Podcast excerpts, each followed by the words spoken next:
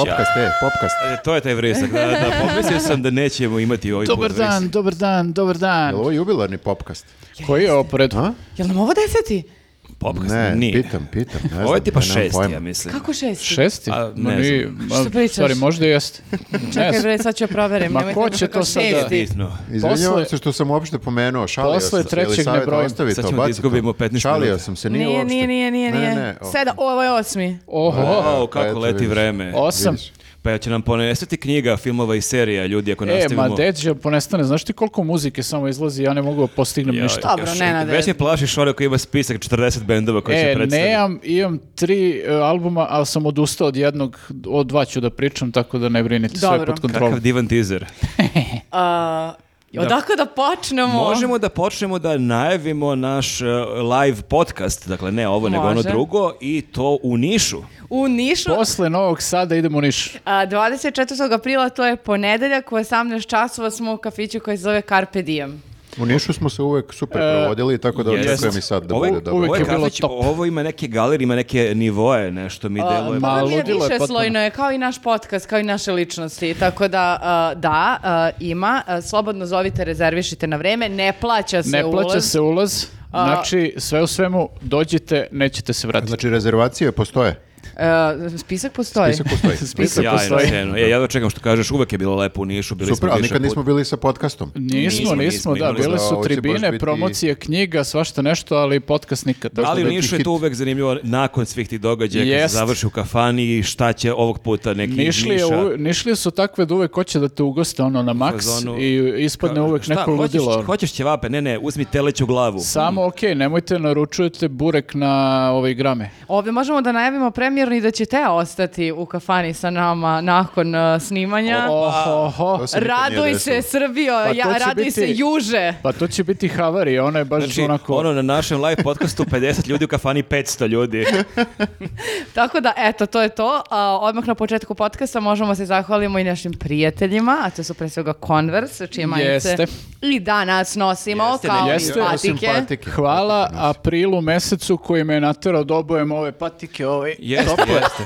Opet. Nisam verovao da će morati nosim nepromočive Jeste, patike. u da, ali ovaj april se pobrinuo da, da su mi sad ove patike Ti na možeš da nogama. ispričaš da si pre neki dan testirao patike uh, na Jeste, našoj testirao terasi. sam patike, mi smo ovde imamo terasu i bila je... Imali smo bazen na Imali terasi. smo situaciju na terasi, sneg se otopio i bio je onaj slivnik zapušen i to je bilo nekih 10 cm vode, onako baš je bilo malo treba... Neko je morao da ugazi u to. Neko je Jeste. morao da ugazi i ja sam rekao ljudi imam nepromočive patike i testirao sam ih i moram da priznam, malo sam se pribojavao kao ljudi, ovo je baš ozbiljno. Da, kao starke. Ono, E, ali- starke, a ovo je baš ozbiljna dubina. Ali znači, bilo je ono kao, znaš, nekoliko centimetara vode, bukvalno, ovaj, ozbiljna dubina. što bi muškarci rekli 20 cm, da, Pazi, bilo je da. ozbiljno, tako da nije bilo lako, ali uspeo sam da I otpušim. nisi se, ja sam mislio da ćeš biti bolestan Ne, ne, za ovaj nisam, sada nisam. popkast. Nije, nije, Ok, to sam je- prošao, suve su nogi i što je najvažnije, otpušio sam terasu i nismo napravili poplavu u cijeloj zgradi.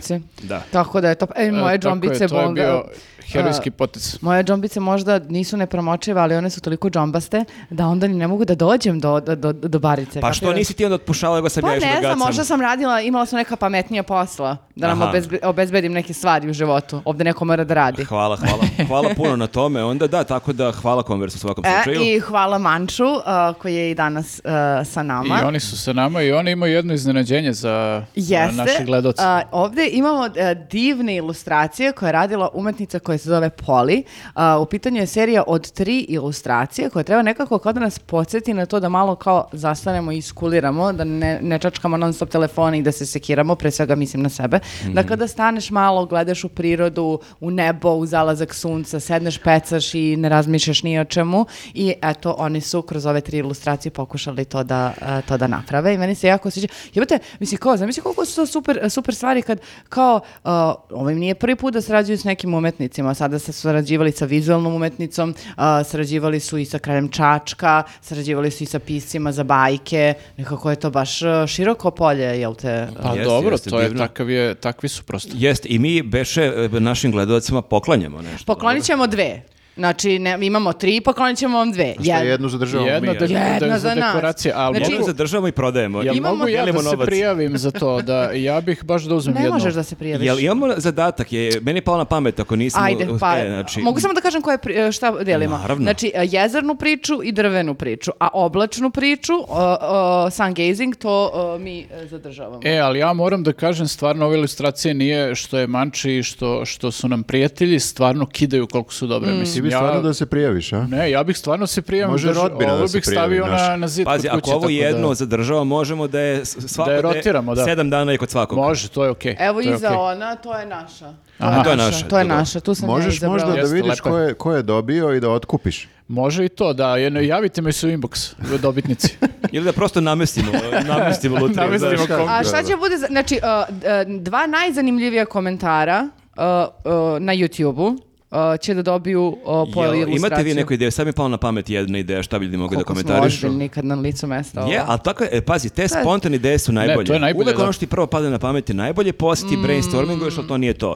Uh, meni je palo na pamet da ljudi u komentaru napišu šta su naučili iz naših podcasta ili popkasta. Eto, o, odlično, bravo, Mare, legendo. Pa ja je- Ja ti kažem, spontane ideje su najbolje. A Jeste. jel uh, ovako kao misliš na neke prakti- praktične skillove ili Nešto ovako za- generalno nešto ono nek- više spiritualno? Nešto, šta god napišu, o, slobodna je tema. Jeste, da, mislim, svako može da nauči baš različite stvari odavde, tako da eto, neka kažu. Znači ono kao od uh, popravljanja, ne znam nija, ono, radijatora pa Od do... toga da ne treba terarium držati iznad, uh, iznad radijatora do Na toga da primer, ne da. znam nije šta. Tako da... uh, Može, sviđa mi se. Evo vi naučili, možete Eto. naučite kako je popravite mikrofon. Jeste, ostavljajte znači komentare na YouTube-u.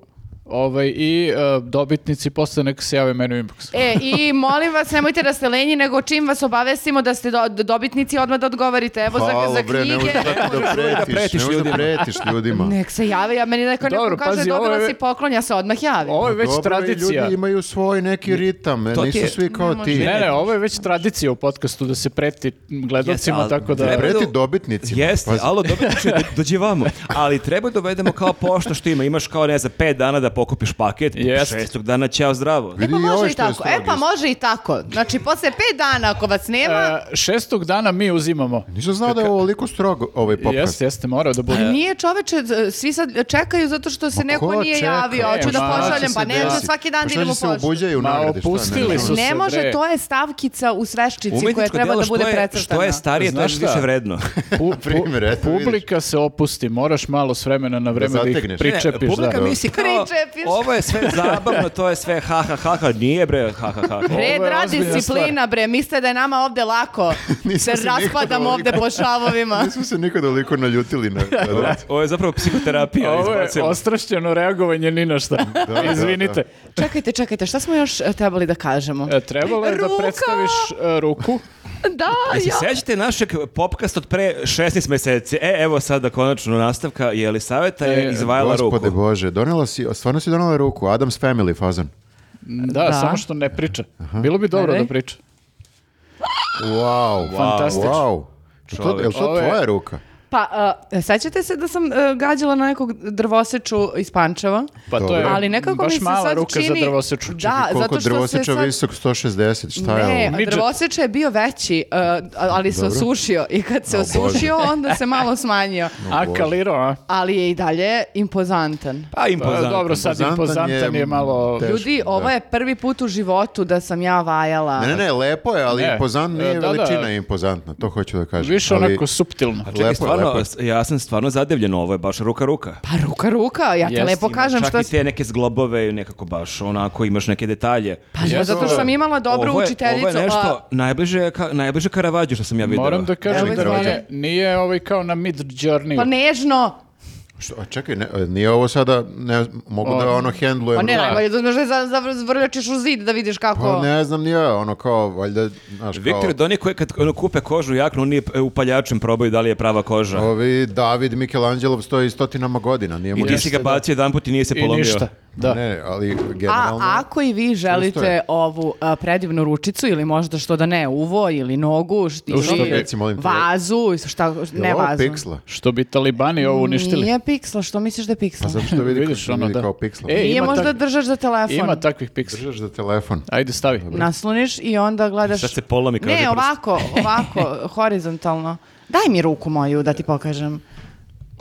E, ljudi, vi koji slušate, ovo je sad Ovo jako je, da. napet, sit- Molim vas, samo još situacija. nešto želim da kažem. Da li će ruka preživjeti Zbog ovo, moje divne ovaj učiteljice ostavit ćemo vam link ako budete želeli da i vi imate ručicu ili uvce ili no- nožicu. Imam pitanje još jedno. A, jesi- mapa, je, a, mapa 161, Mhm. a vidiš, i onda možda gledaš uh, nas.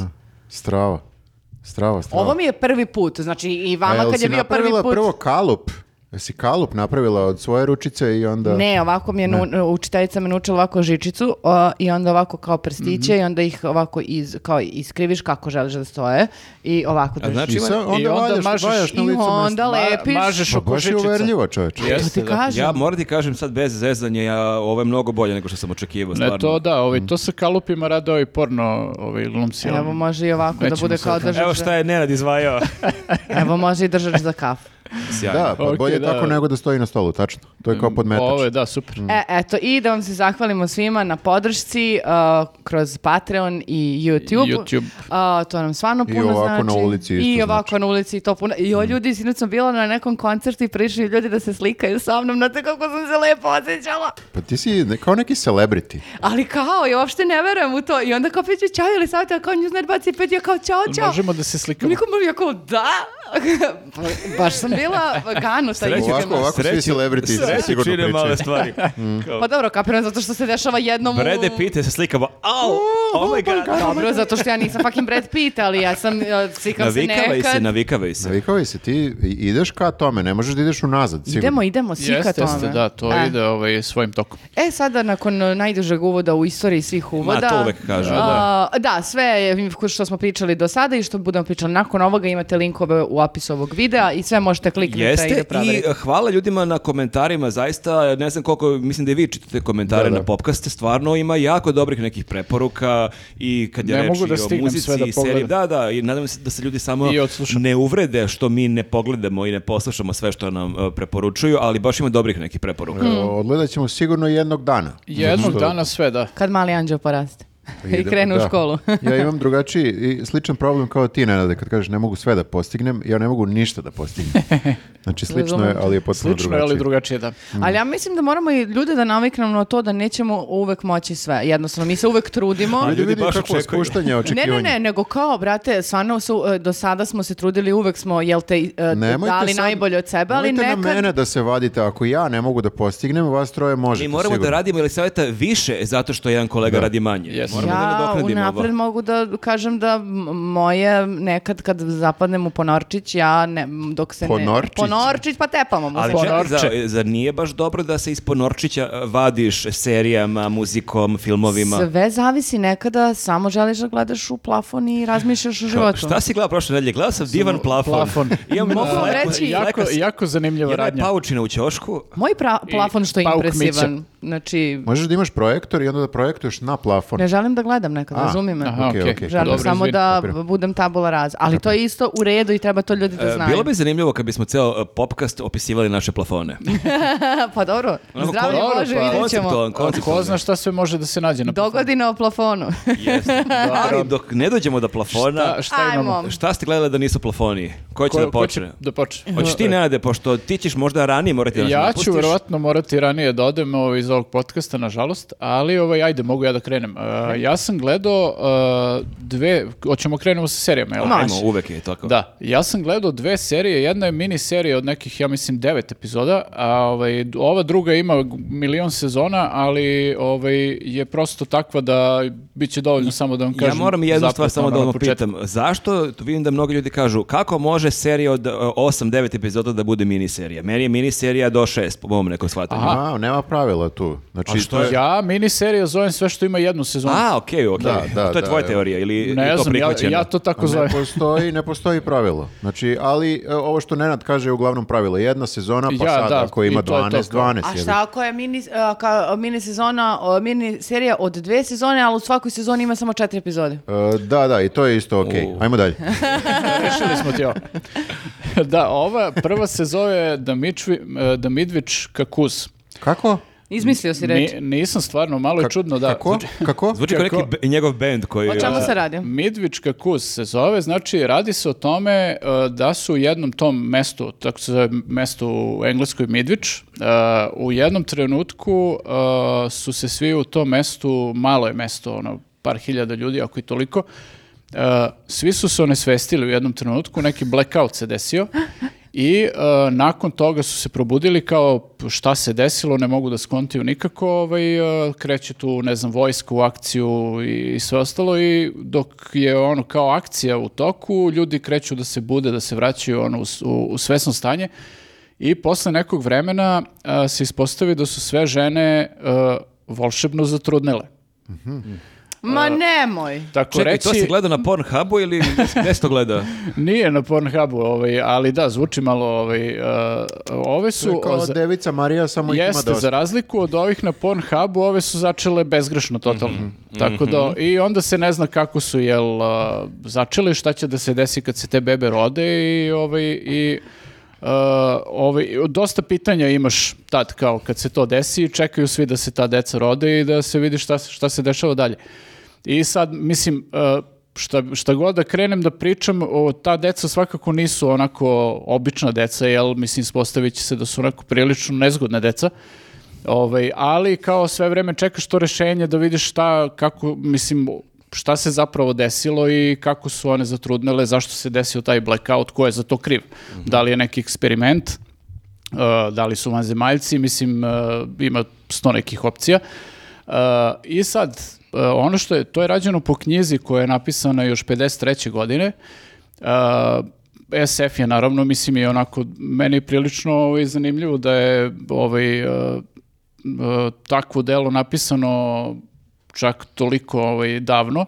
Ali Još, to je, mislim, su bile zlatne godine SF-a Uh, 50. jesu, da, ovaj, ali 60-te. opet nekako, znaš, uh, mislim, možda je u stvari tad bilo i lakše, jer kao imaš onako prilično još uvek uh, neispunjen teren idejama, neiskorišćene koncepte i sve to, pa je možda tad i lakše bilo da smisliš takve stvari, ali ovaj, dosta je zanimljiv koncept. E sad, ono što je ovaj, meni tu malo ovaj, sama serija nije kao uh, razrađena, čini mi se koliko je mogla, ne znam da li su ostavili, oni su ostavili neki cliffhanger kao možda će da bude i nova sezona, ali kao za sad je to to. Ovaj, e, čini mi se da je imalo mnogo više prostora kao da se razradi ta radnja kasnije i da, da se baš dosta toga napravi sa tim materijalom.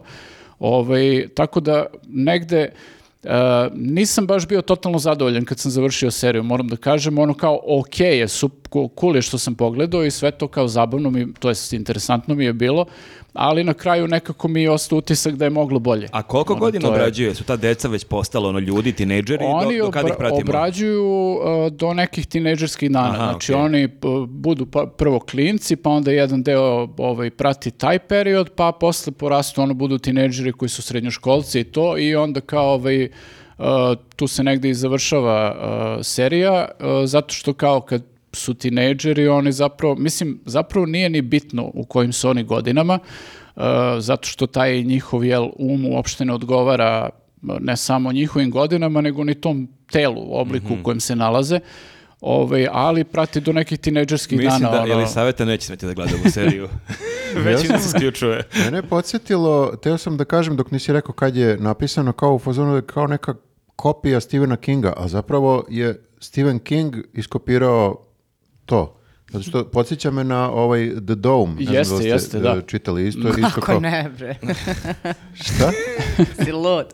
Pa ne smem ja to. A ne, nisi, ne čitaš Kinga? Znaš, znaš, znaš šta Ne, je... ne smem ja to. Da, re- reći samo, izvini ako ste prekinuo. Ne, ne, ništa, nego samo podsjetilo me to kao mesto misteriozno, javlja se ta kupola i onda kroz celu knjigu istražuješ kako, prvo kako ovi koji su s polja da uđu unutra, Mhm, a kako ovi koji su unutra da izađu napolje i šta se sve dešava u tom mestu gde su svi zarobljeni tom Pa- nevidljivom kupolom. Jel? Da, generalno, Ali, da. Vidiš kako je Stephen King mazno. Na što, na što je mene podsjetilo, sad ne znam da li ste to čitali, e, domaći jedan horor iz početka 90-ih, Goran Skrobon je napisao Aha. knjigu Nakot.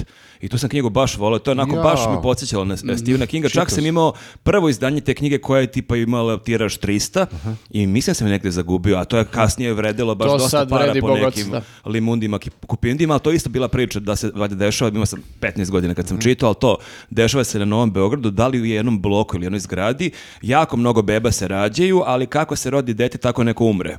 I, i otprilike, a što se više beba se, rađa, to više davno, ljudi umire, davno a ta su, te su bebe nešto sablasni. Sad se ja i ne sjećam, bukvalno sam bio Jeste, da, u srednjoj školi i kad sam ovdje imaš, uh, to je, znaš, ono, imaš taj moment nekako, uh, kako si zgrožena. Pa mislim, Pa to je šta, horor. šta čitaš, druže? Imao sam 15 godina, ali znaš šta, i tu imaš... Dobro je to sve čitati kad si mlad. Ti si sada prestar. Ti to si, ne da, možeš osetljiva da- si sad da. previše za te stvari. Ne Ovaj, a, da, ovaj, do- mislim, ovdje imaš opet taj moment a, koji je kao generalno ovo nije kao strašno, ali je dosta jezivo, jer a, decu kad ubaciš u taj neki kontekst da, a, da, strašnog SF-a ili horora, budu jako strašno, ono, iz nekog razloga. Ja ne znam, sam, mislim sam vam pričao jedan put koliko sam se ocekao od svoje čerke. Znači, bukvalno, bila je nešto jedan ujutru i ja sam, ne, ali stvarno ima nečeg sa, tom, sa decom, čak i sa svojim decom, vidjet ćeš Viktore, znači, jedan ujutru ja u kuhinji, već je ono hoću da legam spavam, već sam umoran, nešto da... Sara na vratima, ono, da, mrak. perem šolju, nešto i onako, već sam u maltene polu snu,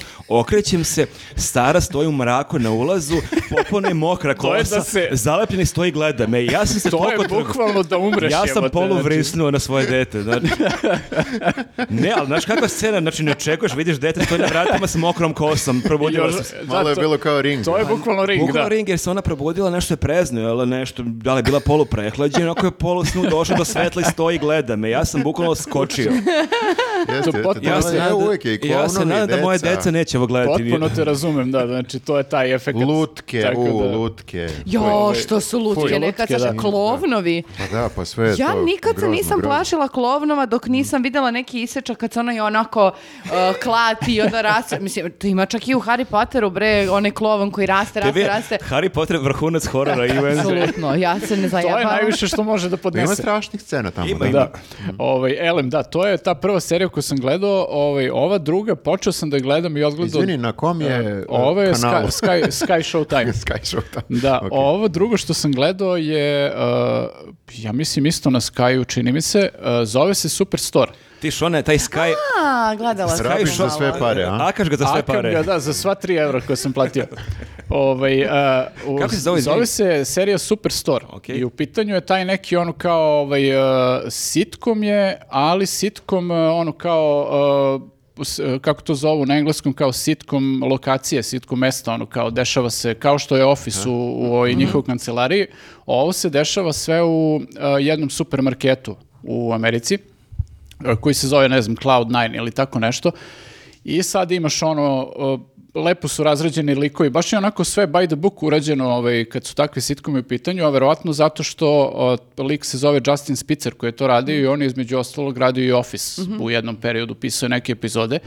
I baš vidiš onako tu školu pisanja i, i ceo taj ono fazon. E, samo što ovdje nemaš taj mo- mockumentary fazon, nego je full sitcom, ovaj, ono, samo bez smeha, jeli to epizode traju nekih 20 minuta otprilike, baš je onako ovaj, zgodno.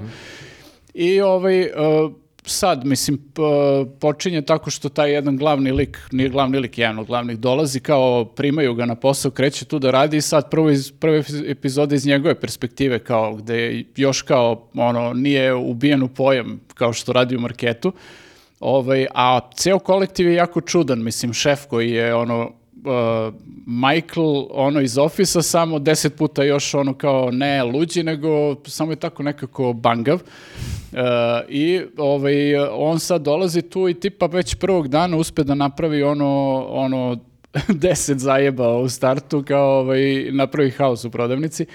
Uh, tako da uh, sve vreme je taj neki fazon, ono, znači ti međuljudski odnosi među njima, s tim što u svakoj e, epizodi imaš nekog lika koji dolazi s polja, nekog novog lika kojeg uvode, pa ne znam, u jednoj epizodi dolazi e, ne znam, imaju neki korporativni magazin i dolaze da snime kao ovaj, neku reportažu da naprave o, o toj prodavnici konkretno i oni će da budu u korpo magazinu i onda ovaj, imaš priču sa tom novinarkom i, i reporterom koji dolazi ovaj, u, u A ovaj, nisam, da, da naprave tu isprati, je to kao reportažu. mockumentary ili je baš nije, kao nije, sitcom? baš je, baš je sitcom, nema tih mo- mockumentary uh, ovaj, momenata, ali je jako zabavno, recimo samo da jedan primjer navedemo, ovaj, kad su došli da naprave tu reportažu uh, i sad ovaj, neko kaže, ovaj jedan od njih je kao uh, nepokretan, ono, u kolicima je i on radi na recepciji, stalno baca neke fore, ono, ovaj, dok uh,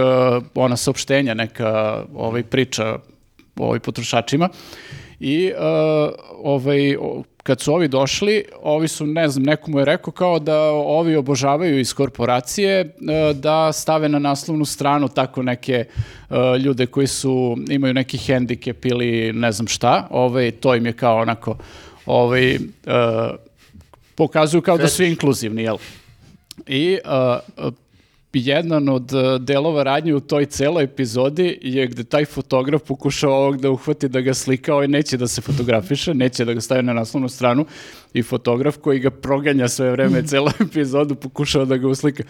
I, ovaj, I onda, mislim, super je napisano, baš je onako ovaj, dosta posjeća po tom nekom vajbu na, na Office. One-lineri i tako Jeste, to. i baš su one-lineri i to je jako dobro, baš ono, Fora po minutu. Jeste, baš se, baš se lepo, mislim nije da sad umireš od smeha celu epiz- epizodu, ali baš se slatko nasmeješ onda kad se nasmeješ i ovaj, imaju dosta tih nekih fora vezano za uh, vok kulturu, za, za to što sad kao moraš da gaziš po jajima kad se obraćaš nekome koje druge rase ili, ili ne znam, uh, kulturna apropriacija isto temu u jednoj epizodi. Ono, pokrili su te neke stvari, ali sve to onako urnebesno dobro odrađeno, gde si ti u fazonu, da, kao, jasno je da se preteruje sa tim stvarima često i oni su ta, to preterivanje uhvatili kao temu i time se malo ovaj, više bave a opet ovaj ostanu negde u ono kao granicama neke korektnosti da, da tako kažem kao kapiram da niko pošto to ima u ekipi Meksikanaca i ne znam crnaca i ovih onih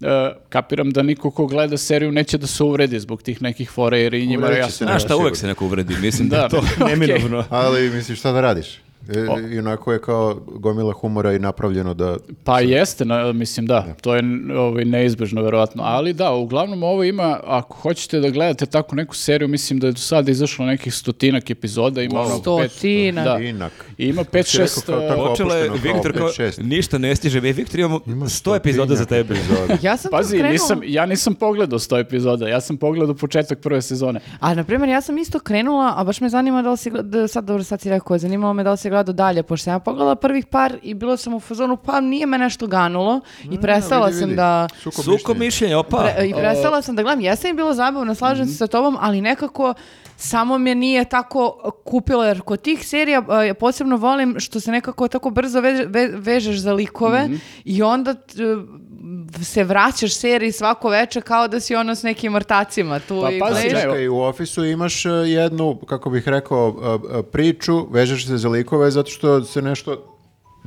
Jel možda pomaraš automobil? Da pomerem auto. Ok. Ovaj, Ništa, mi A, nastavljamo ovo. Vežeš se da, da priču, ali ti nije toliko, um, mislim, možeš da pratiš svakako nevezano za to, nije ti samo to bitno, drugi likovi su ti isto dragi, ali kao nije me samo tako nekako hukovala kao što su uh, druge serije. Pa, znaš I- šta, meni nekako, ne znam da li sam se uželeo možda takvih serija, jer ja od Office-a nisam gledao sličnu seriju, a da mi je Moguće, bilo okej. moguće. Ono da kažem, u ovo mi je zanimljivo. To je problem kad gledaš neki dobar sitcom kad on postavi jako Jeste, standard. da, ali ovdje nekako mi, ono, uboli su mi žicu u smislu da imaš kao te sporedne likove u svakoj epizodi, dolazi neko novi, pa tu imaš onu komediju sa tim, i imaš ovu standardnu postavu koja kao svako je nešto lud na svoj način i imaš, e, odmah su ubacili u startu, e, tu romantičnu priču kao što su bili ovaj, da bome u ofisu i ovdje imaš od starta postavljenu tu romantičnu priču između tog, ovaj, ne, ne mogu sad likova se setim kako Mhm. se zove, ali tog lika novog koji dolazi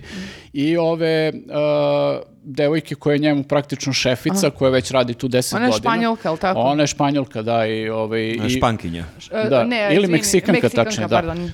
I odmah su u startu tebi dali do znanja da će tu nešto da se dešava i da će da postoji ono neki odnos da. poseban između njih. I, Vidiš, ja ovaj, možda nisam ni do toga stigla, pa mi je samo, u stvari nisam mi dala dovoljno vremena, zato Tako mi je da, baš... da, i- mislim, meni ono, ja sam odgledao tih nekih 4-5 epizoda u prvoj sezoni i za sad mi je onako prilično dobro u fazonu sam, ok, ovo će da se gleda. Znači, garantuješ za toliko, a posle, ako da. sedme kreće neki Ako baš uprskaju u šestoj epizodi, šta da radim? kao što je Viktor preporučio Južni vetar i onda nakon tebe njegove preporuke kreće debakl. Dobro, ja mislim da neće bude ova- ovakav skandal oko ove serije, ali ovaj, zabavno je Nema Rio generalno. Tinta u seriji. A Nema, nema, nema, da. ne pamet. Ali dobro, mislim, sad si to lepo rekao, jebote, koliko uh, serija nekako gledamo, a retko se desi to da se kao tako vežeš za likove i da posle to pratiš, na Pa primjer. Meni se to da. desilo sa Big Bang Theory, sa Office-om, sa, dobro, sa Game of Thrones. Um, Čekaj, nemam- Game of Thrones, baš kako sam shvatio, on nije baš bilo pametno, Pametno vezivati se za previše likova. Zato, zato sam ja i bolesnica koja se ipak vezala.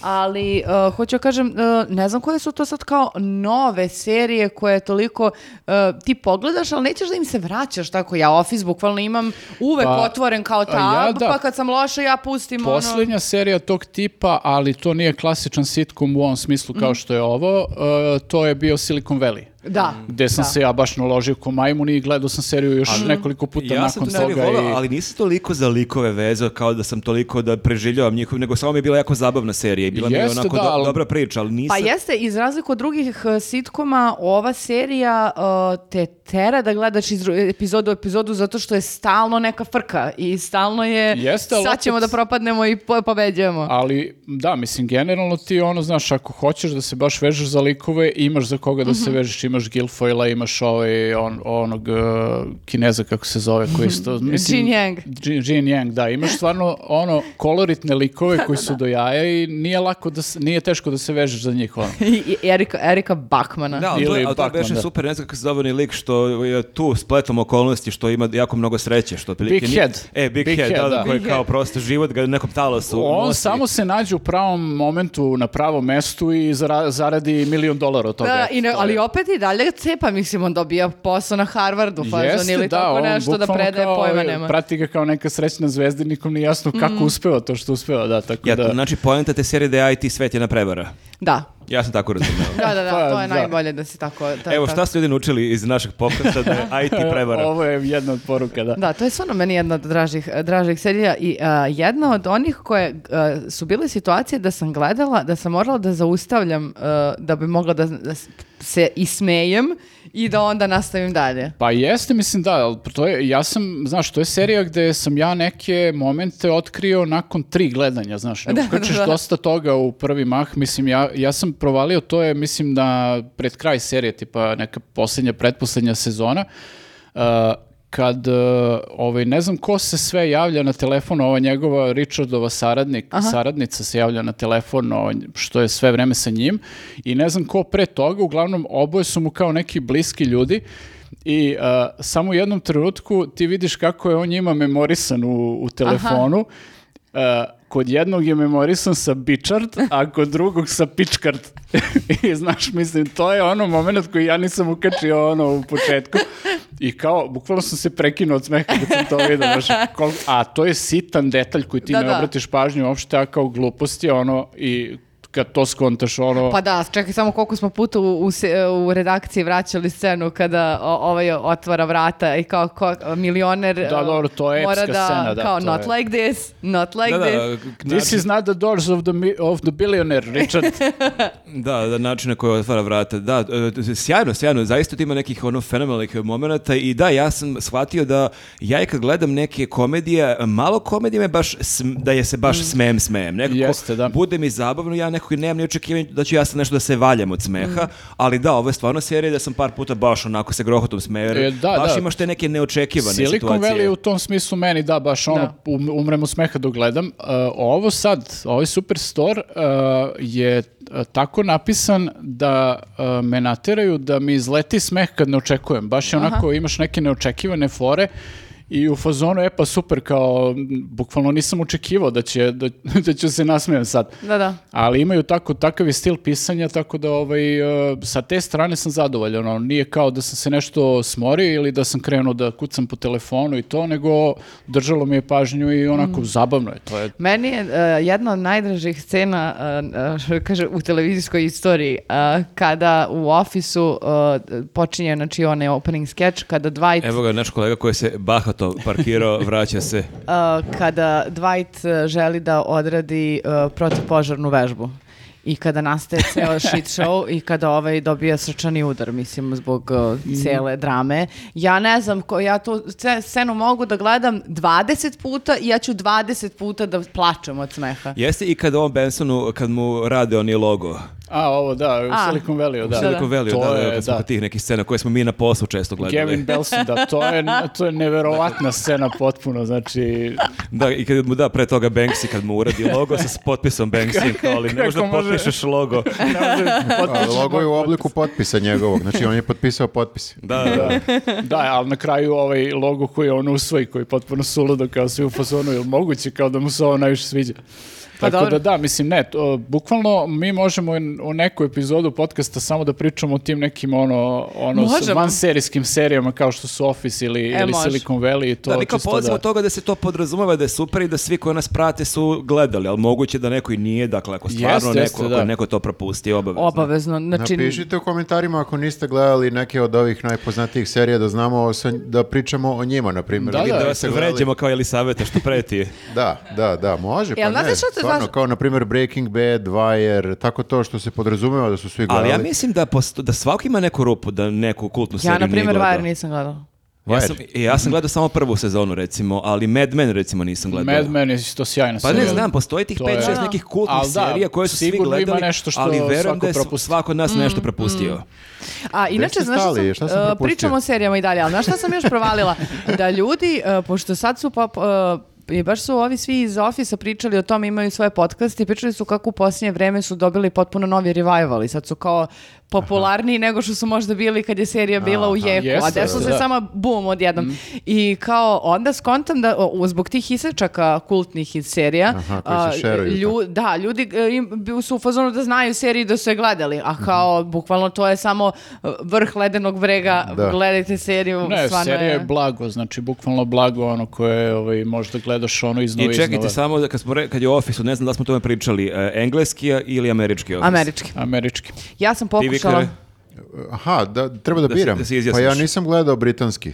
ja sam pa krenula britanski Pa i drugačije je. jeste Jeste, dobro, je drugačije. Ja sam ali gledao isto dve, tri epizode, ali meni je američki mnogo bolji. Ja sam negde, iz, vratno iz razgovora sa vama, mislio da je svima bolji američki, a onda sam vidio da nije baš tako, da je kod nas... Zavisi kako, šta da je ko kod hoće nas da gleda. masa Ima, ljudi više ima voli dosta engleski. ljudi koji vole engleski, da. Engleski je, se svodi na gomilu uh, Neprijatnih neprijatnih scena. momenta, da. Ali to je. meni je, na šta meni tu smeta? Meni je Ricky Gervais tu super, ali uh, lik kao Dwighta, ja sam bila očajna kad sam Jeste, vidjela da. onog dečka, zato što, mislim, samo Office američki ne čini samo Michael Scott kao lik, nego čini Naravno, i Dwight da. i još uh, gomila toliko živopisnih likova koji su napravili ono kad... Ja koliko sam shvatio, uh, Dwight uh, u američkoj verziji možda i nije trebalo tako da izgleda da ovaj glumac koji je došao Jako da ga ra- igra, Da, jako se razlikuje. nije, nije ovaj, kako- na audiciju došao ovakav kakav je u, u seriji i to niko nije očekivao, odmah razbio je audiciju. Kao, Samo se pojavio kao Dwight.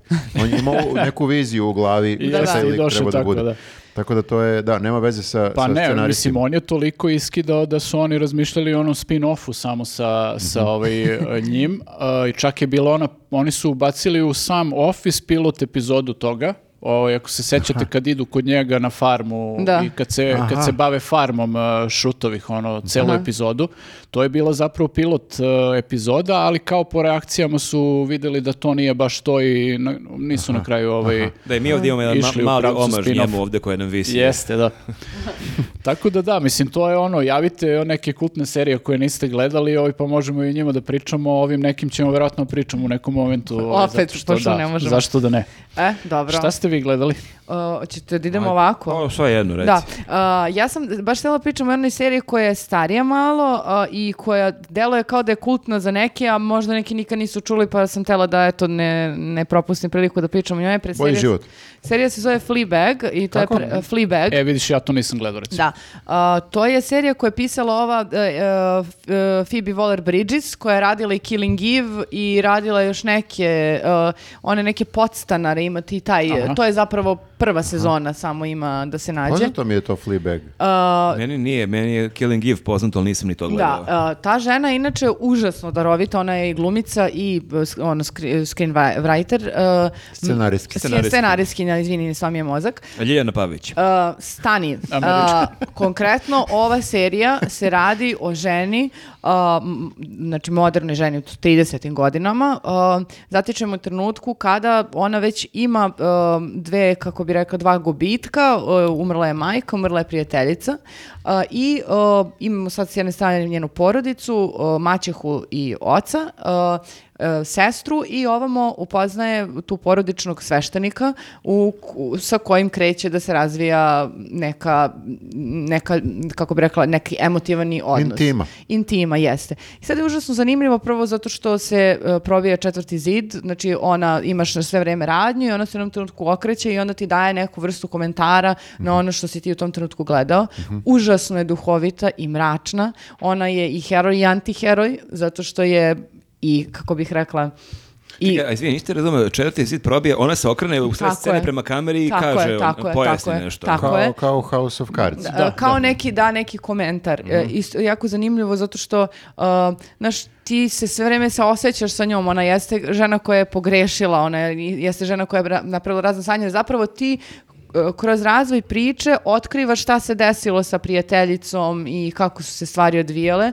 Uh, e, naravno u- ra- gledaš i na nivou muško-ženskih odnosa, ali i na nivou porodičnih odnosa, jako super Olivia Colman igra maćehu i to je takav jedan toksični, ono, najgadniji lik, odlično je napravila, znači, žena ulogu. Ja ne mogu da vam objasnim koliko... Još je mrziš, a? Ne, ne, ja ne mogu da vam objasnim koliko je ona iritantna, ali sa sve Znači, tim... toksična ženskost. Da, a, ima, Ima i- to da, kako, ima i ima i to, to. ima i to. Znači ona je zapravo bila kuma i onda se preudala Mhm. za, za, kako se zove, a, ovog oca. S- odnos sa sestrom je super zato što je sestra i ljuta na nju, ali naravno sestra je i voli i ona je, Mhm. znači ima sigurno svi znaju za tu onaj mim kad e, onaj, e, ta sestra ima kao e, paž koji kao da je gumica za brisanje. Kad kaže I look like a pencil. Sigurno svi znaju Sigurno za taj mim, ali možda... nas trojica Da. ne znamo, ali osim nas trojice svi znaju. I, i- ima sigurni, znate, sliku kad žena sedi na autobuskoj stanici i pored nje piše živote. Ja sam mislio da sigurno svi znaju ko je Steve Martin, znači nikad ne treba biti previše... Znam ko je Steve ne treba Martin, nikad sam... biti previše siguran. Ok, a, znači piše živote, sigurno to znate i kad ona njemu E, kaže ne znam. volim te, To a on ja, kaže ja. proći će. I- Ali čekaj, Koliko je to tužno, evo sad. ali čekaj, ali ti sad otkrila posljednju scenu... Ma nisam, nemoj da kažeš ko je to scena, to svi znaju. To... E, Bukvalno znam da E, si scena piše, spojlovala. piše život na posljednjoj Da, sceni, da, da, to sam piše, vidio. znači Spojlovali si celu seriju. Nisam spojlovala cijelu seriju, znači to je toliko dobra serija, toliko tužna, uh, baš, baš Ljudi, mnogo- gledajte seriju, vidite da se rasplakala. Da, da, baš je mnogo dobra, stvarno. Ovo je sad i- emotivna ucena. Malo pre je bilo samo ucena ucena. Da, da, uh, redko kad me to tako nešto odvali, ovo je odvalilo i stvarno, mm, Da, ja sam vidio na Twitteru da je screenshot iz neke serije da na nekoj stranici piše život i onda Živote. s- živote, e, živote. I onda sam da kucao vidim koje je to serije i pojma nisam imao, tako da nisam znao da je to toliko kultna Da, serija. ja nameravam to da gledam, čak mi je neko sad pre nekoliko dana ovaj, nabacio na Instagramu kao je dobra je serija, gledajte, ali bukvalno ono... Ali nije na Sky što- Show time žao mi je. Što bi rekao nije. Viktor, ne mogu da stignem. ne, mora, mislim da mora da se skine uh, i A šta, super... na, na kom je servisu? uh, da li je... Hulu. Mo, bila je BBC... Ja dugujem izvinjenje, ja sam jed- jednu dezinformaciju iznao u prošlom popkastu. Rekao sam da serije koje su na Hulu ne mogu da se gledaju legalno, pa je onda neko napisao komentaru i čekirao sam da Disney Plus e, može se Aha, plaći kod okej. nas i u okviru Disney Plusa Imaš i postoje Hulu, da. možda ne sve, ali većina serija. pa dobro. E, pa dobro. A, vidiš ti to. je. Lepo. Ta- tako se plaćam još jedan streaming servis. Disney Plus si Plaćam i. Disney Plus, nisam pogledao još uvek ništa, ali ja volim da plaćam stri- Mm. streaming servise. Pa dobro, šta? Eto, to je što se Neće tiče da moje, uh, to je što se tiče moje preporuke i da, obavezno obratite pažnju na ženu Phoebe Waller-Bridges. Uh, mislim da će sad uskoro da izađe neka njena nova serija. Um, sve što je do sad što sam pogledala od nje stvarno je bilo... A koliko ima sezone epizoda ova Dve. serija? Dve sezone, ali tako? Dve? Dve. I šta povezane su sve? Da, da, da, da, da, povezane E, pa su. dobro, gledat ćemo. Dobro, dobro gledat ćemo. A, Ja sam posljednjih dana gledao, je, neko je u komentarima preporučio tu seriju i hvala mu. A, serija na Netflixu zove se Giri slash Haji ili ti, to je na japanskom, a na engleskom je Duty Shame. Dobro. Uh, dakle, serija na Netflixu i e, ima osam epizoda, što bi rekao Nenad miniserija. Uh, ima osam epizoda i prvih sedam su baš, baš dobre. Nisam nešto zadovoljan kako je završena, daleko toga da je loša, ali nekako dosta tih nekih tokova radnje je načeto, dosta ima tu zaplete i kako su neke te priče i neke likove završili, nisam u potpunosti zadovoljan, ali ne mu kažem sam nešto razočaran, samo sam neko očekivao će biti mrvicu bolji kraj. A serija je, e, dešava se na relaciji Tokio-London, s tim što je najveći deo serije se dešava u Londonu i počinje serija onako je to jedan krimi, thriller sa i nekim dramskim elementima naravno. Počinje serija tako što je neki Japanac ubijen u Londonu i u sledećoj sceni se desi neki pokolj u nekom restoranu u Tokiju i mi onda ubrzo saznajemo da su to neke jakuze iz protivničkih bandi i da preti da počne opšti rat. I jedan inspektor e, koji radi u Japanu, Tokiju, e, njega šalju da ide u London da reši taj slučaj, da vidi koja je tu veza, a on je tu još dodatno jako upleten zato što je njegov brat e, nestao pre godinu dana i on je bio u nekim jakuzama i oni dobiju informaciju da je on verovatno živ i da je on verovatno u Londonu zato što taj samurajski mač kojem je ubijen u Londonu, to je neki mač koji je on svoje vremenu ukrao i otprilike ukazuje da je on verovatno živ. Tako da postoji taj neki moment i jako je dobar taj zaplet i onda taj inspektor odlazi u London i e, jako su zanimljivi likovi, super je serija snimljena, tu postoji nekoliko tih sporednih likova, ima jedan jako simpatičan lik, neki Japanac, to je polu Japanac koji živi u Londonu, koji je gej i koji onako na prvi pogled je skroz onako stereotipno zamišljen, kao kako zamišljaš nekog mladog gej klabera koji onako ima dosta tih nekih i komičnih momenata, on tako izlazi, on se drogira, on je jako zabavan, jako šarmantan, ali kako serija odmiče vidiš koliko i on zapravo ima nekih svojih demona, tako da njegov lik je sjajno urađen i on je jako dobar glumac. I postoji jedna glumica koja se zove Kelly McDonald, koja je jako jedna lepa žena koja ima super jedan lik i meni ona delovala u startu jako poznato, vidim da ne priča baš engleski, engleski da je to neki škotski i ja pokušam provalim kao čekaj, ja nju znam od nekud, proguglam i vidim da je ona glumila još u prvom train spottingu, ako se sećate one čuvene scene kada Renton u klabingu se smuva sa nekom devojkom i budi se kod nje i shvati da je ona ima školsku uniformu, da je ona zapravo klinka Aha, neka, okej. a on je Onda mislio... ide ona gadna scena, je li to? A Gadna scena je paralelna, to je Ona drugi lik. glumi u Harry Potteru. Dobro, dobro, ja je znam iz Trainspottinga. ja je znam iz Trainspottinga i tad se sećam da ona meni bila toliko super, imala onu frizuru na paži, nisam bukvalno ispratio nju ono, od 20 Šta se nešto dešavalo, godina, šta da, se da. dešavalo i Ili vidim da dalje ima paž ili... nema paž ili dalje, onako jako šarmantna, jako lepa i super glumi i super je lik. Ona je tu neka policajka koja od prve scene uh, razvija neki emotivni odnos, uh, neku simpatiju prema ovom Japancu, što je opet komplikovano jer on je oženjen. I jako je zanimljivo... Ne, strašno. Šta Znači, se radi? Sod- Samo se kirasi. Sodoma i, Sodoma i Gomora ima i ćerku, znači pakao potpuni. Ali jako je to e, komično u startu zamišljeno e, i tu su lepo predstavili taj neki kulturološki šok gde ona je kao, e, on se njoj sviđa i ona je tu malo nervozna i smušena i onda u toj svojoj nervozi ona baca neke forice.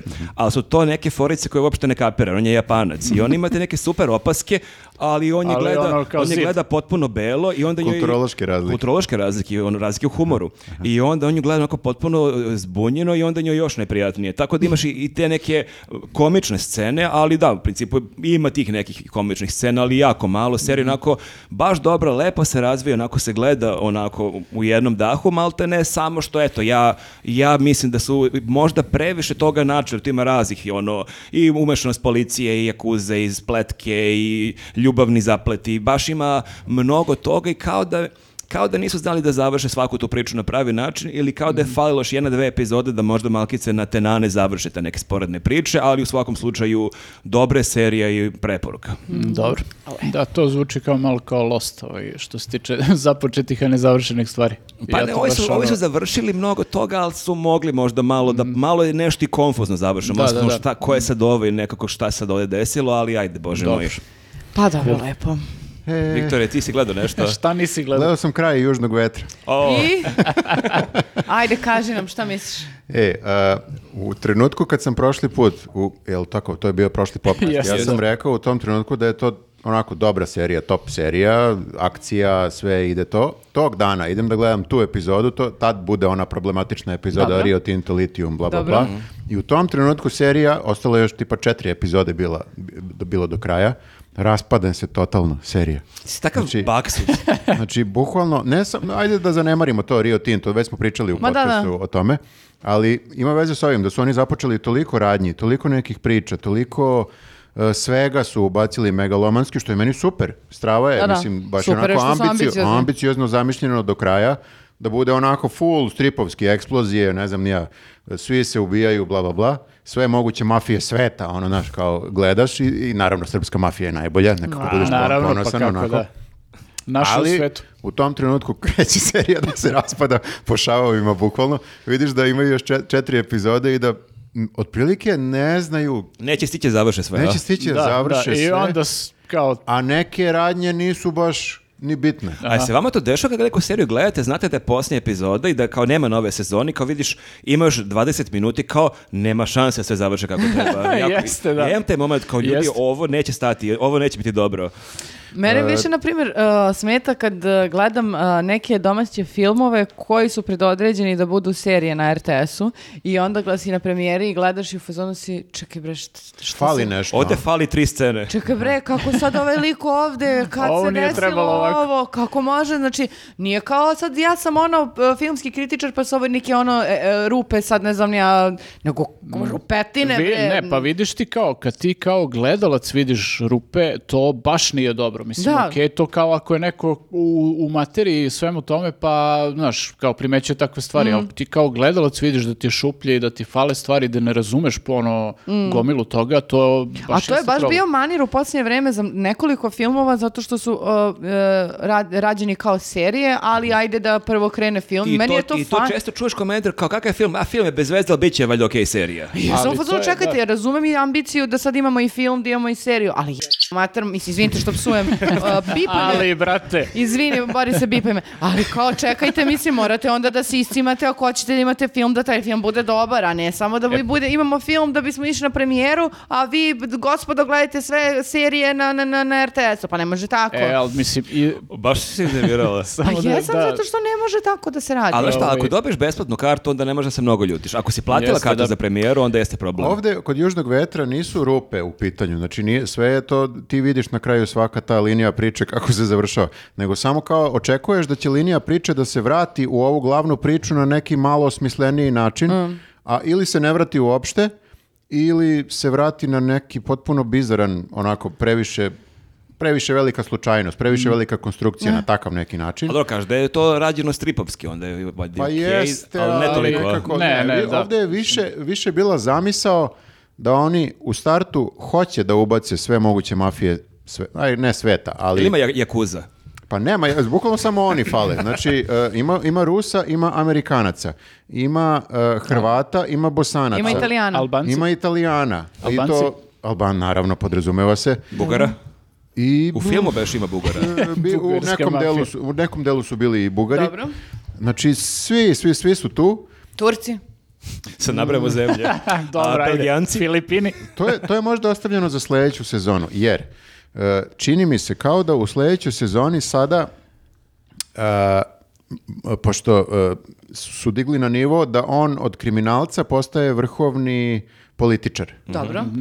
I sad možda će tretirati kao da on upravlja zemljom. Ja ne znam šta će se desiti. Možda upravlja celom zemljom kao ne samo e, krimi Nego delom. planetom. Nego i ovako. E, možda, možda ide na planetu. Možda ide na osvajanje planete i onda četvrta sezona protiv Marsa. Aha, okej. Idemo. Ja To ne znam okej. šta može Marš da na bude. Marsu, pa dobro, Znači, zvuči cool. Pa pazi, ako neko treba bude da upravlja planetom, to je Biković. Pa to Mene, je, da. ja, sam, ja se slažem, ja se slažem. Nemam ništa protiv, stvarno voleo bi da vidim. To bi baš bilo Meni, da, meni to stripovski. baš mi liči uh, da su upali u ono besmislenu megalomaniju kao kasate papel u nekom trenutku, mislim nije u nekom trenutku nego u već drugoj E, sezoni. jeste, jeste, Jer da. oni su totalno otišli kao u fazonu si dobro, brate, ja mogu da toleriram tolerišem kao stripovsko nešto i kao nadrealno u nekoj meri, razumeš, ali kao ne može... U nekom trenutku ti to uh, bude uh, dosaditi. Pa dosadi, To je- ako se ponavlja pattern... Gledalci i- su razmaženi. I, ali, znaš. brate, znaš šta, nekako, ovaj, kako bih rekao, previše mi je nek- nešto kao, znaš, kad, kad previše odu neke te Treba stvari... štedeti šokove. Da, Jeste, da. dozirati, postaneš, dozirati. postaneš prosto imun na te stvari kao nekako, znaš, u Casa de Papel recimo imaš taj moment da kao ovaj lik glavni je toliki mastermind da predvidi poteze koje bukvalno imaju toliko promenljivih a, varijabli da ne, ne bi mogao kompjuter, ono super kompjuter da ih To je predvidi. meni kad sam ono bio, kad se pojavio prvi ono Ocean's Eleven ili koji je već bio taj prvi deo da, da, fazonu. da. Ok, ovo je super, ali kao baš jako, sve zavisi od toga da svaki šrafčić bude Mnogo. u milimetar na mestu. Da, Kao, mislim- Ako jedan zajebe sve gotovo, Da, kao, da. koja je šansa? Ne, ovo nije ni nategnuto, nego je po, na- posle toga, ne znam šta ide posle nategnutog, baš je onako kao preterivanje i uh, nekako sam u fazonu, nema smisla to da gledam, znaš. Da, zato što je- dosta toga zavisi od nekih slučajnosti koje Citat, se desi. nema smisla ovo gledati, Nenad Milosavljević, Da. komentar Ali serije. ne, koliko je utučen, on nije, nije čak ni da. ljut, on je u fazonu, ma nema smisla. Ti si psovala malo pre filmove. Ne, Ja ali- se stvarno izvinjavam što ali sam opsovala, ja se mislim- trudim da ne psujem, ali kad se iznerviram to izleti, Ne, ja, izvinite. ja se redko kad na takve stvari, ja volim to loženje, volim takve Mm. budalaštine, ali kao ovo, znaš, nekako mi je u fazonu... Uvredljivo je. Uvredljivo je, bukvalno, bukvalno to.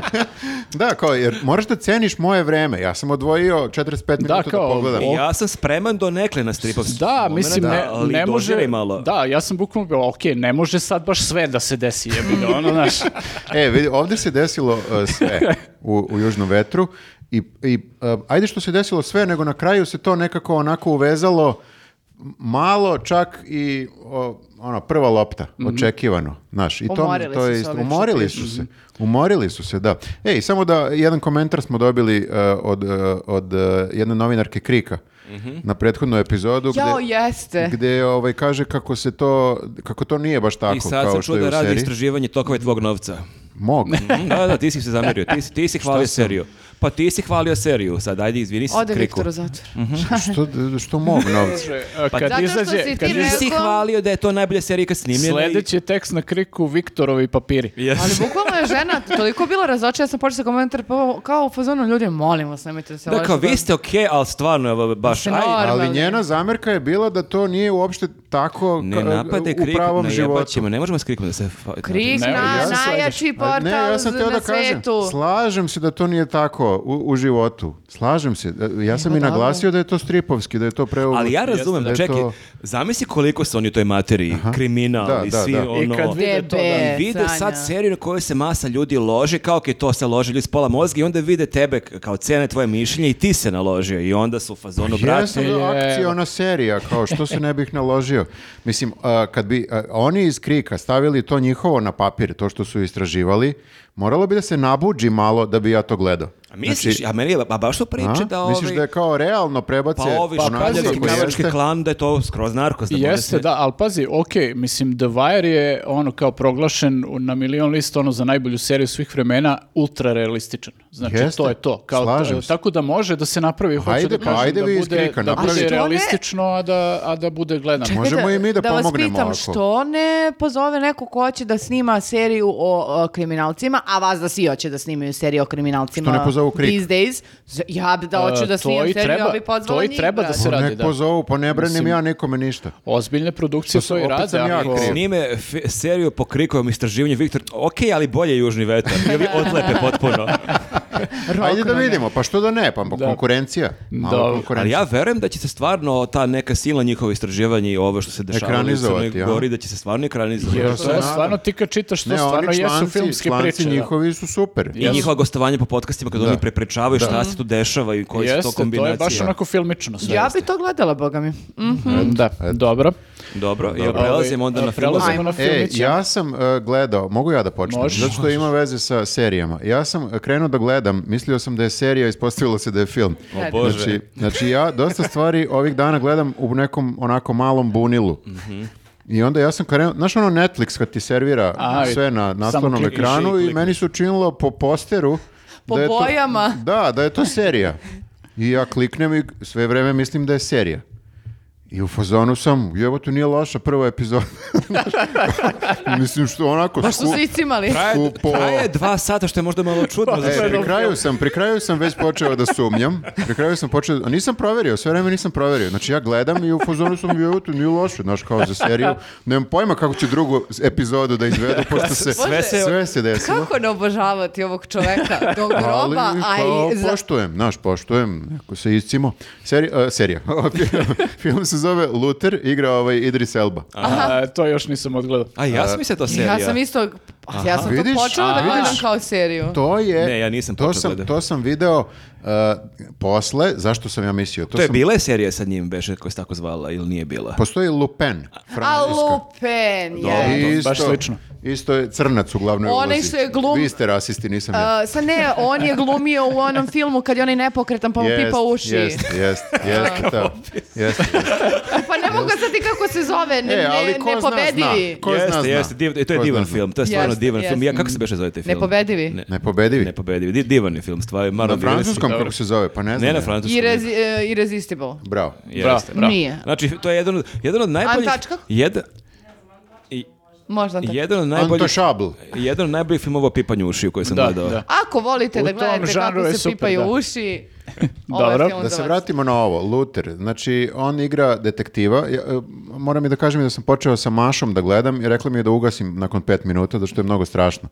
I ja sam bio u fazonu, vidio sam da je strašnjikavo, ali nisam znao da će biti toliko strašno. Znači, baš je ono kao skrenulo u jednu trenutku, ne baš u horor, ali vrlo psiho thriller. Dobro, znači nećemo.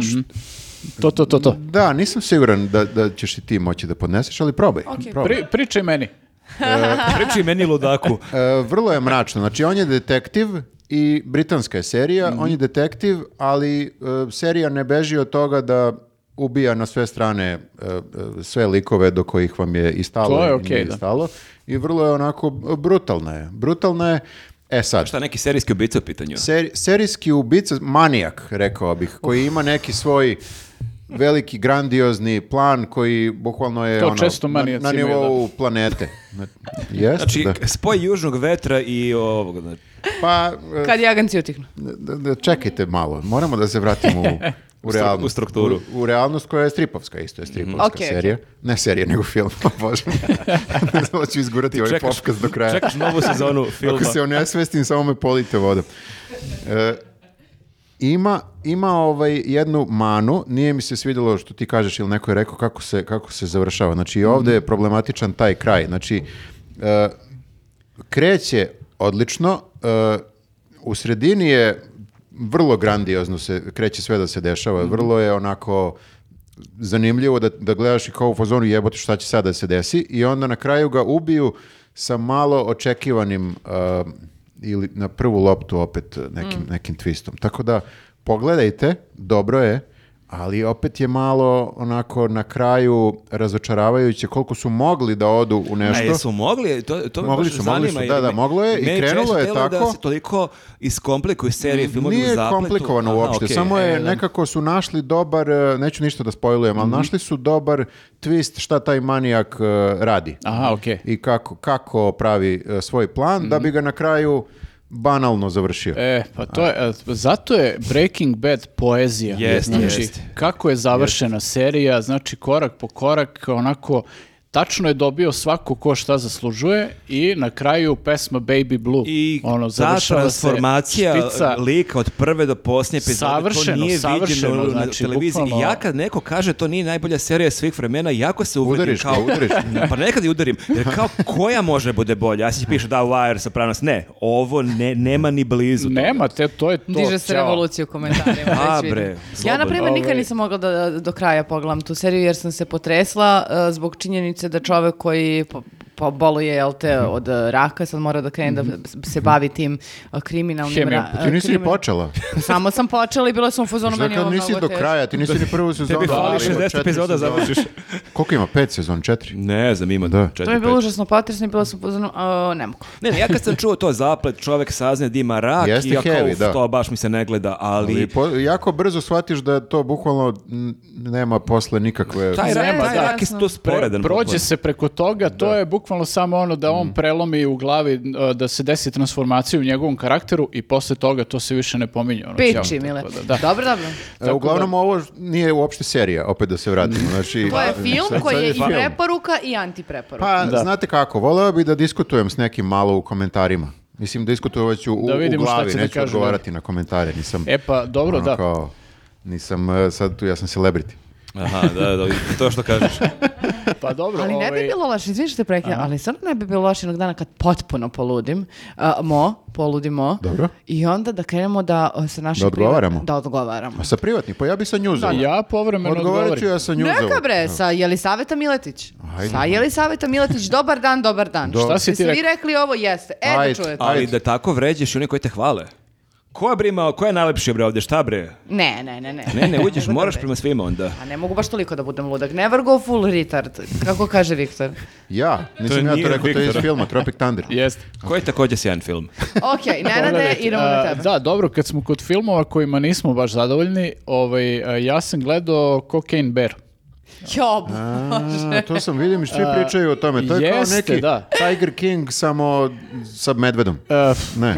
ne znam kako da ga nazovem, znači ja sam baš zbog toga što svi pričaju imao velike očekivanja i shvatio sam da ljudi gledaju sranja i da im se sviđaju sranja. Ovaj, nije sad sranje totalno film, Izgubio si veru u čovečanstvo. ali stvarno sam očekivao mnogo od, uh, zbog celog tog hajpa i kao rekao, ajde pogledam film. Znači, film je uh, ok, mislim, ne mogu da kažem ništa bolje od toga. Uh, ima stvarno potencijal, kao što ima i ova serija o kojoj sam pričao, ima stvarno potencijal da se napravi potpuno ludilo i oni su napravili jedno ništa. Znači, ti, ono kao... Pa znači nije okej. uh, n- pa, kao, mislim, možeš da pogledaš... Tvoj ton i mimika Ali delo oni da su nije- napravili jedno ništa, pa znači nije okej, kao pa da- ono, nije Kao loše. da ne želi da uvredi medveda. Ne, ne, ja sam gledao, Pa gledao sam kokainu je. film, gledao sam film jel do kraja kao da vidim da li će ono nešto kao da se Čekaj, tu šta se desi. dešava s medvedom? A, Baš je film je medved, medved. delimično kao zasnovan na istinitoj priči gde se desilo da iz nekog aviona u Americi, ne znam koje godine, ispao neki kokain silni u nekoj šum, šumetini i ovaj neki lik što je kao... I ispao. Iskočio je sa tim, zapravo, taj lik iskočio iz aviona i trebalo je on taj kokain da pokupi, međutim on je to izgubio i nije došao do tog kokaina. I onda uh, je došao medved do kokaina. Čekaj, ovo zvuči sad I onda super. se medved- Pa to ne može da je loš film, ne Ne, ti čitaš Pazi, opis filma i ne Ti- veruješ da je ne, to to. ti imaš, uh, ti imaš, uh, to je sve, za, za, sad, za sad ti zvuči do jaja. Pa zvuči Kao što i meni zvučalo. Toliko glupo da mi ne može bude loše. Tako je, ali ti sad imaš milijardu načina da napraviš uh, fore od toga što je ko- medved To našmrkan. je komedija, znači. To je kao crna komedija, zato što ovaj, ovde se sve I ovdje svodi ja na sam to... mislio da je to dokumentarac sve vreme. Nije, znači... Kako dokumentarac? Ali Pa- ti nisi u jedan žanr, znači. Pa zato što ljudi pričaju o tome kao istinita priča, ne znam, nije ovo. Gde će da nađu jeste. sad medveda na kokainu? Ne, ne, ne, nisam- Pustilo ga je to. Pa, Pa na- mislio sam da je kao rekonstruisani dokum, Da, znaš, kao da nije, je nije. rekonstrukcija Aha, priče, full. Ne, ne, ovo je, znači, imaš stvarno jako veliki prostor za urnebesan film, za dobre fore, glume, čak i neki poznati Čekaj. likovi. Mislim, to je neka onako, uh, da kažem, B produkcija, recimo. Ja imam jedno pitanje, kako, ako je to istinita priča, Dobro. kako su oni utvrdili da je taj medved na kokainu? Uh, zato lud što je, napadao... Pa, luda životinja, Ne, mislim. bio- Krvuće zubima. Zamisli se svaku životinju Da. testiraš na Uh, drogi. trlja se po nosu. Aha. Ne, Ima tikove, namešta Bio je kosu jako agresivan i napadao je ljudi, ne znam sad, ono, kako su, ovaj, je verovatno medved. mislim da, da su ga ubili i uradili su analizu i videli da je Čekaj, kao znači haj. sad, a, kad idem šumom, znači ne treba da imam samo strah šta ako se pojavi medved, nego šta ako se pojavi i medved na kokainu. Ali pre toga saznaš da je pao slučajno Ako- tovar kokaina negde tu u blizini. Još ako je medved u društvu Ace Lukasa, onda ti je Pa sve jasno. To ne može Ili bude problem. ovog drugog, kako se zove. Ovaj, Mitrović. a, da, a, Medved ne bi imao šanse tu. uglavnom, a, ti stvarno imaš ogroman prostor sad da napraviš komediju od toga. Oni su angažovali neke glumce, recimo ovaj, Mitchell iz a, Modern Family glumi jednu od uloga i oni sve što su napravili od te potencijalno urnebesne podloge je to da medved povremeno samo eto besno raskomada nekog ili kao vidi ga neko da nešto igra po šumi i to. Znači, stvarno imaš... a, Igra uz uh, skuter. E, da, mislim imaš stvarno mnogo prostora da napraviš komediju od svega toga i ti to baš ne iskoristiš ono kao ni, ni 20%. Ove, I sad, Koliko je besan. Ali idite pogledajte film. Ajmo ovako, da mi, Ja- Nena, da vidim da imaš si mnogo razmišljao, da snimimo srpsku jeftiniju varijantu zec na kokainu, recimo, Ili u zec Šumadiji. zec na rakiji. Na divčibarama zec na kokainu. Bizon na kokainu. Može Možeš i gori. Ne, to je, treba je low budget, nešto malo. Pazi, mislim, meni, ja sam očekivao da je to ono kao neko ludilo bar na nivou Šarknada, jer kao... A pa ovaj, da, što više pričaš, to mi je u glavi. Jeste, to je meni bila neka prva poveznica kao, ok, ovo je verovatno taj neki fazon i Sharknado je... Ali Sharknado nije po istinitom događaju. Nije po istinitom događaju, ali je toliko dobro urađen i toliko su napravili gluposti u tom filmu da si ti u fazonu, pola filma si u- ono, mislim svaka druga rečenica, ma da, jeste, znaš. Ali ti je ultra zabavno to da gledaš jer kao jasno ti je, znaš da, da je kao... Pokušavaju da te iznenade i Jeste, uspevaju. da. Ovaj, ovde kao imaš podlogu za to, stvarno to možeš da napraviš i kao ti nekako onako ne uradiš ništa sa tim, samo se ono završi film nekako, čak se i završi nekako patetično i ovaj... Ode na ništa. lečenje, skidanje u Drajzerovu. Da, kao nađe se, pošto je medved jel izgubio mečiće, ono kao u celom tom Ne, nemoj da kažeš kraj, nemoj da kažeš kraj, što one često pređeš granicu. Da, da, ovaj, e, uglavnom završi se malo sa Krenuo je da kaže kraj. Što Ja ne, sam kao zato- ja kad si mi rekao, ovo je spoil, ma ne, Ja- sve ne, okej. Ne, ja, Sve po kontrolu. Ne, to je, to je teaser. Ovaj, ne, ja samo razmišljam čak i kad bih spojlovo ljudima, verovatno bih ih poštedao ovaj, Ne, gledanje. ne. Ne, Pusti, ne, ja pusti. gledam. Ali uglavnom, eto, to je ono Što kao... samo ti da patiš? Gledao sam i ovaj, m, m, onako, razočarao sam se. Nije kao da ne treba uopšte da pogledaš film, ok, možda pogledaš ono, ima zabavnih momenata kao ubiješ, ne znam, dva sata ako baš nemaš šta pametnije da radiš, ali kao nije da, da ćeš da se oduševiš filmom. To je jednostavno baš je neiskorišćena A gde je prilika. taj film, može se gleda? E, to Po je, mislim, HBO? mislim, Ja sam e, vidio negde mi proletelo na onim Mislim da je e, pominjan Netflix. ovaj, okej. da, Sky Show Time. Nije, nije Sky Show Time sigurno da. Dobro. Ali ajde recimo Netflix. Mm, Dobro, uh, ja, uh, sad sam ja redu, okej. Uh, imam uh, dva filma, pa ću zato probati da budem uh, malo saž- onako kraća. Ne, ispričaj jedan, pa ću ja jedan, pa ti onda drugi. Ajde ovako. Prvi film koji želim, o kojem želim da pričam zove se Zbornica, to je hrvatski film, u pitanju je e, debitanski film mlade autorke koja se zove Sonja Tarokić i ženo svaka čast. Gde si gledala to? A, dono mi Dragan kući. Ok, Dragan je moj drug, Znate, Dono je na ako, kompu ako znate Dragana, zovite ga da pogledate ovaj film. Pa ne možeš ko, koji streaming Dono servis? mi Dragan. Dragan. Pa nam ide, pa šta šta Dragan ne Pa može... kako da ga gledaju ljudi? Dragan Showtime. Možda će da da bude gleda? u nekim bioskopima, Možda na, ćete fis- moći da ga na gledate. festivalu. Ostavi link do Draganovog Instagrama da ga ljudi kontaktiraju. festivali, uh, ma, ovi manji bioskopi i tako dalje. Znači, u pitanju je, uh, to je... Au, Ne. Slušajte me. Donom je Dragan je najjača rečenica izgovorena u ovom podcastu A, zašto je važno? Ja Ajde. stvarno moram pričam o tom filmu, prvo zato Ajde, što je ajde. to debitanski film i I onako niko neće kida. gledati. Ajde. Ćubre jedno. pa gde da gledaju? Naći će negde ljudi. Naći će Dragana. Kako on da- nađe se samo da ne- preko p- Pirate Bay-a i ne, ne, znam ne, ne, ja plaćam streaming servis, ali... samo da, Kako će ne- ljudi ne- da nađu? Samo da ne kontaktiraju nekog pogrešnog Dragana. Dragana, Dragan- Stoj, Dragana Stojkovića. Možda da suziš malo. Mogu da kažem da Dragan ide, Dragan ide po kućama sa koferčetom Pa i nosi ti kažem. komp i pušta Da, svima. tako je, da, to A kaže. dobro, zato što stvarno mi je preporučio jer je film odličan i nije, se- nisam se pokajala. A, u pitanju je a, mlada a, psiho, psihologica koja kao a, psi, kako se to kaže, a, psiho, Psihologi, psiho, psi- psihološkinja. psihološkinja, jeste? Već je li rekla psihologica je psiholog. a, koja Psiholog. dolazi u jednu on, osnovnu, osnovnu školu u okolini Zagreba ili nešto to u Zagrebu, eto. A, I a, m, sada nekako gledamo a, kako se ona prilagođava, odnosno ne prilagođava u tom sistemu a, sa, u odnosu s- e, sa profesorima, šta pokušava da promeni, kako stari sistem ne dozvoljava da se stvari A, pri- menjaju. a izvini, prilagođava se jer je došla iz neke male... s- Ona je šta? išla po raznim nekim školama, b- tu Aha, bila... ona, ona dobija posao u školi kao Tako je, psiholog. tako je, tako je, tako je, tako je. I ona sad tu uočava neke propuste, probleme, pokušava da napravi neke, neke bolje stvari za decu, sve i želje naravno da deci bude bolje i dolazi naravno udara, udara u zid svaki put. I to je onako, zanimljivo je na, i na nekom kao višem nivou borava pojedinca sa uh, sistemom i koliko ne može da ga promeni jednostavno jer će uh, grupa uvek da se buni i da se nekako da budu u fazonu šta sad ti hoćeš tu nešto da Grupa menjaš?" ili ovi kao direktori i ovi... Pa i nastavnici i To, to. direktorka. Postoji tu otpor, da, Da, u uh, osobi. super je nekako nekako oslikala i uh, generalno društvo, likovi su odlično napravljeni, uh, lik uh, ove kao direktorke koji igra Nives Ivanković je maestralno je napravila ulogu stvarno. I super je i ova devojka koja igra, igra glavnu ulogu Marina Ređepović i pro, o, lik koji igra profesora Stojan Matavulj. Ono što je također zanimljivo jeste način na koji je sniman, ti kadrovi su ludi, brate, znači ti sve vreme su neke, neke gomile i onako se stalno mrda, ti stalno imaš neko kao da nekako posmatraš, znači nije, kla- nije klasično nekako snimano kao što si inače navikao, nego iz nekih uglova kroz neke ono a, police, a, ljudi prolaze, nisu svi uvek u fokusu, nekako ti, ti sve vreme daje osjećaj da si ti tu prisutan.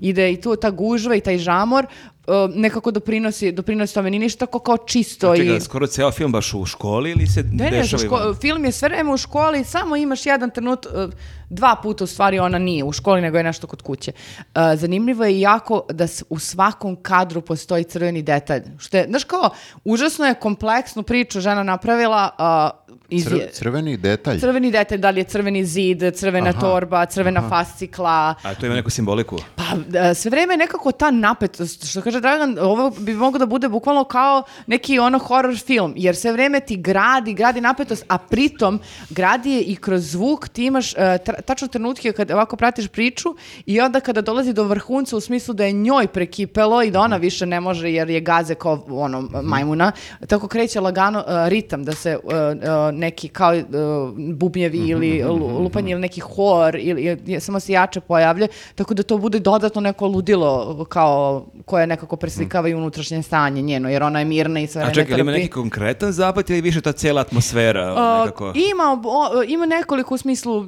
ona provaljuje da taj uh, lik uh, Stojan, Mat, koji glumi Stojan Matavulj, da je to čovek koji je ono, stara garda, koji ne predaje po pravilima, nego ima svoj neki, svoju neku priču, da je paranoičan, da umjesto da predaje deci pričate svoje paranoje, šta mu radi i sad ti sve vreme si u fazonu, jel će sad nešto se desilo, ovaj lik u stvari naš ne- neki ludak pa će on sad da eksplodira. Znaš, sve ti napetosti raste bukvalno od eh, samog, eh, od samog početka ti nekako tu.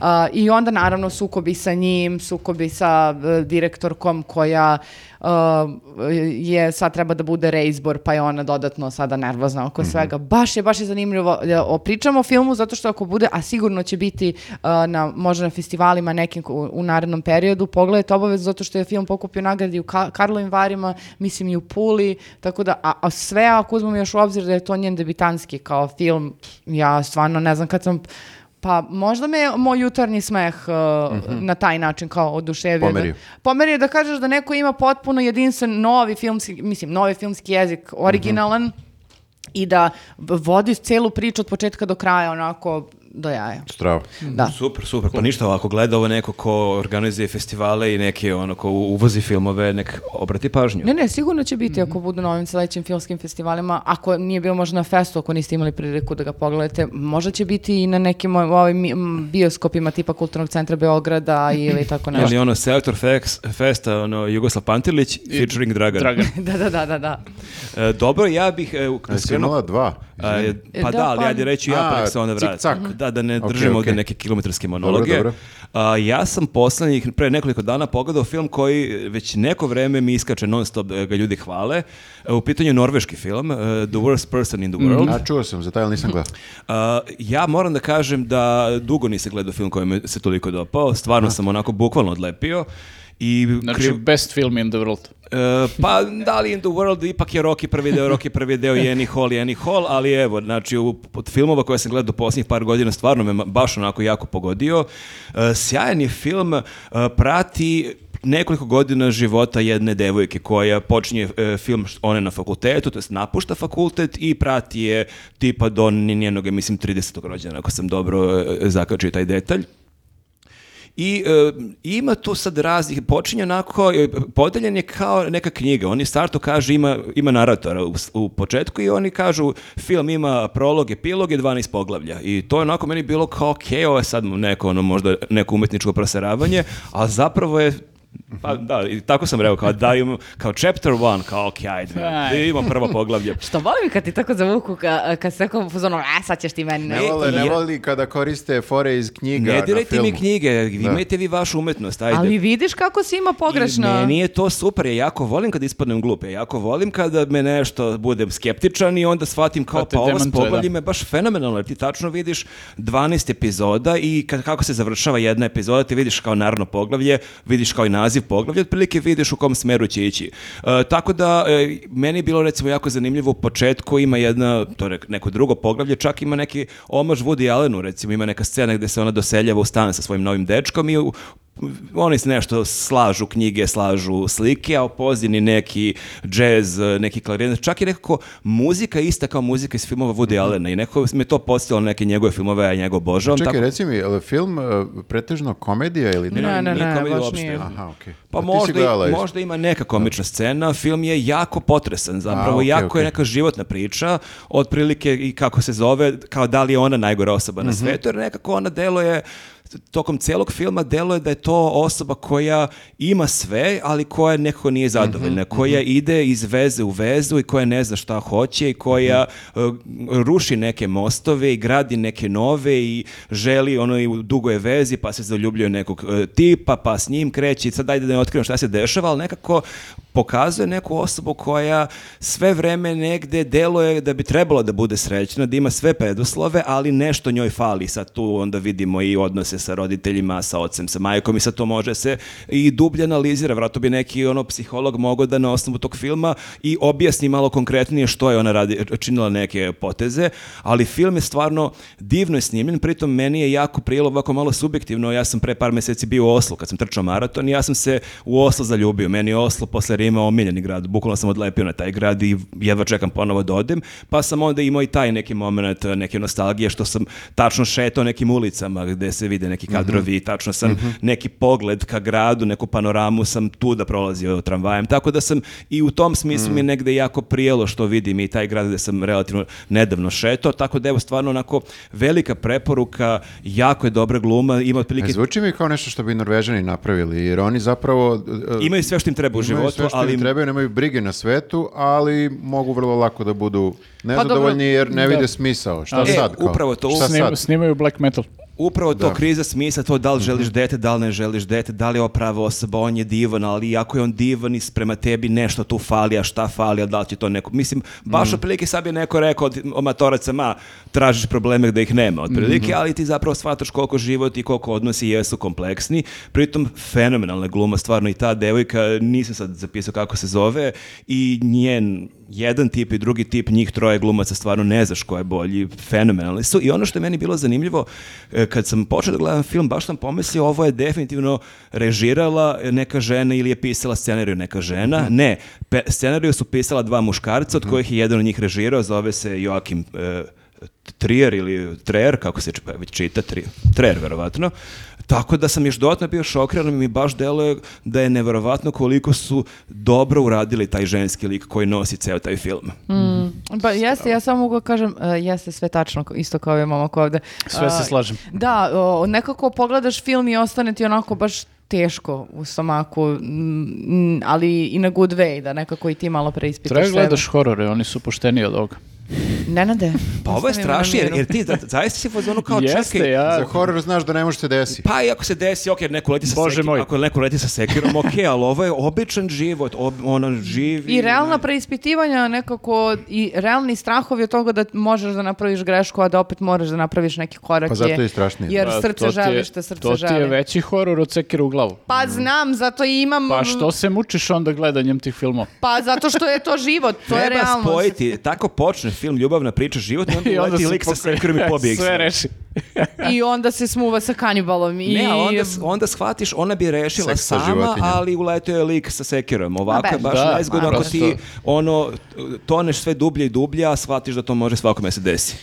Dobro. E, A, drugi film je a, dokumentarac o Pornhubu i baš sam... U, dobar taj. Da, e, važno mi je nekako da pričam o tome zato što stvarno e, već dugo vremena hoću da malo više e, saznam o, O Pornhubu. o Pornhubu e, zato što mi se čini da na više strana sam pročitala kako su govnari i onda sam pogledala e, dokumentarac i da, zaista katastrofa.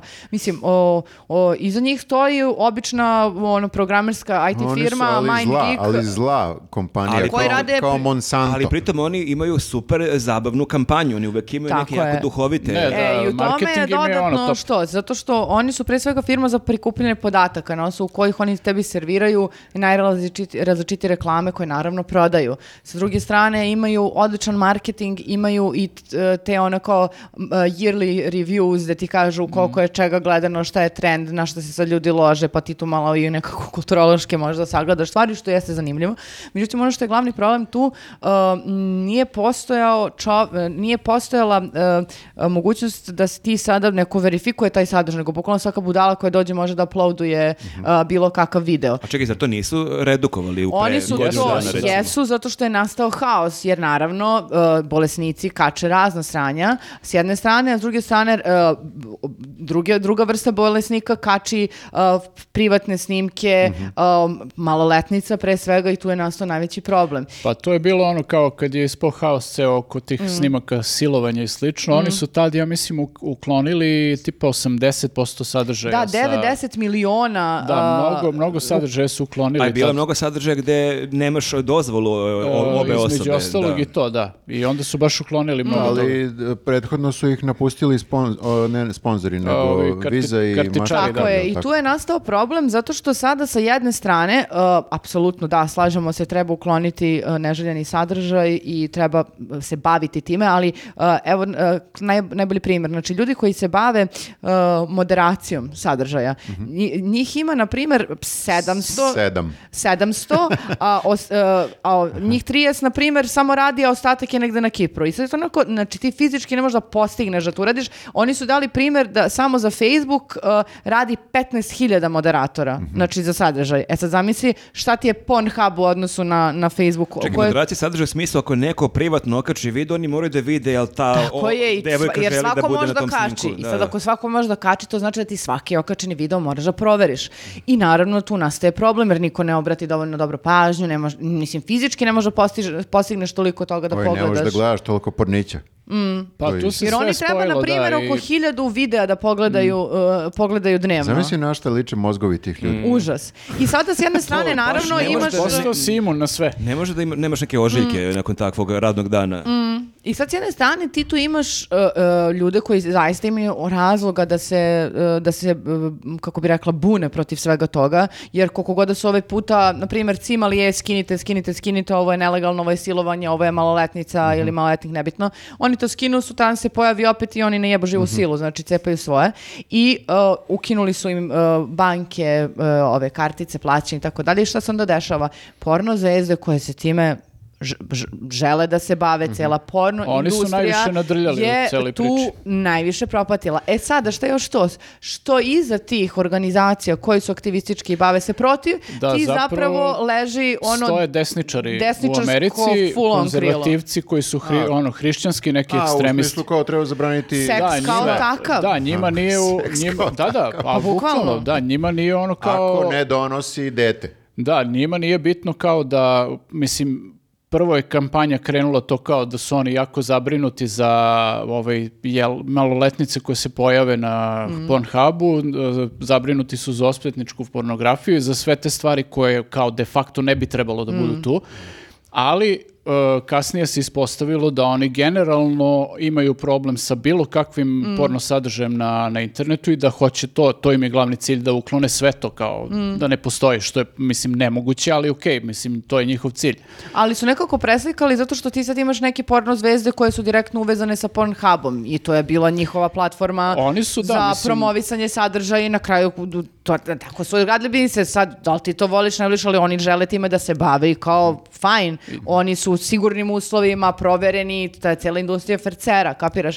I sada oni su napravili takvu kampanju da bukvalno sa te porno zvezde koje su nešto promovisale vezano za Pornhub, kao da sada one bukvalno za maloletničku uh, pornografiju Jeste, ili da, silovanje. kao Ova imaš- žena u fazonu kao, ja sam e, bila žrtva silovanja, ja nikad u životu ne bih voljela da se tako nešto dešava. Ja se ovim poslednjim bavim, između ostalog, zato što se apsolutno osjećam sigurno i znam da ako go- kad god bi žela da prestanem, mogu da prestanem. Mhm. U smislu, ako kažem stani za ne znam šta, staće, znači nije Čekaj, to Jeste, da, oni su- prisila neka. Pornhub i dalje postoji. Znači, ne nešto postoji, su, oni su se oni su rešili ili uh, oni samo... su da, oni su rešili dosta tih problema koje su imali jer ka, između ostalog i to time što su uklonili Mhm. silan sadržaj. Uh, sad uglavnom uploaduju sadržaj ti verifikovani Mhm. nalozi, znači uglavnom ljudi koji se bave time, seks radnici i ovaj, uh, e sad, problem je što koje... Problem je što je opet e, sa druge strane pokrenut valjda neki novi postupak, to je donošenje nekog novog zakona koje će kao ako bude usvojen u toj formi kao biti kraj verovatno za, Mm.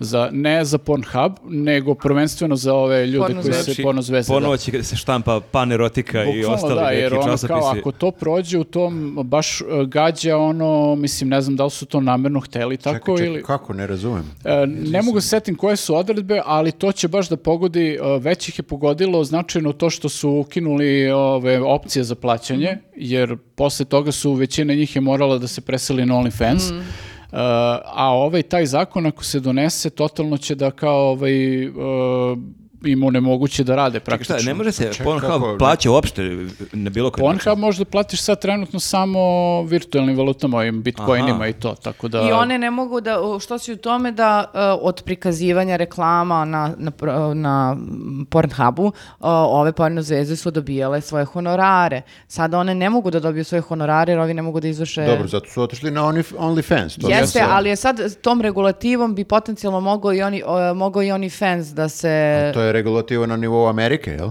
Pa samo će se presele kod nas. Pa da, pa da, mislim, ali mislim, verovatno čekaj, ima neki način, ali... ljudima život, ono... Pa ali, E, hoću kažem, teško je to sad ukinuti. Samo, Da, ne- samo će ne da se možeš- pomere negde drugde. Da, kao što verovatno su ne sad možeš iz da Rusije da došla re- gomila, gomila ovaj...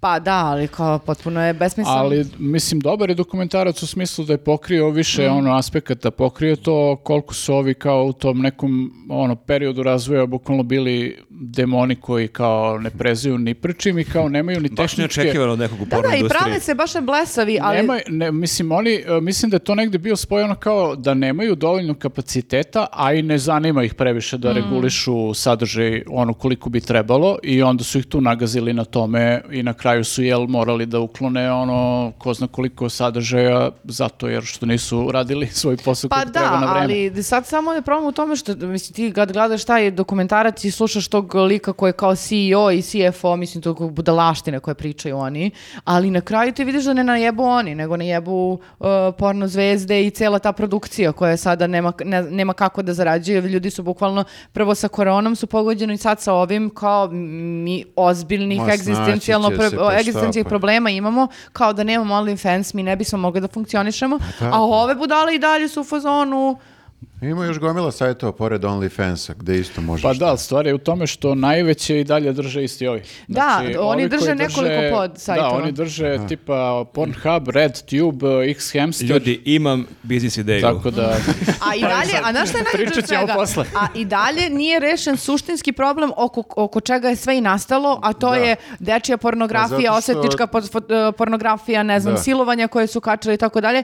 I krivci konkretni za to i dalje nisu kao sankcionisani, a samo i dalje najebavaju kao o, porno zvezde i pritom i nevini ljudi koji završavaju i dalje na tom sajtu. Ma to će sve tržište da reguliše. Mm. Oni će da propadnu ovi iz Pornhuba. Dobro. Će, Ja će, vi- će vidimo. Evo, Dobro. kako, komu- kako komuniste zamišljaju tržište. to ćemo mi da nacionalizujemo. da, nacionalizacija Pornhuba. Dobro. Šta, Ali šta imamo dalje? Pornhub. A, kni- Imamo, hoćemo muziku? Ajde muziku. Može. Ajde muziku. Viktor, jesi slušao nešto? E, jesam, ajde da preduhitrim Nenada, znači Metaliku novu sam, sam slušao, mislim dve pesme. Aha, okej. samo- Ti treba olovka da precrtaš. Jel, jel si, jel E, si nisam teo? stavio, nisam, Dobro. čekam album da izađe. Ali I ja namerno ovaj- sam teo, zato što ništa drugo nisam stigao da, da preslušam. Plus imam jedan giveaway. Ohoho. Wow. Imam giveaway, znači e, kupio sam, kupio sam ovaj, e, hteo sam Mašu da vodim na Metaliku, ima premijera ovog e, live albuma. E, ja, id- ja idem na to. Pa da, naravno da ti ideš. Nji, nji, nji. U bioskopu e, Ada Mall, ako se dobro sećam, 13. aprila. 13. aprila, 13. da. aprila. To je, da, zvanični listening party se to zove i oni kao prave neki film od dva sata, E. kao ideš da gledaš film i sve spotove i predstavljanje albuma i ne znam šta je što ima, da. I ja, ovaj, kako se zove, ne mogu da idem, ispostavilo se da vodim Mašu na to, jer već tog dana idemo na neki drugi koncert, a to je Bojana Vunturišević. Da, da, ja sam da. skroz zaboravio. Teo sam da iznenadim, kupio sam joj Love Seat, da, da idemo, da, da iz Love Seata gledamo Metaliku. Metaliku. Čarobno. I ja, ne možemo sad da idemo i to je moj giveaway. Jedna karta. Jedna karta? Pa nije baš, mislim, jedna karta za, za Love- Love Seat. za Love- Love Seat. Love Seat tebi ljudi. jednog. Jedna je- karta za dvoje ljudi. Za- Jedna karta za dvoje ljudi, Love Seat. Ili možeš, ako možete da stanete troje. Ili jedan, ako je vredan samo jedna osoba, mislim. Da, ali bilo bi lepo da ode Ali neki par. giveaway, da. Ok, znači Da- par. Za ne, mislim to Šta je zadatak? E, Zadatak je, e, znaš šta, napišite mi u komentaru, Najbolju pesmu Metallica. ne najbolju pesmu, nego kao, š- recimo ovako, vaš neki osjećaj kad ste prvi put otkrili metaliku. Ja ću da biram najbolji komentar. Eto, Eto to. lep, lep. Eto. Ma kakav popkas, ljudi E, moji. dobro, a, ajde kaži sad kakve a. su ti pesme. E, e, Sranje. Idemo dalje. Nisu mi sranje, nisu mi sranje, super su mi. E, Dve su izašle za- sada, jedna se zove 72 Seasons i jedna se zove If Darkness Had a Sun. E, If Darkness Had a Sun mi je bolja, više nekako slušam, ali možda zato što je ova sad izašla, ova 72 Da, je pa nije malo- mi još ušla u... nije I mi malo je duže i kompleksnije. Ali, da. pa, da, da, jeste, jeste. Vidiš da oni tu se nešto se opet malo i eksperimentišu, nešto tražu, super mi je to. I mislim da si ti baš bio napisao na, na Facebooku da, da sad su u fazi kad mogu da rade šta hoće. Tako I, je. I jeste, stvarno je nekako faza gde ma- vidiš da eksperimentišu, ali opet se vraćaju na korene, pa opet malo te korene pomeraju ka nečemu možda novom, ja ne znam, ne slušam toliko metal, jebi ga, slušam samo metaliku, Ni- nisam baš ekspert. Postoji metal van metalike. Da, da, Znaš kako bukvalno. babe misle, kao to je to. to je... Nisam, nisam neki ovaj, ovaj, toliki poznavalac metala, ali metaliku volim od, od ono, dečačkih dana i dan danas mi je nekako sve to Reci mi, Viktore, load i reload, da li priznaš ili ne priznaš? E, e, baš smo imali, sećam se tada, bukvalno kad je izašao, tad smo bili, ja mislim, i dalje u Srednja srednjoj školi. da, da. I imali smo veliku diskusiju tada u srednjoj školi, ja i ovo moje društvo, da li su se prodali, da li je ludilo što su se ošišali kao to je. Da, to je bio To skandal. je, to je bio skandal. E, Kako smeš da se ošišaš Da. kao... Pazi, e, taj Da. skandal počeo prvo kad se e, John Bon Jovi, o, John Bon Jovi ošišao za Keep the Faith i to je imao neku žensku frizuru, tako To je to je možda. A ovi su baš na kratko, ono, Ovi znači, su baš to je baš bila izdaja. Ali imali su ovo ovdje, jel da? Sjećam se da smo imali te ovaj, diskusije kao da li sad mi možemo da prevaziđemo ovo, da li Da možemo li ćete kao da... ikad oprostiti? Da li sad mi treba da odrastemo, znaš, kao da li sad možemo da nekako proširimo naš um i da mentaliku shvatimo kao ne samo to što su bili do tada, nego, Nego i ovo što se dešava i sada. nismo uspjeli u tom trenutku, znači ne, Tad sam tom- izgubio svoje prijatelje. nisam ja izgubio svoje prijatelje, nego kao, znam da smo imali malo ono kao u fazonom, ne, onako, znaš, kao, ne, vidiš da ima nečega tu, ali ne, previše si ponosan da, Jeste, da da. otprilike priznaš i glup, mislim, srednja škola. Pa klinaci, da. Pa da, tek kasnije naravno shvatiš koliko, je, koliko su dobri, dobri albumi. Tako Da. da... Što e, je Nenad skinuo duks da te sluša dok pričaš o metalici, Ja, znaš? I već je polugardu, već, Već vidim ovako kao šta će da Samo da kaže. šta će da kaže. Zabošće da. ga levicom, već ali vidim. mislim da su se svi tako osjećali, barem u tim godinama. znaš, kao Jeste, da, verovatno mislim, kad si stariji, jeste, pa... tad je bio šok, mislim, nekako, ali e, ja gledam te albume sad, recimo iz ove perspektive, Load je stvarno vrhunski album, e, li- Reload tu i tamo malo zvuči kao da su uzeli ono otpadke od, od Pa Loada zar i objavili, što i jeste delimično tako.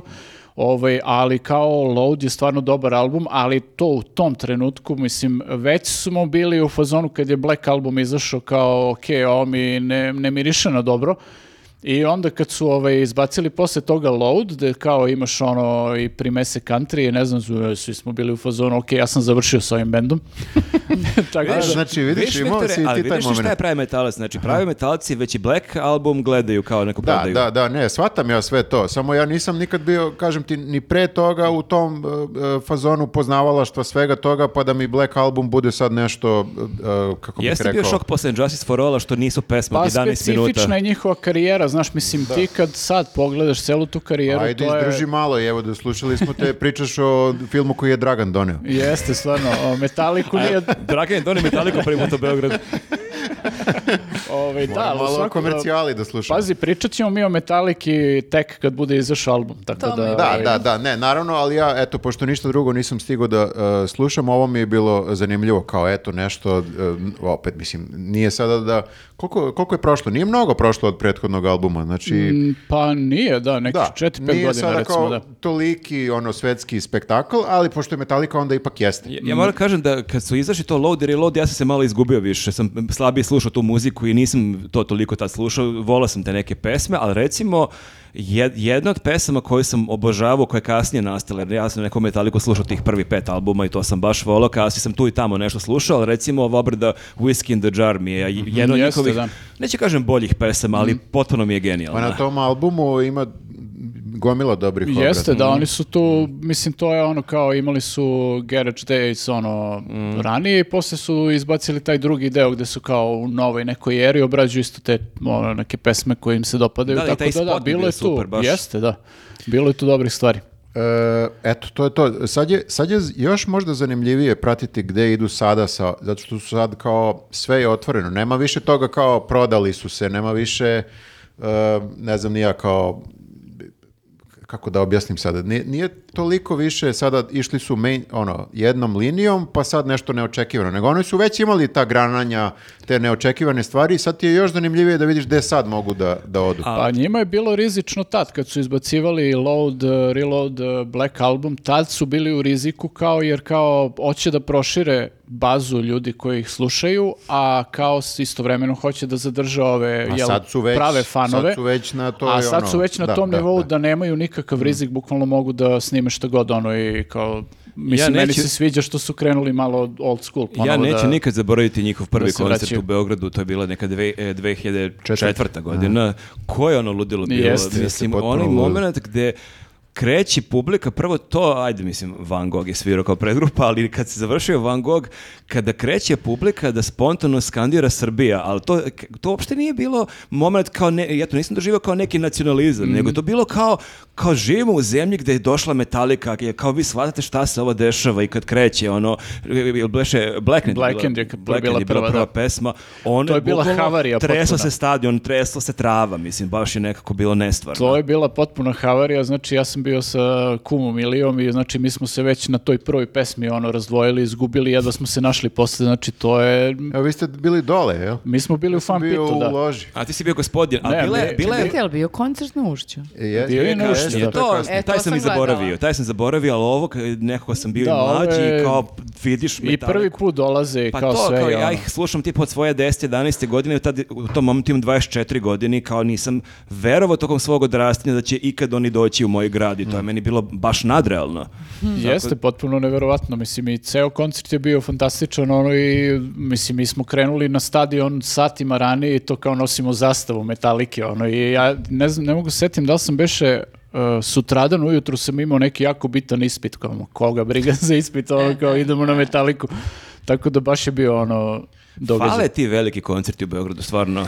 Ne- E. nešto, se, nešto se desilo. U zadnje vreme smo ovaj, malo uh, smaknuti sa mape. Jesmo, da, preuzeli su Zagreb, je dosta preuzeo ovaj, sve i dobro Budimpešta standardno, ali Zagreb je toliko napredao što se tiče ono koncertne ponude da je baš ludilo. Ono, Ma ne možemo da se takmičimo uh, finansijski. jel? Da, ja mislim da. je to samo Bendovi zato što... poskupili, a mi ostali na istom. Pa zato što ne možeš da naplatiš bedni. kartu ovde koliko možeš tamo. Jeste, To, to. da. Tako da, jebi ga. Šta si ti Nenade slušao? Uh, šta sam ja slušao? Sad, vadi šest papira, ono, Ne, esej. Šta nisam slušao? Šta nisam slušao? Slušao sam svašta, ovaj, uh, privuklo mi je pažnju, mislim, već neko vreme ovaj, u hardkoru se dešavaju jako zanimljive stvari na sceni. Je li sad se taman ponovo uključila? Kaj je posle Metalike možda bude nešto Šta normalno? sluša? Ovaj, e, izbacio je jedan band, e, debi album koji je onako, baš je hype pravljen dosta na, na ovaj, među ljudima koji, i među medijima. Hype Ovaj, na osnovu nekih singlova ili... Na osnovu singlova, da. I generalno ovaj, sad je malo ta neka atmosfera, dosta tih novih hardcore bendova imaju female fronted su, ono, znaš, imaju žene na, na ovaj čelu benda i, i to bude onako prilično dobro. I ovo je jedan od takvih bendova i sad kao baš je onako hype, zove se band Gel i a, album se zove Only Constant. Album traje 16 minuta 25 sekundi. Ali 25 sekundi. Da, i ja sam se malo podsjetio kako je to bilo ranije, mislim 90-ih je bilo kada dosta pesma tih, traje minut. Tako je, bilo je dosta tih bendova koji su, taj izvorni hardcore je bio u tom fazonu, kratke pesme, efektne, nema Pa ti filozofiranja. nemaš snage, Bape, ako si, ali ti nemaš i snage ako si u publici da e, ideš u šutku dužu Jeste, od ono, da, ali 40 posle minuta, je to sata. evoluiralo, pa ti imaš i hardcore pesme od 5 minuta, mislim, nije to nikakva sad Jesi ono... ti slušao, sad se podsjetio si me kad kažeš kao hardcore album 16 minuta, jesi ti slušao domaći band Osmi putnik 2? Da, da. Oni su imali pesmi po 20 sekundi, po 30 Jeste, dobro, sekundi. to je onako više to je neka neki zajebancija bila. zajebancija i kao neki grindcore tamo ovamo svašta nešto, tako da to je negde onako koncept. A ove, ja sam se iznenadio kad sam vidio da je tako kratak album, najduža pesma ima tri minute i ona zatvara album. Uglavnom, u pitanju je onako, uh, nije straight edge, taj neki hardcore tradicionalni, mada ima dosta tih tradicionalnih momenata, onako kako si uh, ono, čuo hardcore 90-ih, početkom 90-ih, krajem 80-ih. To kao Gorilla Biscuits ili... E, na primjer, koriste dosta neki taj zvuk, ali opet imaš malo i te neke nove moderne fazone i to i plus imaš moment da žena peva, što je super kao malo se ovaj, jer ženski vokal je u startu, kad pevate malo grublje vokale, u startu je različit zato što, jel, fizički se razlikuju ovaj, uh, Glasne žice. glasne žice. Da, i ovaj, tako da je album onako baš jedna bombona, toliko mi je lepo lego zato što kratko traje, a toliko toga su stavili u tih 16 minuta, to je nešto neverovatno, bukvalno. To zvuči primamljivo, nekako čak i da je loše, nisi mnogo Nisi pretrpeo. izgubio mnogo od života. Tako je, ali ovo je, znači, cela ta scena postoji sad, imaš, ne znam, onaj turnstile, ovaj, ranije sam ih puštao, mislim da ti za njih znaš ono, ovaj, uh, jednom smo ih nešto komentarisali, to je neki band koji je kao malo vratio hardcore sad u, To u sam htio da žižu. te pitam i a, meni se ovako sa strane, a baš sad laički, jer baš sam ispao iz te priče u potpunosti, ali je li hardcore imao neku krizu ili on je u kontinuitetu? Jer ja Ne, znam ne, da je kod ha- nas početkom 2000-ih bilo i bendova Jeste, i jeste. gostovanje Madball su bili 25 to Life i razni bendovi Mhm. i čini mi se da je tu neka rupa nastala. Nije, nije, mislim imaš ti hardcore sve vreme je tu, samo je ono evoluirao malo u neke onako ovaj, uh, rukavce gdje ima više metala u tom hardcore, onako metaliziran je dosta i dosta je ono Hatebreed recimo band koji je jako popularan i ono to su tipa koncerti sa desetinama hiljada ljudi. Ovaj, oni Ovo su je odmah rekao da nas predupredi. pre da, da ne bude, da ne bude kao Da. ovaj, niko nije čuo. Ne, oni su stvarno jezivo popularni i oni su baš vratili taj neki fazon onako, totalno su jump the fucked up fazonu i imaš takve ono momente, ali su dosta onako masan zvuk i, i brutalni su prilično. Masa. O, ovi su sad malo drugačije, opet vraćaju se na neke korene i kao ima, ne znam, Turnstile, ima još par nekih bendova koji sad guraju celu tu scenu i mislim da će to tek onako da Ali eksplodira. dalje ono. ono je estetika garderobe i dalje je to isto kao početkom 2000-ih i se tu nešto menja. Ne, ovi sad izgledaju kao Elisavet otprilike, Aha. ono, da. Second, second hand hardcore. Čekaj, bre. to, što to znači? Čekaj, Čekaj, bre. nisu više kačketi tetovaže. Ne, ne, ma kakvi, ovi su hipsteri, znači bukvalno da ih vidiš na ulici ne bi, ne bi pomislio ono nikad da su hardkorovci.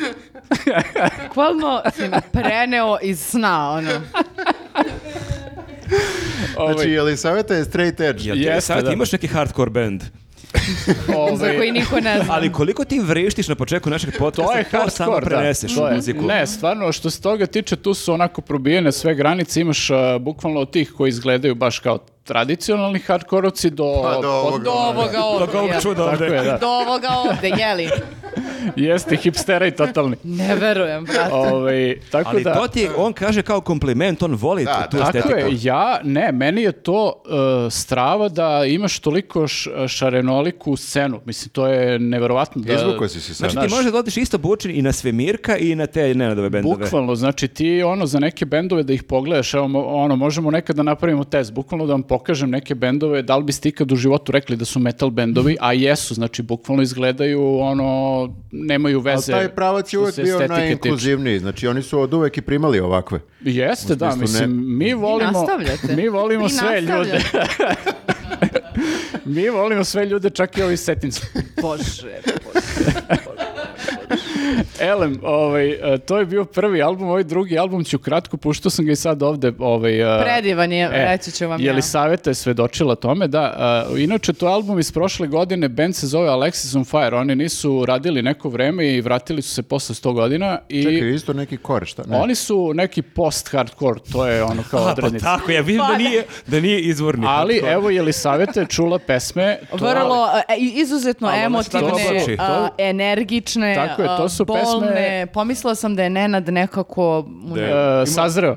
ra- nekako ranjivije nego inače. Ranjena zver. Da, Ranjena a, zver. dobro, post-hardcore generalno ima više tih nekih emo momenata nego što hardcore ih nema generalno, post-hardcore ima taj emotivni moment i ovaj album koji su oni objavili je kao ono alternativni rock, mislim, ili malo onako žešći, uh, gde imaju uh, nekoliko potpuno vanserijskih pesama, između ostalih i ova koju sam puštao, Sans Soleil se zove, koja je predivna jedna onako Uh, nije baš balada, ali ono kao power balada, ne znam nija kako da je nazovem, gde su baš onako, promenili su dosta zvuk u odnosu na taj posljednji album koji su izdali, jer oni su jer tad bili i oni klinci, čak imaju stih da kažu nismo više klinci koji smo bili, sad smo nešto sasvim drugo u jednoj pesmi i Uh, stvarno je dobar album. Album izašao prošle godine, inače, nego ja kao sve nekako ga nisam ovaj, sa pažnjom preslušao. Uglavnom, uh, nekih sat vremena traje fenomenalan album. Mislim, ne znam sa čime bi ga uporedio. Ovaj uh, Dallas Green se zove jedan od pevača. Čovjek toliko dobro peva, toliko ima neki bluzi vokal, imaju čak i neke gospel momente na albumu, sve to kad su kombinuje sa tim nekim distorzijama i to je ono što im malo fali generalno na današnjoj mainstream rock sceni gde ti više nemaš distorzije praktično. Nema dž moment. Da, ako, zanemar, ako zanemariš, ne znam, Foo Fighters i još par bendova, ti nemaš ono kao ovaj, distorzije, ono, kao kinite žice malo druže. Ja sam sad skoro kad sam vozio, našao sam u kolima neki MP3 disk koji sam narezao tipa 2002. treće i kao ajde da pustim šta sve ima i tu je bio jedan album Limp Bizkita i tako sam se vratio u to vreme i to je toliko to je toliko šablonski bilo i to jeste toliko bilo MTV Jeste loženje, ono, A da. tako je dobro loženje, kreće Da. sporo, sporo i refren, svi skačemo i svaka pesma je ista. I koliko nekako je to, toga se zasitiš u nekom trenutku, ali nakon ono 10-15 godina kad to ponovo pustiš, pa mene pukla neka nostalgija, moram da ti kažem. Pa jeste, da, mislim, to je, ja ovaj band sam t- slušao ranije i oni su dosta promenili sad zvuk na ovom novom albumu i kao stvarno ovaj, e, ok, jeste da ima malo ovaj, e, distorzije i svega, ali je stvarno dobar rock album pre svega, mislim, može da se stavi onako generalno u rock ono korpu, pritom ovaj e, Dallas stvarno peva fenomenalno, mislim, e, ima predivan glas i, i stvarno dobro peva, tako da obratite pažnju Alexis on Fire, e, album se zove, ovaj, nisam ni zapisao, ovaj, uh, Oders se zove album, Odernes to jest, uh, prošle godine izašao, znači nećete se pokajati ako volite gitare, to je to, mislim i ovaj, eto, to je druga preporuka. E, ovaj, tako uvek emotivno pričaš o muzici, ja prosto ne znam šta mi da pričam, ali savjete, smiješ ti posle ovakvog monologa nešto kažeš. Aj, pa probat ću. Moram, mislim, Ajde, šta molim. ću. Kad već moram, ajde. Ajde, korupka. Ajde pa da idemo u šutku neku. ono. A, ja sam sinoć, znači danas je petak kada ovo snimamo, sinoć sam sasvim slučajno završila na jednom koncertu, a još slučajnije kako je do tog koncerta došlo. U pitanju je e, band, hrvatski band koji zove Pocket Palma. A, mislim da znam kako je došlo do toga da oni imaju Pokvario koncert. im se Pokvari- auto. Pokvario im se auto, video. O, ovo već je obećala. I onda su popravljali Da, auto, kad smo već tu. Auto im se toliko pokvario da ne mogu da odu iz Beograda. A To dok je- vreme prolazi, Beograd košta, a košta i popravka, popravka automobila. Tu je bila akcija PayPal upa- uplati Čekaj, Pocket Palmi. A čekaj, oni treba da dođu do Zagreba. Da. Da, da, da. Aha. Ali ja, motor otišao skroz, čao, poginut će kod samo krenu. Nema mnogo para u Ovo je, sad, muzici. ovo je kao sad ono, e, zapet filma, ono Terminal. Tom Hanks je zarobljen na aerodromu, ali ovo Ovi su zaglavljeni u BG-u, uh, konkretno u Cetinskoj. Šalim se. Mada me ne bi iznenadilo.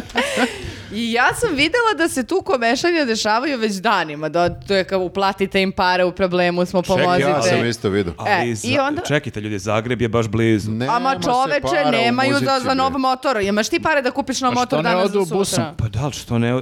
Ok, ajde da... da, Treba im auto, treba Treba im auto. ne mogu da ostave auto. I ništa, i potrošili sve honorare, ostali bez para i sad ne mogu ni da se vrati ni da žive ovde. Neuverljiv je zaplet, ali I-. Meni je ovo baš kao loš scenarij. Čekaj, Prestani, ovo je- slušaj do kraja. Je John Wick. Kao ubili su mu psa i sad će da ubijem ceo grad. Nekako... Ne, simpatičan je, čoveče, simpatičan ne. je zaplet. Jeste, baš je jeste. slatko. men. Ajde. I vidim ja juče, e, ljudi, dešava se koncert na spratu u Cetinskoj. e, molim vas, dođite kao da pomognemo Pocket Palmi da se vrati kući. Da odu odavde. Da. E, a sad što sa tim bendom je da sam ja na više strana čula kako su super i neki ljudi koje, m, se, s kojima se znam su bili u kako ne znaš, baš to deluje kao nešto bi se tebi Čekaj, svidelo. ti nisi čula za njih, a ja sam čuo za njih Ja pre sam tebe. čula za njih, ali nikad ih nisam slušala pod Meni je jedan uživo, niti sam ih slušala, čula Da. sam neku pesmu usput, ali sada da budem kao fan, baš da kao budem fan girl i da slušam i da idem na koncert, nisam. Simpatični su E, baš. I ja rešim da to je to ispremim jer mi se ukazala prilika i sinoć odem na taj koncert i koji je bilo jako slatko. Mhm. Uh, onako imaju, um, mislim, mešavinu različitih nekih zvukova. I uh, ima nekih 80-ih nešto, Jeste, onako, malo- ima malo synth popa, Pa i motor iz indie rock, 80-ih. ali znaš kao sad kad bi pomešao malo i Fleetwood Maca i Denis i Denis i ima uh, ono, raznih nekih tu po, ma, pomalo stvari meni se par pesama baš, baš lepo onako svidjelo i jako nekako lagana uh, muzika koja nekako ne, ne, ne opterećuje. Ne opterećuje. Čekaj, reci Da. mi, jel treba da pozovemo ljude da isto preko Paypala ovaj, Ja mislim da su skupili doprinesu? dovoljno para, napunili već su bre ceo sprat, tako da bi je plaćani A, ulaza okej, i mislim kupili da su... kola. Da, da, mislim da su mogli da kupe ono polovnog juga. Šalim se, ne, ne, Koji je nevjerojatno. stao kao kod Rume sad. Da, tako da eto, to je jedan band na koji bi vam ono, obratila E, pa pažnju da lepo. čujete i drugi, bila sam na Hali Galiju, ne znam da li sam pričala o tome u prošlom po, popkastu. Mislim da nisi, zašto je to bilo Da, posle. tog dana sam išla. Uh, Hali Gali organizuje, to je, mislim, uh, kao mini- Festival. mini, Mini fes- festival, da. mini festival, jednodnevni, koji organizuje ekipa koja uh, pravi i kišobran žurke. O, ovo je u suštini mesto, ako želite da čujete novi zvuk ili nove bendove u gradu. Novi zvuk u gradu. Da, uh, to je mesto da ćete ih čuti. Uh, Znači, jako- to, to znači na svakih par mjeseci oni organizuju to. Pa ja Nije bilo neko vreme, mislim, uh, možda čak i od korone. Ne, bilo je, ali... Jeste? Da, mislim da jeste, ali ja sam, uh, sa, sad ne sjećam se na kom sam bila, znam da sam na ovom sad bila. I užasno je zanimljivo, znači, uh, prvo kako su koncipirali, dešava se u Dragstoru i na pola, na pola kako je onako dugačka prostorija, ogromna, na pola je presečena sa scenografijom, tako da s jedne strane imaš bend i s druge strane imaš isto bend. vreme? Ne, naravno. I onda se ti sve vreme samo Svičuješ. svičuješ. Naravno imaš još neki drugi stage tamo, to mi sad nije, ni- to su DJ-evi, ov- to mi nije bilo toliko interesantno koliko je ovo. Gledala sam taj band koji zove Prototip koji je do jaja. Slušala sam i ostale, tipa to, Si, Sic, Pinkster, Gazor, Prazor, Sid Spinker, da. Sic, ne mogu ni da izgovorim i koji koji, naravno nisam dočekala Koji? dizelj, Nis- zato što sam baba matora koja je rekla u četiri ujutro ljudi, ja stvarno... Ja moram da idem. Ne, ja sam šokirana da sam i do ovde stigla i kao, stvarno sam Si kljoknula. gledala Consecration. Uh, jesam malo, ali bilo mi je to uh, pre, pre, pre, za moje nerve, ali ono što moram da kažem, imate neki mali uh, koji svira gitaru u nekoliko bendova, u prototipu i u, i u uh, Gazor Prazorp, uh, Pazorp. Zove se Damjan Nedeljkov. Uh, ja sam njega uh, zapamtila još pre par godina na neki koncerti na Zidiću kad su bili na, kod Doma omladine. I to je stvarno, ja moram javno da kažem, mislim da je to ono next best thing. Znači, to je takva neka energija, to je tako talentovan klinac koji kida, vrati, i toliko se prži, to, to radi da je zadovoljstvo gledati samo njega, a da ne pričam kao, ce- kao sad ceo band, prototip je onako vrlo zanimljivo zvuči i imali smo priliku da čujemo nešto, neki kao i duet koji posle su mi svi slali, kao je daj, molim te, ovo je kao istorija, bukvalno kao šta se desilo, jer je neka devojka iz, iz koji koja došla da, da upeva sa njima. Uh, tako da, eto, obratite pažnju na sam- prototip, video jako sam, zanimljivo. Vidio sam izveštaj sa, sa koncerta u vidu fotografija, ono delovalo kao potpuno ludilo, kao Jeste. da ljudi nikad nigde nisu bili izašli Ja sam, ja sam, godinama pre mene je toga. toliko pregazilo vreme, ja vidim, ti si kačila storija, vidim ti neki koncert ludilo, piše Hali Galije, kao čekaj, koji je band Hali Galije, moguće Hali da nisam čuo za band koji veliko poznat, da, potpuno da. sam ono neobavešten bio. Da, da, ba, Da, baš pa je to je kao Fesram, faza, Da. Ne, samo što je malo ozbiljnije, Da, malo. I stvarno je šutki na sve strane. Ja sam naravno, bukvalno ovako, samo kao senka se povlačim pozadi, jer samo kreće, dru- ali ljudi su baš ludi. I to ne samo mladi, znači naš drug Kristijan je bio u prvim borbenim redovima, ono, Metuzalem i mi da se A je bijemo tamo bio- bio Dragan? se.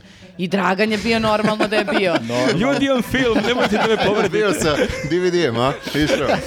Ali ljudi, znači, stižu slike sa Haligalija i ovako sve kao šutke, razumete, se dešavaju i u jednom trenutku vidiš čoveka u beloj majici koji ovako Kristijan, ali kao najstariji, mislim, i uopšte na što ima sa strane, gde ćemo mi da se guramo, ono, on je samo tako, eto, poskakao, tako da nije Pa kasno dobro, ni... ponesete to. Dobro, ja sam uveren da... Mi smo ipak malo Ja stariji. mislim, ne Jeste znam to malo. Kristina, ali sam uveren da sam stariji njega 10 godina. Jesi, jesi, mislim, mi Jesam. smo i dalje mladi. Jeste, vi, vi ste mladi, e, ali i mi matori negdje izlazimo. Ja sam isto juče, znači u četvrtak bio na jednom koncertu, to su na dva koncerta. Opa! jeste, jeste.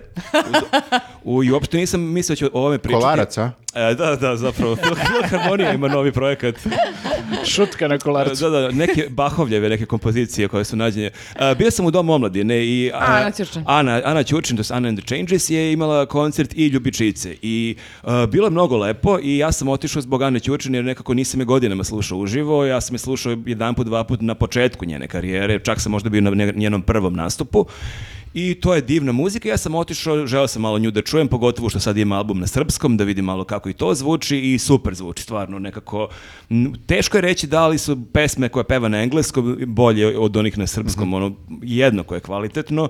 I ona, ja, kad god je slušam uživo, ona toliko ima lep glas, ja stvarno Mislim da ne postoji, aj možda će zvučati kao krupna stvar što kažem, ali ja zaista ne verujem da postoji neki bolji ženski vokal u ovoj zemlji. E, u svim žanrovima. Ivana negativ. A, I da, Ivana Negativ i To Ana se uvijek Ćurčin. kaže, to se uvijek Jest. kaže. Ne, ja stvarno, on, ono je stvarno teško pisati i zaista to divno zvuči i to je nekako, to sam očekivao i to sam dobio. E, ono što, drugi moment koji me onako zbunio su bile ljubičice. Jer ja Što ste zbu... Aha, nisi ih slušao nisam, pre. ja sam... Prestali su da pevaju o mašinama. E, Ali pa su nisam- nastavili o robotima. Ja sam znao jednu njihovu pesmu, oni su u 24 minuta o, izveli pesmu Jed- Pokidali. Jedva čekamo raditi ljudi protiv mašina i ta pesma je fenomenalna. Stvarno je fenomenalna. Oni su zajedno sa Butch Cassidyjem nastupili kod nas u emisiji. I ja sam tu pesmu znao i to je jedna jako slatka melodična pesma i to sam jedino znao i nisam im nikad pružio šansu. Ono, prosto nisu došli na red da ih pustim. I kao aj da vidim kako i oni zvuče, oni su fenomenalni. Oni su Jesu, potpuno ja sam bio jednom fenomenalni. na koncertu. Aha. Ja zaista ne znam kako ih nisam, ono, kako nisam više obratio Isto pažnju. mnogo dobar gitarista, ne znam kako se zove, Jeste, ali ne znam jako kako se dečko zove. svira gitaru Da, njih je troje, nemaju bubnjara, uh, fenomenalno zvuče i imaju jednu pesmu koja se zove Godine u vetru. To je toliko dobra pesma, ono, obavezno pustite, je stvarno nekako, tom su pesmom završili koncert i to je onako bio baš jedan jako lep i emotivan trenutak i tako neko zvučalo onako moćno i energično, tako da sam mi onako, otišao sam zbog Ane Ćurčin i nije me razočarala naprotiv, ali sam ovo do- dobio kao neki bonus e, na koji sam nekako ću pratiti u narodnom periodu. Dođite zbog Ane Ćurčin, ostanite zbog Ljubičice. Bile je obrnuto, pr- pr- prvo su bile okej. ljubičice, da, da, tako da... Kao pred... Fora mi nije tačna. E, Nije ti tačna fora, Viktor. Ali sačuvaj za neki Povedi put. računa. Okej. Da, a hteo bih da skrenem pažnju, uh, zapravo sam neplanirano sad pričao, jer sam to bio sinoć, pa su mi sveži utisci. Uh, skrenuo bih pažnju na muzičara koji se zove Kutimen. Uh, ne znam da li vama iskače naš uh, zajednički prijatelj Miša Relić koji drži bitav. Ku, kuti men. Kao Kutimen. Fela Kuti. To, Uh, Kutiman Fela- jedna reč. Da, Fela kuti Nije, kutime. nije to Čuku Nunuk Fela Kutija. E, to Ali ovako da. rukom koji pokazuje prestanite, nema Nije forica, stanite da Kažem. Ja sam pomislio kad sam prvi put vidio Kutime, kao ja, ovo sad neki ono... Afrobeat. Neki, da, neki njegov rođak. Ne, nije, čovjek je iz Izraela. Da, inače nisam uopšte znao za njega i naš drugar Miša Relić je organizuje često u okviru Musicology razne koncerte i to su često neki izvođači za koje ja ne znam ali verujem da on ima dobar ukus jer nije me razočarao toliko puta i rekao ajde, često kad vidim neko ime za koje ne znam ko su i šta su, ja ih pustim da vidim kako to zvuči i ovim vidio sam najavu da dolazi 31. maja i 1. juna u Bite Fart Cafe i rekao aj baš da pustim šta je ovo, ono je mnogo dobro, ljudi, stvarno mnogo dobro, slišao sam ovaj posljednji album, zove se album Open iz 2022. godine i to je onako jako teško pisati, to je, uglavnom su neki instrumentali i ti instrumentali, ne znam, ima ta pesma koja otvara album Vanishing Point, ona mi je predivna, ona počinje kao neki najlepši instrumental Darku Daba, o kojima sam pričao u prošlom podcastu, koji se u nekom momentu kao da si pomešao Darkude sa nekom Cafe Del Mar kompilacijom, pa tu u njihovim instrumentalima ima malkice, ja vidim tu malo i neki ono što meni liči recimo na band Air koji jako volim, a opet imaju razne pesme gde, i to ima dosta neki jazzy momenta i soul momenta, a imaju neke pesme gde im gostuju neki pevači i tu ono bude malo i soula, malo zazvuči na neke Michael Kivanuku i taj neki fazon, tako da onako ima različitih tu pravaca i ne znam kakvi su uživo, ali verujem da su stvarno dobri, onako jedna divna relaksirajuća muzika. onako da saznaćeš, pustiš. ići ćeš na Saznaću, saznaću za, eto, meseci po dana. E pa dobro. Dobro. E, ćemo na knjige. Ajde. Ajde. A, ajde, mogu E, ja da čekaj, pričam? izvinite, e, izvinite, nismo rekli da, za- retrospektakl. E, nismo rekli, da, ja sam zapisao ovde, da, tako da to možemo da... Pozvani, s- ide, Marko i ja idemo na žurku, ali kao pravu žurku. Dobro. Što pa idem i ja, valjda. I ti ideš. Svi smo I pozvani. ti ideš. Svi smo pozvani. Svi Jel smo hoćete pozvani. da idete? Ja sam mislila samo Marko hoće da ide. A kad je? Ovako, 22. Kada je? četvrtog u hangaru. Jeste, znači Marko Nastić, jedan od naših najpoznatijih DJ-eva, da. pravi... Slavi 25 godina karijere. Ej, 25 Koliko godina. godina ima taj čovjek? Pa taj e, Pa ko vi? ja sam jako... To je nešto. Ja sam tu je dosta subjektivan, zato što smo mi išli u isto deljenje. Da, da, da. Marko ima- Nastić je moj drugar iz osnovne škole i znamo se, ne od prve godine, došli u petom razredu, tako da se znamo od naše, ne znam, 11. godine i ja sam jako srećan što je on toliko uspešan u tome što radi baš nekako svih ovih godina, ono, 25 godina je tu prisutan i zaista sam nekako povremeno, mislim, ja nisam nikad bio neki raver, ali sam išao tu i tamo Mhm. na neke žurke i jesam njega slušao i na Exitu i negde po Beogradu i bilo lepo gledati ga tako kako se i mi svi Kako menjamo i, i- razvijamo. i raste, da. I kako rasti i kako je on neka konstanta, kako nije ono bio neki od DJ-eva koji je kao poznat par godina I pa, pa ga nema. nema ga znači, nigde, da. Tu je prisutan sve vreme i jako mi je drago, evo, pozvao me pre neki dan i malo smo se ispričali i jako sam srećan što e, je rekao da, će, da ćemo svi mi dobiti karte i jako mi je drago da vidim taj veliki događaj jer tu nastupa on sa još 50 DJ-eva. To će biti Ja baš sam žurka. bila na konce- ja sam bila na žurci kad je bilo, bio retrospektakl za 20 godina Mhm. i stvarno sam se mnogo lepo provela. Ti na revu, stvarno. Da, zamisli, uh, mislim i te, te je bilo... Delo se ne sjeća šta, šta je radila.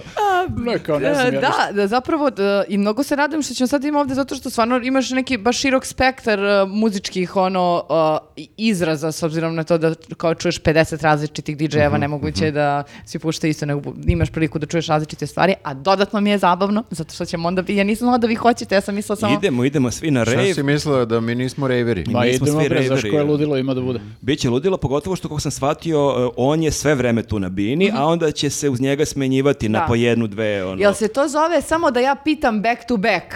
A? a? Ka, šta znam?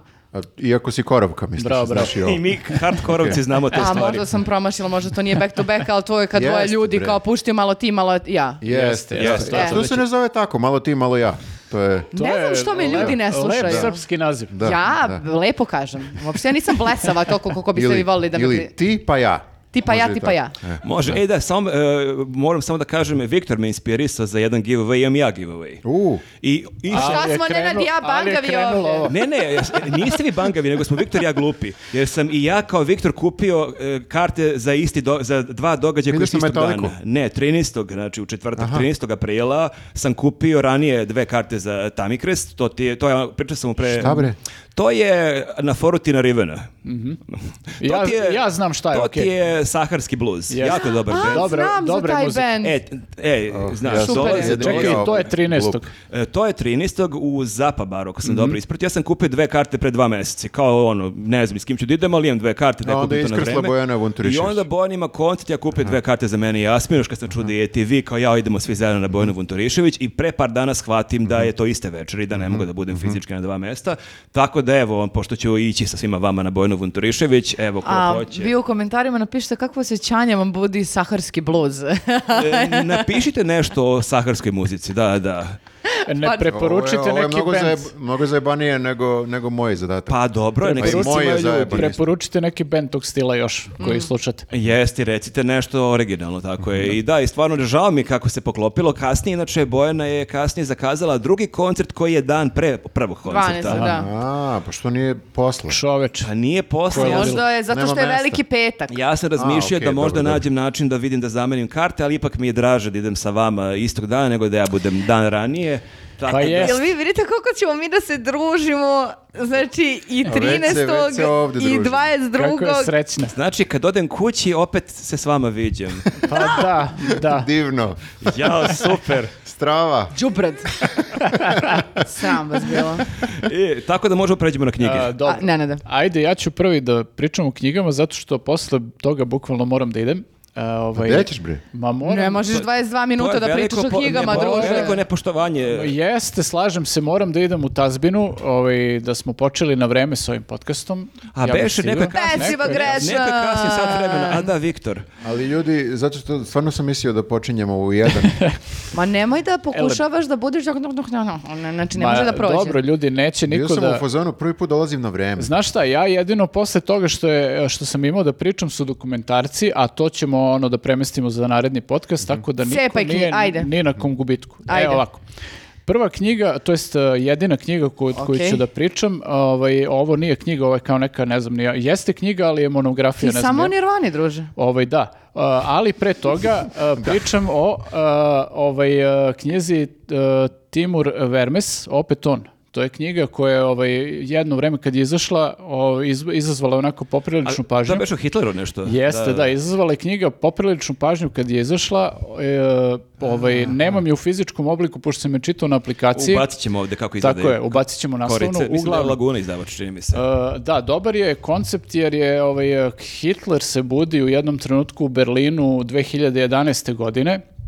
E, niko ne zna jel nije objašnjeno dakle i kako. Uglavnom, on se samo budi tu i sad kao šta radi Hitler kad e, je shvatio da je to njegov grad, ali kao mnogo u Nije onako budućnosti. kako je on zamislio. Nije onako kako je zamišljao, ovaj, totalno nije kako je zamišljao. Angela Merkel je ovaj, pre- ono, kancelarka u tom trenutku. Uh, dosta je promenjen jel, uh, ovaj, etnički sastav zemlje, svašta nešto on tu uviđa što mu se ne sviđa uopšte. Ovaj, I uh, fore se u početku niko njega ne kapira ozbiljno. Svi, su, svi misle da on ovaj, uh, imitira Hitlera, da je neki Hitlerov imitator i ljudi su, jel, kao što i jesu u moderno doba, dosta uvređeni time što on radi. Ali ima Ovaj, Brčić i dalje onu i ima frizuru. Brčić je sve u fullu i sad kao uopšte ne kapira zašto se ljudi toliko vređaju, jer kao ja sam samo tu, ljudi ne znam šta nije u redu, kao ne, ja nisam kao imitator, ja, ja sam Hitler i I nikomu ne, ne, veruje. ne kapira zašto niko drugi nema isti takve brčiće. Tako je, da, ovaj, totalno je sve ono ovaj, neprilagođene tom svetu, naravno neminovan susret sa hipsterima koje ne može da skapira, E, ima neki razgovor sa njima koji onako prilično... Zašto što- si pogledao u mene? Nisam, Misliš šta? Jesi pogledao si. Susret sa A i hardkorovcima. ti si pogledao u mene. Hardkorovci. Znači, čak i kad Moramo- čutite i kad bivate spretni, vi bivate zli. moramo da izbacimo... zli. Ali ovako, ovako vam pričam samo ovako. Moramo da izbacimo reč hipster. Da, Ovaj, uvredljiva je. A Hitler zato s druge strane je okej. Hitler, hipster, da. A, uglavnom, da, on u jednom trenutku ovaj, a, dolazi do televizije zato što je postao zanimljiv ljudima kao jel, imitator koji je toliko uverljiv i dolazi do televizije i on na televiziji jel, održi, uradi ono što najbolje zna da radi, a to je da održi potpuno ono, sumanut neki zapaljiv ludački govor i to postane viralno na YouTube. I tek on sad shvati da ok, kao ovo je još lakše nego u moje vreme, znači mogu da postanem šta god uz ovakve medije i sve ostalo i sad uh, on kreće da se prilagođava tom... uh, Postaje youtuber. da, praktično po- počinje da koristi te alate koje vidi kao da funkcionišu i kao za koje tek sad saznaje, jel? Uh, I šta, ono, neću posle da spojlam šta se dalje dešava, uglavnom jako je zabavno, mislim, dosta je onako ovaj, satirična je knjiga, dosta humora ima, uh, dosta tih nekih zabavnih momenata i to mi je onako suprotnost u odnosu na ovaj film ovaj, o kojem sam pričao, gde nije iskorišćena prilika, a ovo je onako baš iskorišćena prilika, baš je onako uh, ta dobra podloga uh, urađena kako treba, ono, ovaj, da, da se razrade razne detalje, razne situacije i to. Tako da je jako zabavna knjiga. Postoji film iz 2015. koji uh, nije baš ono na nivou knjige, kao što često filmovi i kaskaju za knjigom, ali može da se pogleda i film. Uh, uglavnom to je ono kao neka knjiga za preporuku, ovaj, jako je zabavno, mislim izašla je pre, ja mislim nekih ono možda i ne Desetak znam, godina, desetak a? godina, da. Ovaj, ali nekako ovaj, sad sam je, nisam je čitao prvi put, ali sam je čitao ponovo sad, ovaj, posljednjih dana i ovaj, e, bio sam u fazonu, ok, što ne bih ovo preporučio, verovatno ima ljudi koji ono imaju tu rupu da nisu pročitali, tako da stvarno je dobra knjiga. E, druga knjiga koju ovaj, bih preporučio, ovo je više onako za, za ne znam, ljude koji su opsednuti jel, Nirvanom i muzi- muzičkim knjigama, ovaj, ovo je jedna e, ilustrovana istorija Nirvane, tako se i zove.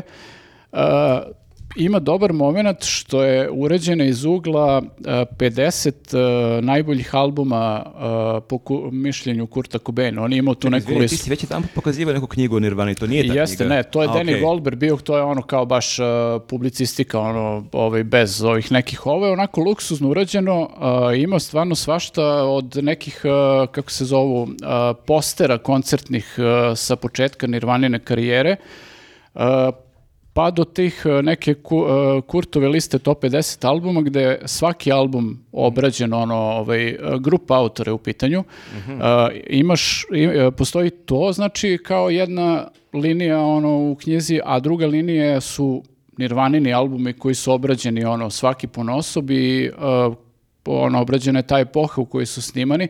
Ali jako zabavna knjiga zato što ima gomila tih nekih retkih stvari jer ovo su, ovo je autorizovana knjiga od strane te ono Nirvana fundacije ili ne znam kako da nazovem od strane uh, Novoselića, Deva Grola, tako da su i, i gomile tih ljudi, gomila ljudi sa scene tadašnje i oni su dali sve moguće te neke lepe materijale, retke stvari, svašta nešto, dali su da se to ovaj, uh, isprinta, pa možemo da vidimo neke one te koncertne postere, pa do, ne znam, maj, prve Nirvana majice koja je oštampana 89. i koje kao ja sam išao na, na Amazon da, da googlam, da tražim tu majicu, to tipa sad košta, te majice iz tog perioda koštaju po 10-15 hiljada dolara. A, čekaj, Baš kao, autentične. baš o- originalni. Baš iz tog A, perioda, da. Wow. Ono, imaš kao i ove koji su štampane, štampan je taj motiv danas, pa Mhm. kao to košta kao obična majica, ali ove koji su iz tog perioda koštaju bogoca. Ono, baš je, majica. bolje ti ova nova, taj pamuk sa ofuca. Pa Jeste, pogledala. da, Isprano je. A čekaj, Ove- reci mi, koji su njemu bili omiljeni albumi? E, pa između ostalog, mislim, ne znam, ono, Sonic Youth, recimo, on je obožavao Sonic Youth, obožavao je Flaming Lips, e, obožavao je, evo, Mud Sex, Honey. Sex Ne, Pistols. Mad Honey, da, ovaj, to je, Surfers. Uh, njih isto da ovaj pa, ne znam, TAD, ima dosta tih nekih albuma uh, koji su sa Seattle scene i bendova koji nisu nikad došli do neko, neke baš široke popularnosti kao što je, ok, Melvins jesu, ali Melvins mu je recimo bio jedan od omiljenih bendova, tako da ima dosta tih bendova koje on kon- konstantno gurao, ono, ovaj, dok god su bili u prilici da, da približe ono ljudima ovaj, Da rade te neke nove to. bendove, da, obrađivali ih, uh, nosio njihove majice i slično, tako da dosta tih nekih omiljenih njegovih bendova su zapravo ovaj, uh, bendovi sa Seattle scene, što je isto super, jer ti kao kroz ovu knjigu baš možda se upoznaš sa celom tom scenom ako nisi upoznat. Ovaj, ali da, mislim, voleo svašta. David Bowie mu je isto bio jedan od Koje je to omiljenih autora. Kad se tako desi da u jednom gradu se pojavi takva Scena. neka scena. Aha. Kao što recimo to bilo u Sjetlu sa grungeom ili recimo tri, trip hop u Bristolu. Kako se Jeste, kako nijotkuda jeste, da. pojavi Da, da, nekoliko jeste. genijalaca. Pa to je nekako splet nekih okolnosti. Ti kad vidiš kako se razvijala ta scena i taj neki proto-grunge koji je postojao pre grunge u, u Sijetlu, već su postojali neki bendovi koji su tu nešto radili, ali Nirvana je bila ta koja je ono kao izbacila I to u mainstream i povukla da. sve. I meni je super koliko je on imao sve vreme tu etiku. Do posljednjeg dana života je on imao tu etiku uh, svoju da gura te bendove ono, u svakoj prilici gde god može da se čuje za njih. On je recimo u jeku popularnosti nosio majicu benda Flipper, koji je kao neki isto manje poznati bend iz Sijetla. Uh, nosio je majicu koju je sam crtao. Ono, nije čak ni kupio njihovu majicu, nego kao do it yourself Koliko totalno. bi ona sada koštala? Da, mislim, verovatno je na nekoj aukciji možda i prodata, pošto je bilo već nekih slučajeva da se neka njegova garderoba proda za neke sumanute pare. Ovaj, uglavnom, stvarno ovaj, super je njegova ta, njegov taj izbor albuma, ono zanimljivo je da vidiš kao šta se to njemu dopadalo i šta ga inspirisalo, ali super je i ova priča vezana za, za Nirvanine albume, jer opet, e, pošto je autorizovana knjiga, stvarno imaš jako dobre informacije i u svemu tom učestvuju svi ti ljudi sa scene koji su znaš, živjeli sa njim, funkcionisali sa njim, išli na turneje i sve to, tako da ovaj, stvarno je dobra knjiga, mislim i plus imaš taj moment ono ekskluzivnih fotografija, sve je baš luksuzno urađeno, tako da stvarno vredi ono da... E, sad si me podsjetio, nije knjiga u pitanju, ali je e, jako dobar članak jako dugačak članak. Pre nekoliko godina je izašao e, članak o tome kako je e, organizovan i kako je izgledao iz perspektive e, svedoka, odnosno učesnika, MTV Unplugged koncert njihov. Toliko je nekako dobro napisano i toliko je dobro što su uspjeli da intervjuišu toliko ljudi koji su bili uključeni u, u upravljanje tog koncerta da ti zapravo čitaš taj, taj članak i kao na neki film posmatraš. E, Toliko je nekako i emotivno i e, ne znam, linkovat ćemo i to. Mislim da je jako, jako dobro. Ja sam pročitao u dahu, a članak uopšte nije kratak. Znači, Mhm. bukvalno je kao manja knjiga.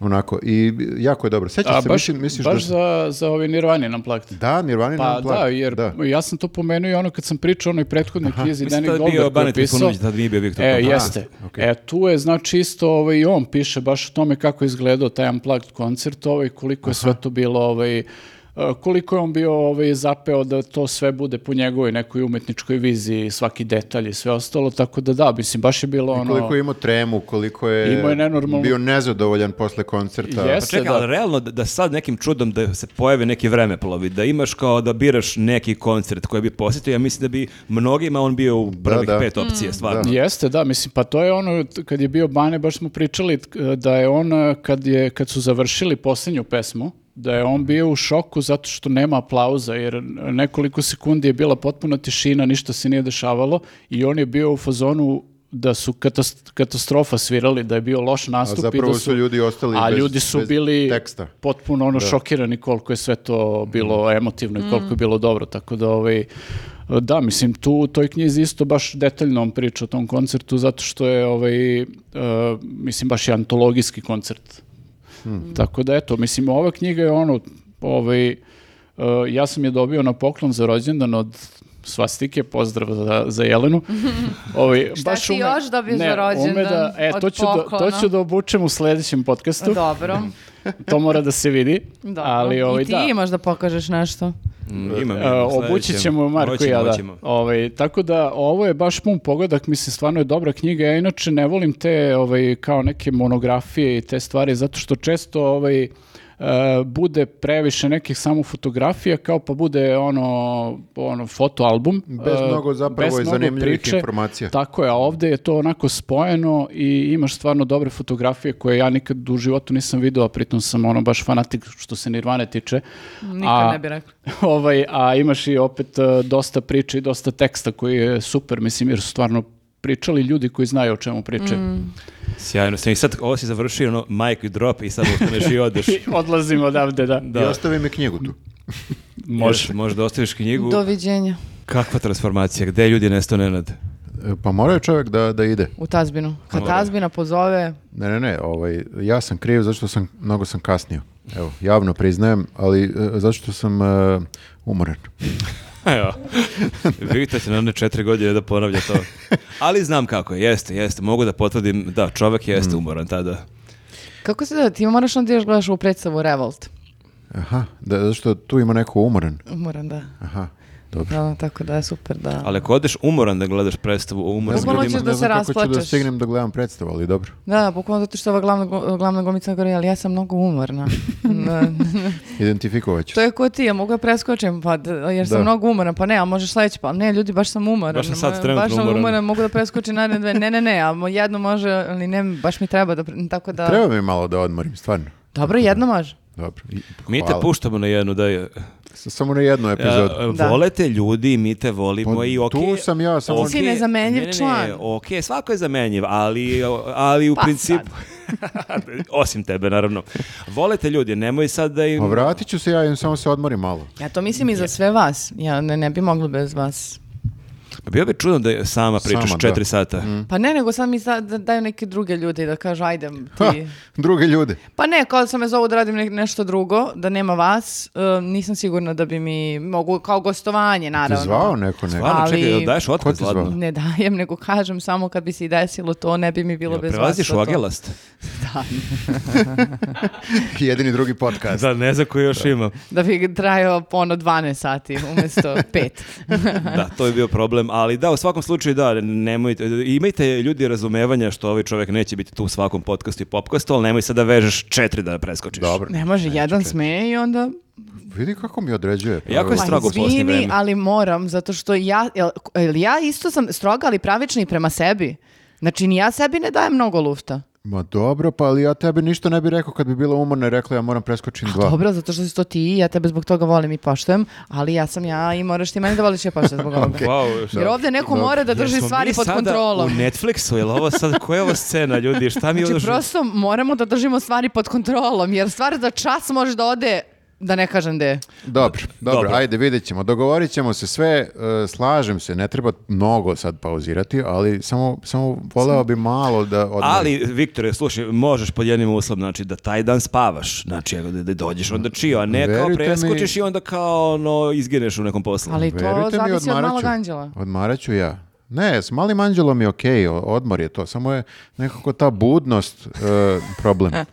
Mnogo budnosti ima. To ne bi bio loš naziv knjige Budnost. Budnost. Sigurno možda i postoji nešto. Kad smo kod knjiga, jesi čitala ti nešto zanimljivo? E, krenula sam da čitam, e, malo sam se nekako u prethodne dve nedelje, puf, ovako, samo izuvala.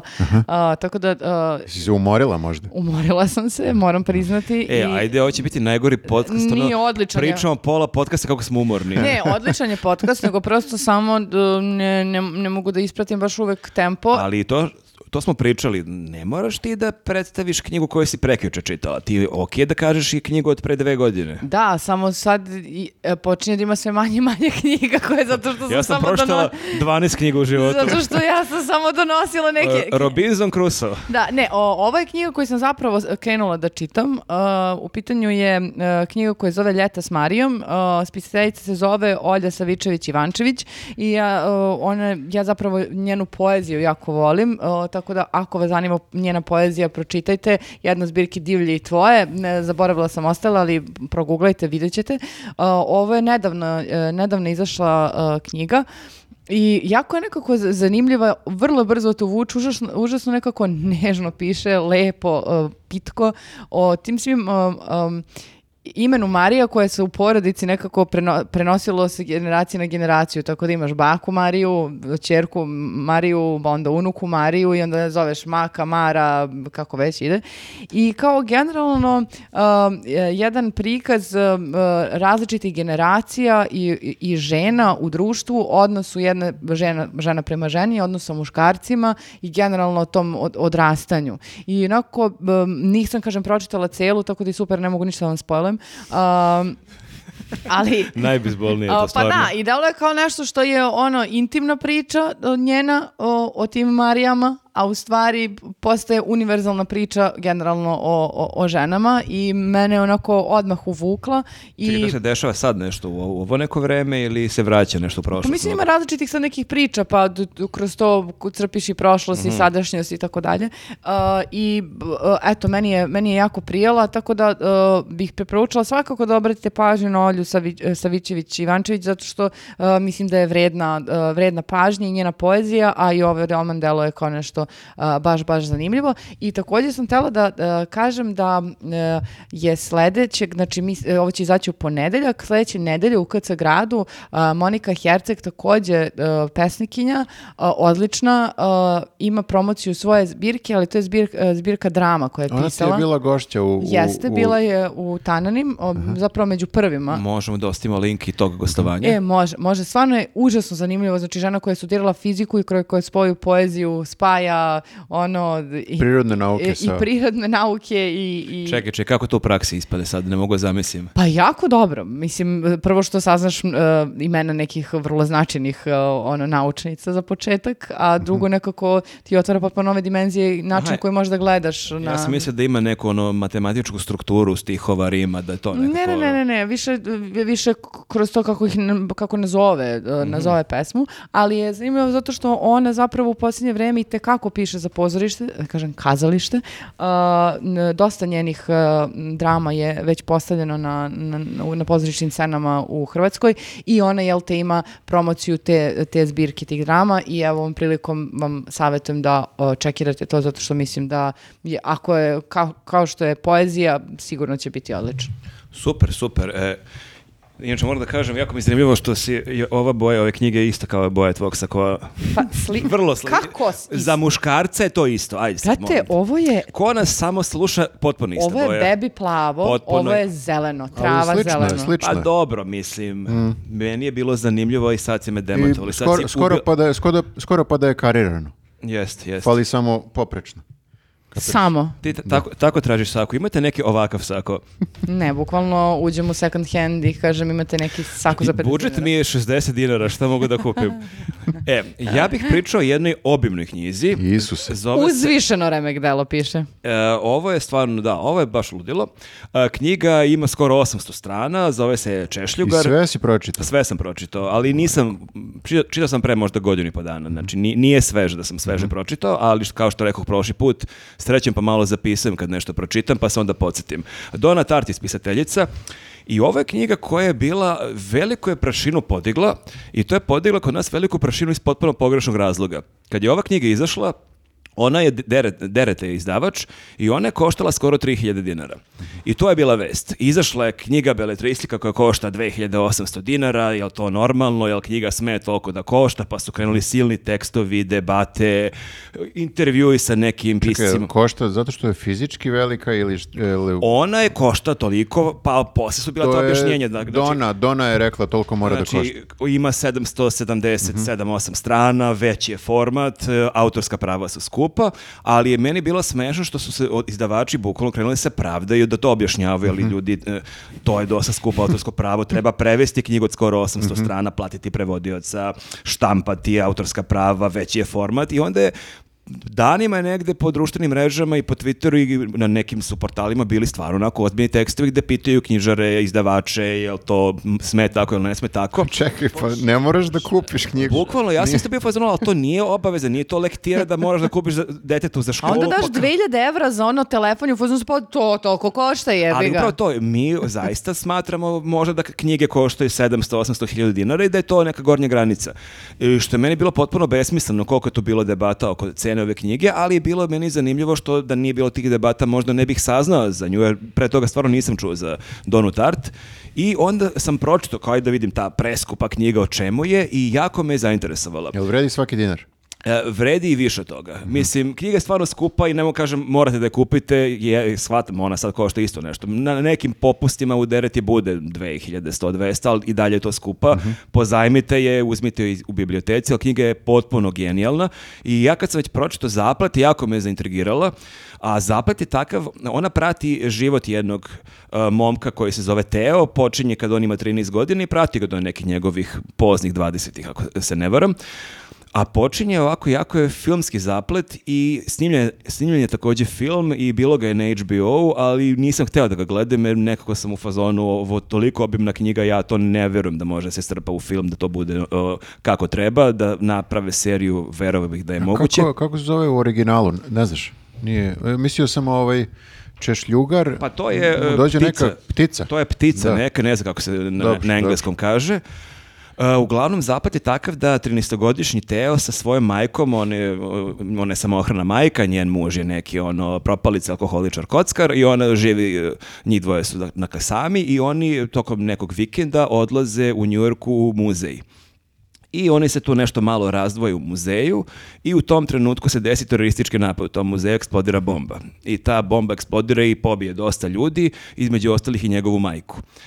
On kako nije bio pored nje, bio je negde od četiri do sledeće neke prostorije, on se onako u nekom šoku, onako se polu nesvesti i on se u tom bunilu, tu je dim, tu je vatra, tu, su, tu je vrisak ljudi, on u tom nekom polu bunilu kako je dete, vidi nekog starijeg čoveka koji je na samrti, kojemu daje neki prsten, neki ono, njegov porodični prsten i pokazuje ka jednoj slici. I ta slika je slika Češljugara, to je neki flamanski slikar barokni, koja tu visi na zidu tog muzeja. I on, klinac, onako kako je sav u šoku pogubljen, ni sam ne zna zašto, on priđe toj slici i skine je sa zida. I, I on krene se evakuiše, tu dolazi hitna pomoć policija i on odlazi iz muzeja i odlazi kući i on, dakle, živi sam sa majkom, on je- on je sam u kući, on se sad, i to je sjajno opisano kako on čeka da mu se majka vrati, kako on satima i danima čeka, skače na svako zvono, na vratima na svako zvono telefona i on uopšte nema informacije u startu. Aha, on ne zna da mu je... On ne zna mu majka poginula, on je dete koje je dolutao do kuće sa nekim prstenom i sa nekom jako vrednom slikom koju ni sam nije svestan što je uzeo.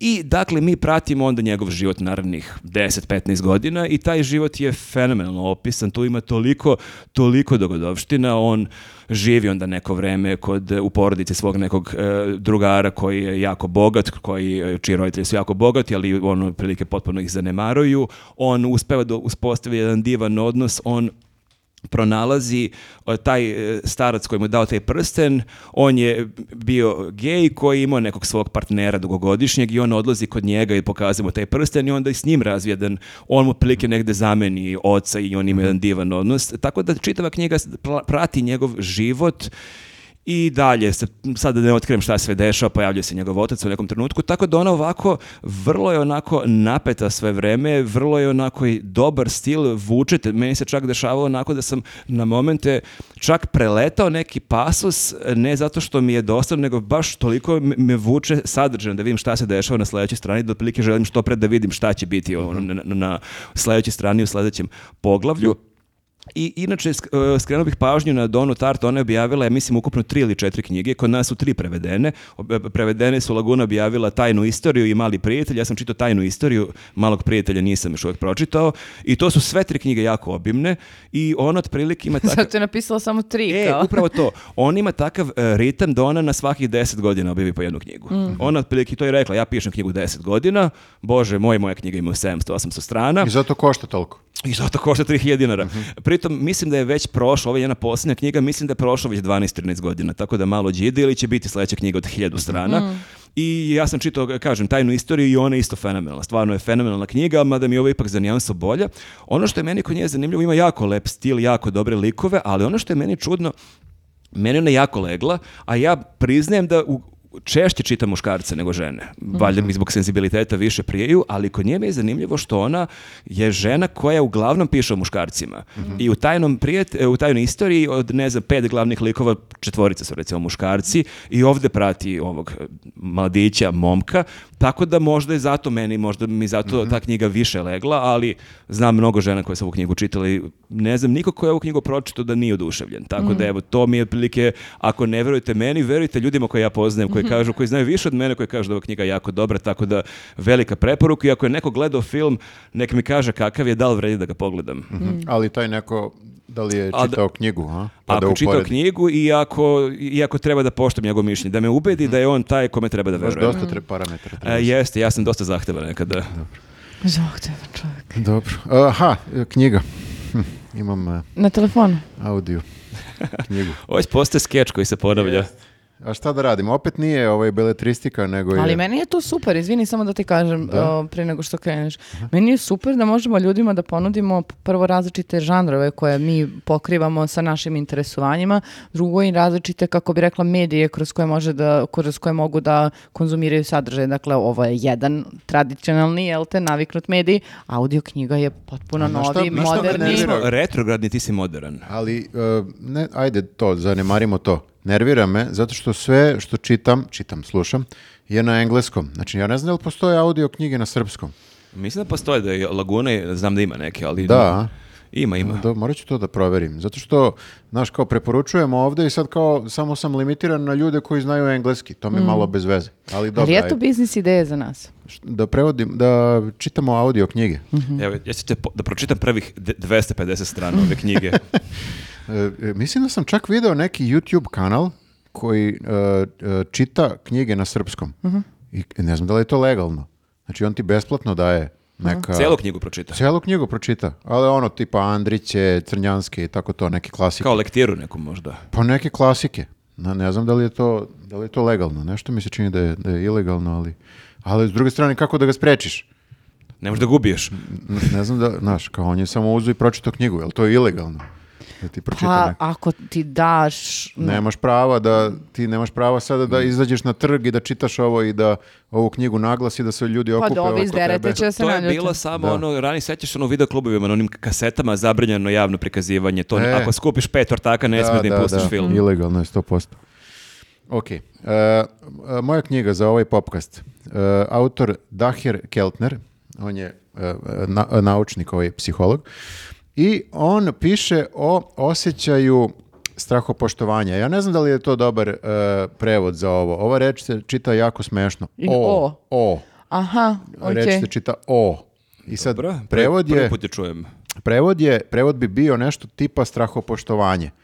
S tim Ali što... nije to baš i samo E, pa, strahopoštovanje. pa to, to hoću da kažem, to je Da. neko divljenje, Da, da. čuđenje, neki žmarci, nek, nešto, ali ne znam da li imamo bolji prevod na, na srpski. Um. Zato što se, i on kaže, u međuvremenu se, i on, to je počelo kao strahopoštovanje i na engleskom, u smislu da je Zadivljenost možda. zadivljenost, ali počelo je religijski. Aha. U smislu prvi, e, prvi put kad se pojavljivala ova reč imala je uglavnom taj neki spiritualni religijski Mhm. odnos i taj osjećaj zadivljenosti, taj osjećaj kada ono kao ljudi ne, ne mogu da objasne neke pojave pa to Kao neki prepisuju. trans, ono, aha. Nije, ne, nije Ekstaza. trans. Pa nije, nije toliko jako. Aha, znači, okej. nije toliko jako. Znači, baš bukvalno je strahopoštovanje, divljenje ne, ne- nečemu što ne možeš da objasniš i sad pokušavaš da... Kao kad si ganut nečim i Da, onda ali si jače ono... od toga. Da, da. Ništa, E. ako neko ima reč... A sigurno napiše. ima, nego pa ja... sigurno ima, da. da. Pa majku, ako nas troje ne, ne možemo da smislimo reč, Evo pa i te- Nismo mi Teja toliko ćuti. I inteligentni. Teja, jel- Ali Teja, šta ti Teja je misliš? inteligentna, evo, pojma nema. I zna je reč. inteligentna i može i da Google koristi u ovom trenutku, a ne koristi. Dobro. E, u svakom slučaju, e, e, on piše o tom osjećaju kako smo malo i zaboravili na taj osjećaj u smislu da ne obraćamo pažnju na njega, a da je on jako bitan za funkcionisanje jeli, kao čoveka, u smislu da bi ga trebalo imati što više u životu i da treba da ga pronalaziš u nekim stvarima gde, na koje možda ne- inače ni ne obraćaš pažnju i da ga na neki način onako malo i veštački izazivaš. I ja sam mislio da, da ima i toga u ovoj knjizi. Mislim, pročito sam prvo o čemu se radi prema što sam krenuo da čitam. Da, naravno, da li postoji neka varijanta da se to malo hakuje, jel? Ja sam idiot koji bi želeo tabletu da popije pa da se osjeća zadivljeno. I zahvalno. E, I međutim ne, ne postoji način da se, da se hakuje, nego on više priča o tom samom principu kako smo e, jeli, kao ljudi zab- zaboravili da malo istražujemo taj osjećaj zadivljenosti ili e, e, začuđenosti nekim, nekim stvarima koje se nalaze praktično svuda oko nas i sada pri, priča o tom osjećaju iz naučne perspektive kroz intervjue sa raznim ljudima da vidi gde oni osjećaju e, čuđenje i strahopoštovanje, pa sad pričao sa najrazličitijim ljudima od e, zatvorenika preko dece e, i, i tako dalje i ti vidiš da svako ima neko, neko svoje jeli, shvatanje i ne, sv- svako ima neki svoj način na koji se posljednji put osjetio toliko zadivljen da praktično kao nemaš reči i da te to na neki način to osjećanje malo i transformiše i da počneš da postaneš drugačija osoba od one e, kakva si bio do tada. E, jako mi je zanimljivo zato što on pokušava da na neki način kao a, predstavi to osjećanje koje nije nešto što možeš da uhvatiš i da e, objasniš e, tako lako, pokušava da ga predstavi na naučni način kao da pokušava nešto što je druš- društvena nauka da predstavi kroz prirod- prirodnu nauku i sad ne, ne može ni on to do kraja da, da uradi, ali je jako zanimljivo što pokušava i jako mi je to bilo zanimljivo što je na, on se inače između ostalog bavi svim spektrom emocija, to mu je kao neka specijalizacija emocije, čak je, jako je poznat u tom, uh, uh, u toj branši psihologa da ga zovu često kad im je potrebno da, da objasni nešto više o tome. Na primjer, zvali su ga za ovaj film Inside Out, Pixarov, da malo bolje, detaljnije objasni e, kako bi ti karakteri, strah, e, ljutnja, šta, šta je već postojalo u filmu, e, sreća i ne znam, nija zavist, ja mislim. E, kako bolje da predstave te karaktere, to mi je bilo e, zanimljivo. Ali čak i on ne uspeva da do kraja nekako objasni to osjećanje. Mislim, nisam do kraja pročitao knjigu, moram da kažem. Nisam, nisam do kraja odslušao knjigu. nisam do kraja odslušao, ali mi se čini kao da se malo onako i on, i on ima strahopoštovanje prema, prema ovaj, e, osjećaju strahopoštovanja. To, to, Da. to je jako To je zanimljivo. A je li on preveden kod nas? Ili neka knjiga njegova prevedena? Mislim da nije. Mislim da nije. e, ovo je novija knjiga, izašla je, ja mislim, prošle godine ili tako Mhm. nešto. Tako da ova definitivno nije prevedena, ali ne znam, da, ne znam za ostale. Nisam, Mhm. nisam toliko istraživao. Samo mi je bilo zanimljivo ovo, mislim, bilo mi je zanimljivo naravno iz perspektive da vidim da li to može da se hakuje, pa kao da opet nešto probaš u svom životu da, da Ti popraviš na taj način. Neke prečice Da, tražim. ti svakom popkastu spominješ neke prečice. Da, Neke da. prečice, neki, neki self-help, ali ni- nikad ne uspe ništa do kraja. A dobro, vidim da ti knjige koje e, slušaš ili koje čitaš, da se često trudiš da to bude nešto što može te nekako promeniti, da nešto Pa naučiš. Pa Ja. Pa često jeste. čitam neku beletristiku i onda se uvek ostavim glupo kao, kao vidio je čovjek što koristi vreme A ja baš pametnije. suprotno. Ali ja, meni i ja što baš suprotno, ali da. mene i beletristika u tom smislu, ja baš biram knjige namerno koje su, iako beletristika nešto što može da mi negde u životu znači, da me nekako Ne, ne, dopuni da, i me zna, objasni. da znači da, ali ovo je baš konkretno o Da, da, nekim naučno, temama da, da. kako da ovo poboljšaš. Naravno da knjige te dotaknu i Pa promene. da, Da, da. da, da, zato meni znači ovaj popkast jer čujem ovde od vas neke dobre preporuke za beletristiku. Nekako mi se izgubilo to Mm. da nađem, imam strah da krenem da čitam neku knjigu o kojoj ne znam ništa i ne znam da li će mi se svidjeti kao da ću da gubim vreme. A jel vi imate taj, to sam baš sa nekim ljudima pričao, jel vi imate taj, taj neki ono OCD kad počneš da čitaš knjigu da moraš da je završiš ili je baciliš nakon 50 strana? E, nemam, nemam, baš nemam. Ja voleo bi da imam, zato što mnoge knjige su mi ostale nepročitane. Mm. Znaš, krenem i nešto se... Čak i knjige koje mi se svide, to me nervira.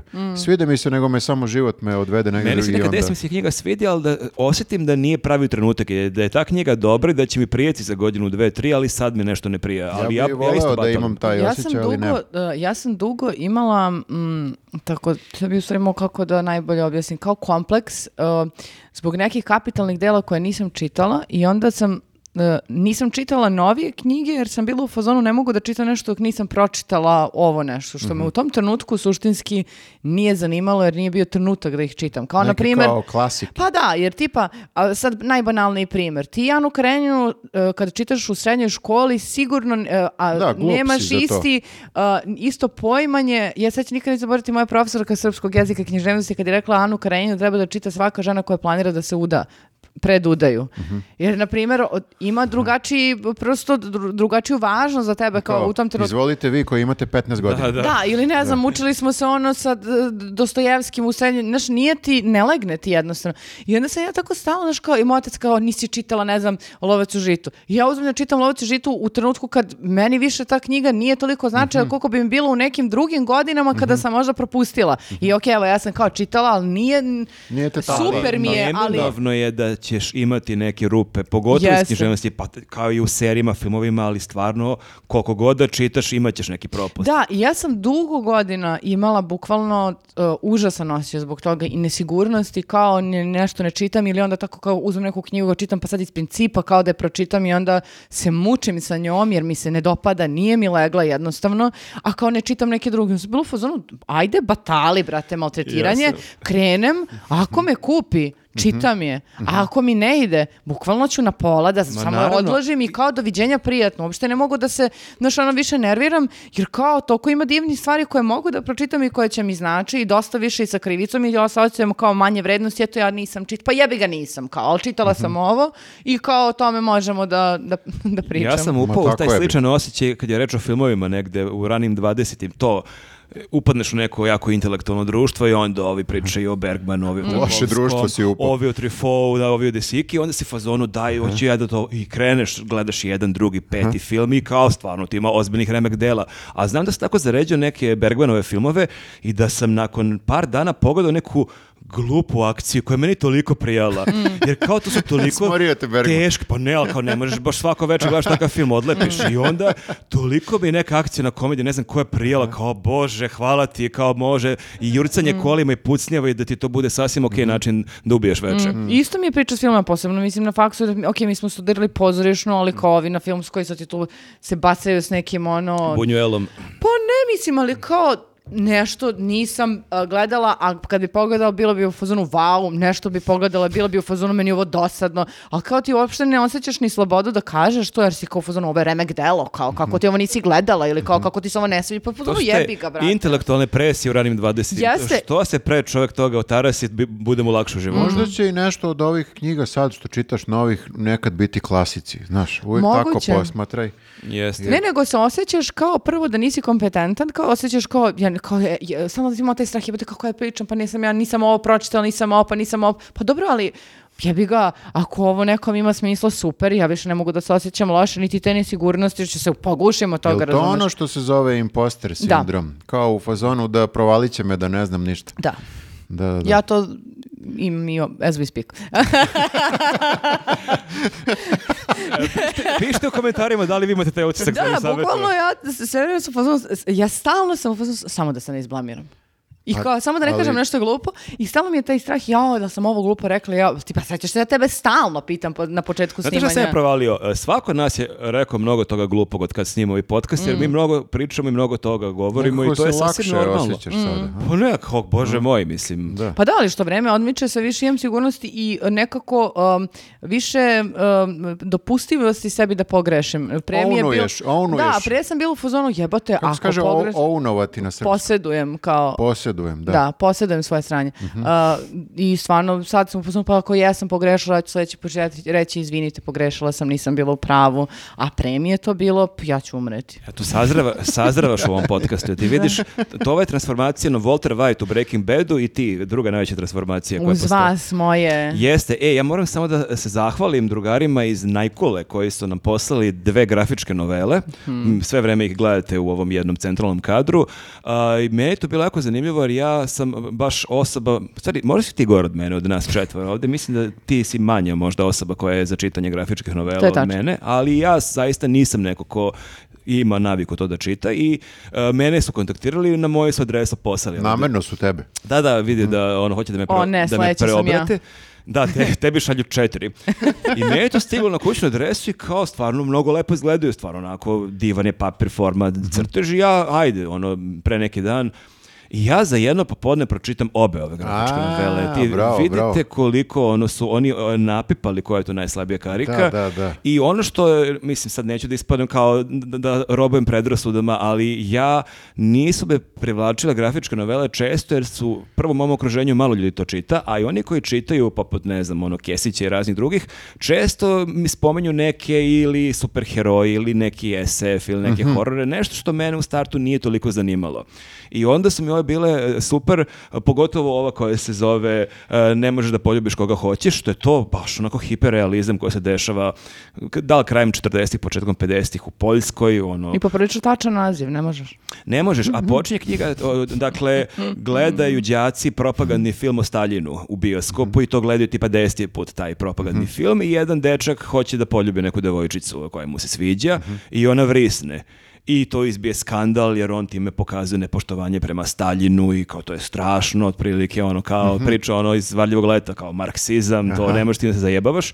I kreće njega tu učiteljica, pritiska, direktor i onda opet on je problematičan klinac jer njegov otac je neki pisac koji je onako poludisident i onda tu bude neka strašna represija gde oni ispituju njegove drugare o njemu, šta vi radite, šta vi čitate, oni imaju neke stripove, kakve vi to stripove imate i kreće tu otprilike da ispituju. A ono što je jako zanimljivo što onda vidiš ubrzo da ti koji e, koji su, uh, koji vrše tu represiju, ta učiteljica i taj direktor, da i oni su pod nekom presijom, da i oni imaju neki tajne živote koje kriju, da su zapravo i oni podjednako uplačeni, takav je sistem. Tako da je to ovako jedna novela, grafička novela, ne kažem strip, koja je meni baš jako prijela i ova druga uh, koja se zove Slika i prilika je više naginje ka SF, ali opet što sam ja rekao, ono kontrolisanom SF-u koje je za mene ok, to je kao neki ono Twilight Zone. Na, čovjek se budi jednog jutra i ima drugo lice, drugu glavu. I mlađi je i lepši je. I onda kako on uspeva da se prilagodi svom životu, na koji način se on menja, kako će ga prihvate kolege, žene i na koji način on pokušava da nekako zlopotrebi to što je sada postao mladi i lep. A, to je ono fora, e, da mi je bila ova pamet kad sam Ali, imao. baš faca, e, da, da nisam ja amator i bucmas, nego da sam onako mršav i zgodan. Otprilike, Ali, ali imaš istu pamet, to je to. Da. Jeste, jeste, ali koliko je zapravo onda do, postavlja pitanje koliko je izgled bitan i koliko i uz tu istu pamet ti negde ako si super frajer, koliko će ti biti lakše i na poslu i on u komunikaciji sa ljudima i sa suprotnim polom, tako da je ovako isto jedna jako zanimljiva novela i ono, hvala još jedan put i oni su rekli da šta god hoćemo da im tražimo, tako da ću ja sad svašta da im tražim. Znači, samo da nisu neki superheroji. Dajte. A- a Ali ili kad reči superheroji, ti moraš da samo kao prevaziđeš tu reč superheroji, jer među superheroji uh, Je isto čovek. To je, to je isto čovek. Da, I oni imaju 30 probleme, znači. I on može da imati kažem, neku ljudsku I oni imaju razne, e, sada to se jako, e, kako bih rekao, razvilo se, Jeste, razgranalo se. Ima raznih filozofskih nekih tu sada detalja među svim tim jeli, pucačinama i... Kako ne? Pa ne, ozbiljno ti kažem. Znači, Ne, ja, ni, ja sam bila ozbiljna, pa mislim kao Batmanu, to ima, nije samo... Ima slojeva, ima slojeva. Kako ne, i Slažem borbi, i, I naročito među ovim novijima koji pokušavaju da, rekonstru, da dekonstruišu ceo taj Mm. e, žanr, na primjer Watchmen, ne znam da li si gledao Watchmen, Nisam, nisam. ali o, nema veze, nemoj da gledaš. Daću ti, daću ti strip, preporuka daću ti strip, hoću ti kažem, strip je čak i bolji od filma, u smislu kad baš da gledaš celu dekonstrukciju superheroji žanra. Tako da, Ja, meni je drago što sam sebe uhvatio u tome da čitam strip, i što to nisam verovao da ću raditi, tako da spreman sam, spreman sam, možda za dve, tri nedelje ja kažem ljudi, ono, jeste vi čuli za Spidermana, znate vi šta je on? On ovako pš, pš, izbacuje iz ruku. Ne, pazi, ta Ali hip- dalje hiper- se svodi na pš, pš. hiperprodukcija e, tih sve- svih epizodica e, Spidermana, Supermana i tako, to, to često ode u, u bullshit, jer moraš da ga proizvodiš svake nedelje. Gledaj Ali ovi ko- Nolanovog Batmana.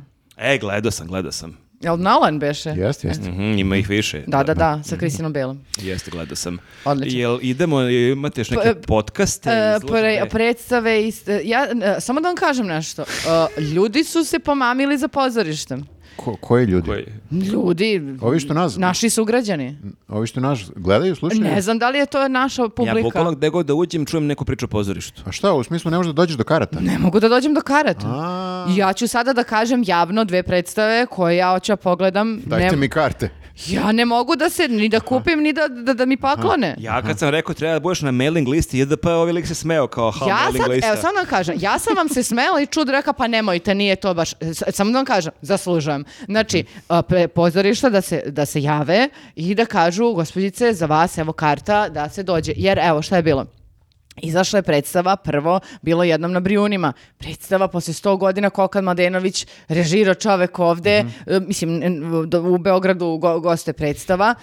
Nema karata. Ja bilo jednom na Brijunima ili Brionima? Pošto... Piše Brijunima. A to je onda hrvatski, mi kažemo Brionima. Pa Da. što je posle 100 godina došao, zato nema karata. Da, i to je predstava koja se igrala u drugom e, nekom o, gradu, nije u, u Beogradu, a sad gostuju. I ja kažem, Banetu, gde je moja, pošto igra Banislav Tifunović, igra Tihana Lazović, igra e, Sanja Marković, igra Milan Marić. Kažem, Banetu, gde je moja Ja karta? kažem, gde je moja pozivnica, bre, halo? A bio ovde, a delove kao bio, smeško nam on se kaže, ovde. nema, brate. Ja kažem, dobra, aj nema veze premijera, šmerijera, ajde, bit će sledeći put. Vidim, opet se igra, rekao, gde je moja pozivnica? nema, kaže. Ja rekao, pa dobro, kad se igra... Znaš, o- Ban ima svaki dan miss call, dijeli savete i poruku gde je moja karta. Kao osmog i lupam 14. se igra u Bitefu, ili, de- de- de- ne, sad sam u Bitefu, da. I oba raspredat. Ali mogu da ti oni rezervišu to, da ti kupiš. Ma ne, rasprodato je. Pa- pa Nema, da, da, što se jedno- kaže, A ja traži sam, se ali karta ja sam više. video, rezervišu. bio- video sam post da je rasprodato nešto. Da. Jeste. I, hajde, nema veze. Bilo jednom na Brijunima, bit će opet, pa ćemo da gledamo. I ja kažem, ajde da vidim novu predstavu u Ateljeu 212. Mhm. Paolo Mađeli, uh, reditelj, uh, o- otac se zove predstava. E, čim- to je sa Vojem Brajevićem, beše. Da, i sa Hanom Selimović. Vi znate koliko ja volim nju kao glumicu i Mhm. To ja. sam ja jurio da nema karata. Nema karata. A pritom, znači, baš me interesuje da pogledam. Ja sam jurio za, za kolarac ovaj, uh, koncert za bebe. Aha. Nema karata. Ja vam kažem, znači, ljudi Treba- su se pomamili vidiš, i to sve zbog zi- nas. Zidaju se stadioni, treba se sagradi dva, tri pozorišta do 20.000 ljudi da lepo stanu svi. Ne ovo ljudi dođe njih 300, 400 i puna sala. Mislim, baš sam se, ono... Čekaj, šta si ljuta što ljudi idu u pozorište? Nisam ljuta što ljudi idu u pozorište što nego ne mogu da na, zakupim na kartu. Mhm. Znači, on- samo da ti jave ranije, da ti A možeš čekaj, to da kupiš. ja ne mogu da verujem, znači, ako neko voli pozorište, to su gospodin Medenica i ti. Znači, vi ste dve osobe koji su najveći fanovi pozorišta u ovom gradu. to je Jel to. vi ne možete, da ne možete dobiješ neku godišnju propusnicu, kao neko ono Zlatnu GSP, kartu. GSP markice za sva pozorišta. Ja, kao što neki se fit mene pass. tiče, ja se više ne bih Fit bunila. pass za pozorište. Ja se ne bih bunila. Pre, pa pre dva podcasta sam bila upozorna, pa dobro, nemojte, ja ću ja se iscimam. Neću bre, više se imam, bre, hoću da odem da Ja gledam stvarno, ja sam predstavu. uveren da ovo gleda neko iz sveta pozorišta. Znači, Dajte stvarno... mi gradsku propusnicu za pozorište. Ne, evo, ja ću kupiti kartu tu i tamo, ti ćeš kupiti, ali ti toliko voliš pozorište, toliko voliš da ideš da stvarno, ako je, pra- bi na ako je pravde na ovom svetu, dobit ćeš fit Neku, pass za pozorište. ono, životnu, kako da ga nazovemo, ne može fit pass, teat pas. Teat pas. Teat pas. Tet pass, Poz može. pas, poz pas. Poz pas. Evo, Pa- znači- post pass. Znači, nisi ništa gledao drugim rečima. Nisam ništa, mislim, mogu pričam o nekim starim predstavama, ali neću. Znači, evo, ovo su dve predstave na koje vam obraćam pažnju, svesno. Ali Jurite da gledate. ne, čekaj, čekaj, sad će tek biti navala kad ljudi, znači treba da ih zavaraš, da im preporučiš neku neću ja nikog, bre, da glupu varam. predstavu, jer ti nećeš nikad sad naći kartu za Ja ove lepo predstave. čekam svoju pozivnicu. Znači, draga Jelisaveta, pozivamo te da dođeš tog i tog datuma, toliko i toliko sati, da pogledaš predstavu. Za početak bila je na Brijunima i Otac. To su dve koje želim da pogledam. Imaš veći tekst, dobro. Da, zato što ja znam šta želim da čujem. Tako da, eto, i s tim u vezi ja nisam pogledala pozorišnu predstavu koju mogu da vam preporučim, ali preporučujem ove koje nisam, jer mislim da e, su vredne vaše pažnje. Sigurno čim se rasprodale. Da, A, gledala sam stand-upove. A, Opa. E, i ne uživo, nego na Netflix. Netflix. E, jedan na Netflixu, jedan na HBO. A, prvi je, o- e, prvi čekaj, se i stand-upovi računaju u predstave? Sad sam shvatio da sam Pa možda... to, šta je to ako možda nije? sam i ja gledao predstavu onda. Pa- Ako, ako stand-up se računa. Malo džidate, moram da kažem odmah. Aha, dobro. A šta je tvoja predstava? A, nema, ali gledam... šta je, samo te pitam, šta je tvoja A, predstava? gledam novu Bikov, Bikovićevu predstavu za par dana. Mhm. Ja sam kupio kartu na vreme. Dobro, to je najva predstava. Ali šta je umjesto predstave tvoja? Umesto predstave imam četiri podcasta. To ti kažem, znači lik podcaste. Mi I makar, podcasti su pozorište. Ali mi gledamo izvođača na sceni pred publikom. I ja to je gledam predstava. lika koji sedi sa mikrofonom i slušalicama. To nije, to je, to je druga stvar. To možda bude umjesto Jesmo uh, mi filma. predstava? Ovo je predstava. Ovo je, Ovo je o, svojevrsna I predstava. idemo u Niš da izvedemo našu predstavu.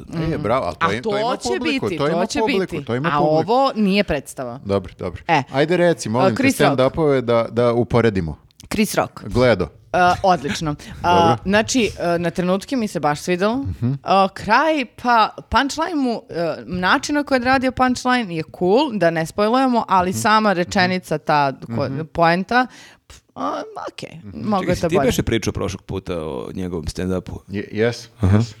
Da, da, da. O ovom? Ja jesam u tom. Jeste, ali ja ga slušam, je li saveta? Jo, pa ja... Dobro, imam još jedan, nema pa... veze, nema Sve veze. okej, bre. Da, da, bil, Što ne priča deveti put o Nirvanu i nekoj A, knjizi. tu je zanimljivo, to možda nisam pomenuo prošli put, Mhm. ali zanimljivo je da se kaže za, za Krisa Roka da je e, bilo uživo izvođenje, u smislu kao e, gledao si u istom trenutku na Netflixu, e, kao u istom trenutku premijere je bila Aha. širom sveta, mogu si da pustiš i da kao u fazonu Ludilo. gledaš Čekaj, dok, stri- dok stream je A stream bio. u real time-u? Da, kao? da, Aha, da. super. Koliko sam ja shvatio. Mm. E, U svakom slučaju je bio kao, kao live premijera, kao što mi imamo live premijeru na Šatro YouTube-u. live, da. Šatro. Tako je bilo, eto, to je zanimljivo. Da, meni je bilo zanimljivo i ta priča o selektivnom, uh, uh, selektivnoj mržnji, odnosno selektivnoj cancel kulturi. Pa dobro, naravno. da, da, Uh, to je... I super je tu, pa, mislim, tu priča vezana za R. Kellya i Michael Jacksona, koji su zločinci, a jedan je Mm. Mhm. A da li je cancelovan. Michael Jackson? Ne Čekaj, zna se. čekaj, čekaj, ovo to nije Mm. dobilo sudski epilog. Ne zna se, ne zna se. Bukvalno imaš e, e, film iz dva e, dela gde e, de- de- zlostavljena deca pričaju o, o svojim... Rekla, Da. kazala je to. E, Da, i dalje to nije na nivou dokaza. Da, da, to je... Mislim, a R. Kelly je, ne, ne brani Michael Jackson, ali kao ovaj baš, baš dokazan i osuđen. Mhm. Pa ovaj je umro. Šta hoćeš kažeš? To je znak da je... da Ali je- krenuo je, bila su neka od, e, suđenja. Nije do kraja doterano. Pa jebi ga sad, brate, umro Znaš, čovek, ali... Kao i sloba u Hagu. A, da, tako da mi je taj stand-up bio onako zanimljiv, a, a, drugi koji, a, ja sad više stvarno onda ne znam ja sam pričala o tome ili nisam, ali evo, a, ako a, želite da čujete vrlo duhovit, m, kako bi rekla, osvrt na seksualnu edukaciju i na konzumiranje, na primjer, analnog seksa, pogledajte Niki Glaser, koja, njen se zove s- a, Special Good Clean Filth na HBO i onako baš je žena pokidala, mislim, vrlo iskreno. Čekaj, ceo stand-up je o tome. Ne, provlači se. To gledam kao sat vremena, ok. Ne, ne, ne, ne, naravno, ali o, na, ono o različitim, kako bi rekla, teritorijama e, priča, pa sad šta, ali ovo je, mislim, Ne, ovo baš- za analni seks sam se toliko smela. A baš bih se divio ako je uspela da samo o tome napravi ceo stand-up. Ne, baš je onako pokidala je stvarno vrlo je ona duhovita i da, priča naravno i o sebi, i o svojim o odnosima sa muškarcima, s čaletom, tako sve to i na seksualnim odnosima, kako šta se dešava. I posebno ostalo je bilo na to, ja, meni je to ostalo onako zato što je bilo toliko duhovito uh, i pritom, znaš, ti kad skloniš to smešno, ti zaista imaš ono uh, uputstvo kako se uh, od klistiranja do konzumacije analnog seksa, što je bilo kako presmešno da uzmeš to kao temu i da napraviš da bude do jaja smešno. Tako Ja da... se meni čini, e, ali vi ste mnogo više e, pratili stand-up od mene, ali se meni čini ili e, stand-uperke mnogo češće imaju fore o seksu od stand-upera? Pa mnogo češće imaju fore o, o vezama. Mhm. Zato što ja mislim da žene više malo o odnosima Ali nije, pa pričaju, imaš a? i ove priče o ženama baš često. Ali, ali ne tako, ne, ne toliko, ja mislim. Što sam ne? gledao, da je mnogo da- češće kod žena to ali fore. zato što ne možemo da poredimo jer ima mnogo više muškaraca stand-upera nego što ima žena. I onda nekako kao moguće da, da je isti broj da ne bi bilo Čekaj, svaki toliko. stand-uper u toku svog stand-upa ima makar jednu foru o ženama. jednu foru, ali ovdje je nekako se e, cela nit stand-upa njenog i kod Amy Schumer, ja mislim, i kod koga sam... Ellie Wong. Ellie Wong, bravo. E, ima neka klinka na Cela Netflixu. nit je odnos, e, Jeste. odnosi... I Kristina Šamp, dobro, isto. Da, Pa to na, pitam, to, na znači- to sam mislio. Znači, Znači, nisam lupio i, i vi ste to zapazili. E, Čini mi se da da, ne mogu sad da kao tvrdim da, to je baš tako, ali jeste malo više, ali to generalno nekako žene e, mi se čini i u životu ovako se ne plaše toliko da pričaju o odnosima. I možda je zato, ovaj, a mi kao nekako malo bežimo od toga, pa kao, aj, Pa smešno mi je, ne znam, nija šta drugo. Niste pronikli, u, u- možda kad biste zaronili u odnose... Ali ne želimo, Pa, da, da, shvati da. da ne To je želimo. ono kad se ja vidim s drugarima i kao pita me ono Jasmine, i kako su što rade? Pff, ne znam, pričali smo o zvezdi, o filmovima, nešto, kao bukvalno ne znam kako su, valjda su dobro, ono. Pa jeste, da, malo, malo smo tako, plitki smo na taj način, a vi preterujete s tim, brate, ovo mora introspekcija sve da se ono kao... Ejde, dosta bi više. sve do detalja, tri Pa sata minimum i više, onda se ama. prosto zna sve što se desilo. Eto, to je to. Rešili smo ovo sada. Da, super rešavamo sve ovo. Mm. E, ja, e, si ti to kažeš neki stand-up? Pa gledao sam, uh, gledao sam ovo, počeo sam da gledam ovog Berta Krajšera, dao sam mu šansu. Nije, ne mogu da ga, ovo je već, na primjer, drugi njegov koji kao gledam i ok, ima onu priču, ono The Machine, to mi je, to mi je ok kao priča, ali ne, ceo stand-up ne mogu da ga nekako uh, skapiram na, nije mi, nije mi taj, na- taj nivo, hum, ne nivo, nego taj stil humora mi nije... Ali taj entuzijazam, znači on tako polugo, debel, Ma to koji ide, okej. po sceni i vrlo... Ali Ma to meni, mi je sve okej, Meni to nije, meni je taj način interpretacije mi je kao, fuzon sam prejako mi je, brate. A užasno je zanimljivo jer on ima e, podcast sa Tom Segurom gde se Mhm. njih dvojica kao super kapiraju, a senzibilitet Tom Segura je potpuno drugačiji. Ja Toma Seguru kao stand-upera obožavam. Jeste, do, i meni je isto A, on dobar. Ova je baš agresivan bre nekako i Ma pritom u tome agresivnosti nije nešto presmešan. E pa to, taj deo mi, taj deo mi na primjer ovaj, uh, fali. Fali mi da bude nekako... Fali ti kod stand-upa da bude smešno. Fali mi da bude, ali dobro, možda se sam ja u pitanju, jer zamerka. čovjek je velika zvezda, Da, da, očigledno da, ga da. milioni kapiraju. Ja ga nekako ne kapiram. I on je film snimao sa Đu, uh, jel, Jeste, Đuričko? Mu je gostovao u, u podcastu njegovu. A, da, da, Da, da, da. znam kojem, da. E, I gledao sam novi stand-up, on mi je jako zanimljiv. E, Sebastian, Mani, uvek moram kod prezimena da, da pazim, vjerojatno ću i sad da zajebem, Maniskolka, Maniskolka ima italijansko prezime. E, jako je zanimljiv stand-uper, on je malčice stariji, ne mogu da procijenim koliko ima godina, ima 50-ak recimo ili tako nešto. E, ovaj najnoviji stand-up mu je, je- manje mi se sviđa nego prethodni, ali je jako zanimljiv zato što e, malo i on, naravno, sad svi pokušavaju da prozivaju woke kulturu i e, ne znam nija to što je sada sve post-strukturalizam, post-gender, ne znam nija šta. Pokušava i on to i zanimljiv mu je način zato što on ima taj neki stil od ranije već kako ga jako nerviraju te neke stvari, ali prenaglašeno ga nerviraju zato što je on italijan i sav je tako kao ima svoje italijanske stavove. Mislim, poreklom italijan, jeli? E, ima svoje e, stavove koji su tvrdi, zna se kako se neke stvari rade, ne možeš ovako, sa ženom se svađa, žena je otvorena za sve, on nije ni za šta otvoren i tako. Tako da to mi je e, bilo zanimljivo. Neke, neke fore, ja mislim, nis- nisu me nekako takle. Nešto, nešto mi je, vidim da je malo hteo da bude edgy, ali nekako nije mi, nije mi, nije mi prijelo. Uvredio, nisam se uvredio, ali sam malo bio kao u fazonu, hm, ovo mi nije, nije mi leglo. Vidiš kako me, e, trigerovo me. Da. A možda je to hteo ili, ili nije to Sigurno hteo? je hteo, da, ali, ali je zanimljivo zato što često ne uspeju da me... Znači, vidiš, neki se smeju, stand-up ti cokćeš kao. Cokćem, cokćem, da, da. Ja sam baš, na primjer, uh, radovala posle korone, kad budu krenuli kao stand-uperi da vidim taj uh, njihov kao take na, na celu tu priču i baš sam se ra- razočarala za neki, pa sam u fazonu, "Fu, ovo je dosta. Jer kao imaš one stand-upove da je kao nekoliko... A kod koga, a koga si Ne gledao? mogu da setim imena, nego me sad podsjetilo na to kao nije mi, uh, jer to je sad kao tema s kojom rezonujemo svi aktualno u ovom trenutku, a onda kao forica je prazan autoput, kao Ali znate je zato što, to... je, zato što je sad gledaš, Muka ti je više. muka ja- ti je više i već je ono old news. Ma da, Mm. ali ja stvarno sam u fazonu da je karantin ono bio pre 14 godina, nekako baš je to Da, da. toliko, neko sam potisnuo da baš ne znam koliko je dobar stand-up o koroni i o karantinu, baš me nešto ne bi zanimalo. Gledao sam jedan dobar, uh, Sam Morrill se zove, ima i on uh, svoj A podcast. de, de? Na Netflixu. Aha. Uh, gde, kao u, u pozorištu. Ne, nego na kojoj platformi, pošto 212. ima i na HBO. Samo, samo na Netflixu sam On je gledao. štekara, plaća samo Netflix. Nije, imam i HBO, ali ne znam zašto me ovi na Netflixu više, više Bolji klik, su ovi na na njih. Netflixu. Uh, on mi je dobar, zato što ima taj neki super, uh, kako bih rekao, super balans između pričanja priča i one-linera. I onda je našao mi neku dobru, iako ima, ja to volim, kad neko nađe pametan neki način da kaže nešto jako uvredljivo, a da budeš u fazonu, aha, pa možda je u pravu.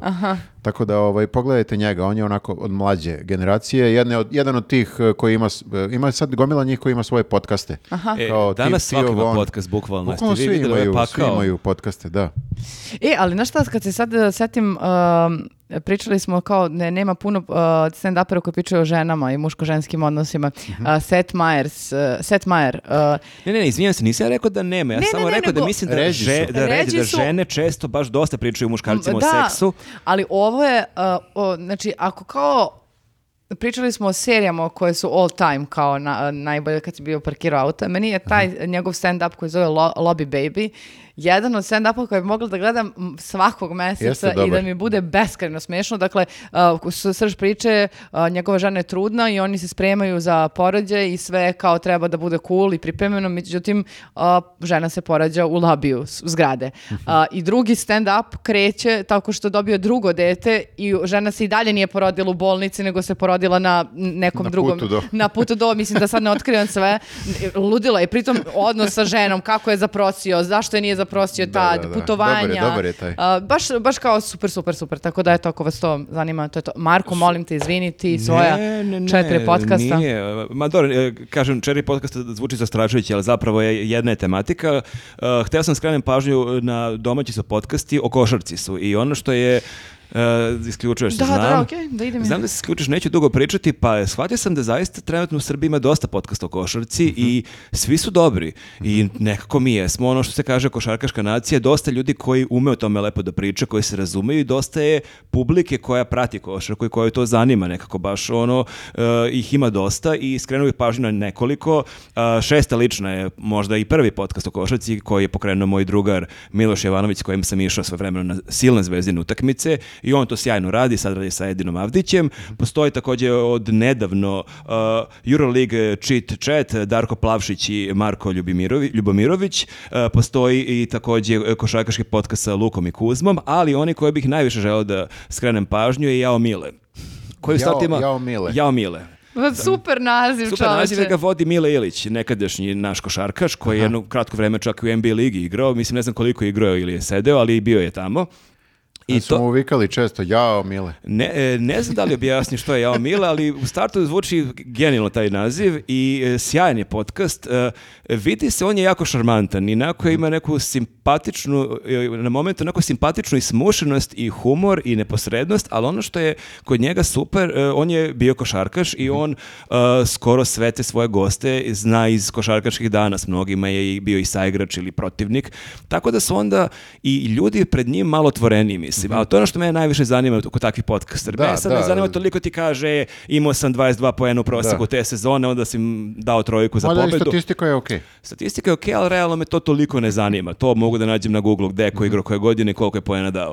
Oni, oni često imaju neke anegdote i pred njim se dosta otvore, a ono što je super kako se znaju, onda se često oni nadoveže, on zna kao kad smo bili na pripremama u Zlatiboru, e pa da, tamo je bio oni kafić i onda vidiš kako otprilike on ume lepo da ih ono usmeri, tako da je to dosta ovako zabavan podcast. Mislim da postoje razni njegovi gosti koji čak košarka jeste ra- razlog što su tu došli, ali mislim da ljudi koji nisu toliki ljubitelji košarke mogu da pogledaju neke jako zabavne epizode gde se čuju razne anegdote, neke situacije i tako da eto, otprilike obratite pažnju na njega i na sve ostale. u- uglavnom za Euroleague ili pričaju i o Ma ne, NBA-u? ne, ne, on zavisi koga dovede, znaš, on, on dovede, ne znam, Nemanju Aleksandrova, A, zavisi gde je dovede... igrao, da, da, pa da, da, on, okej. on je pričao uglavnom o svom životu, svojoj karijeri, Da, da, ali da. su te karijere bile različite, neko je igrao Mhm. u NBA ligi, neko je se povredio, neko je bio veliki talenat pa je napustio košarku u A ovi, 23. ovi godini. ostali isto, isto tako, a? Zavisi Šaraju. kako ko, zavisi kako imaš one koji analiziraju utakmice ili koje su aktualne, imaš ove koji dovode goste,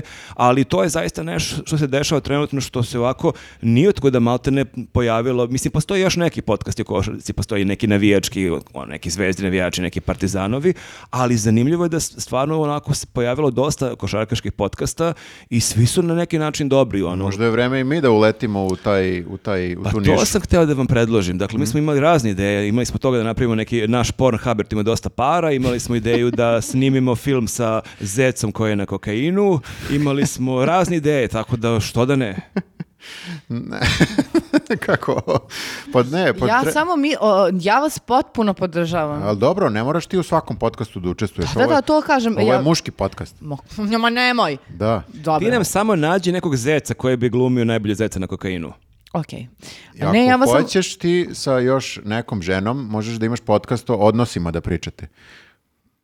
O introspekciji, o... Pošto o tome jedino dve žene mogu da pričaju, a dva muškarca samo Koji o sportu. koji su tebi najbolje, recimo, podcasti o introspekciji? Maša će te prebiti dok bude ovo slušala. Neće ona ovo ja da ti gleda. neću ništa uraditi I Maša je sada. umorna i ona nema snage da gleda. Ne. Ne, ja ovo neće ništa neću sad uraditi jer će ti Bog suditi. Viktor zna da Maš uvek ugasi nakon drugog sata. Ne može on da gleda baš do kraja ovo i onda svašta kaže.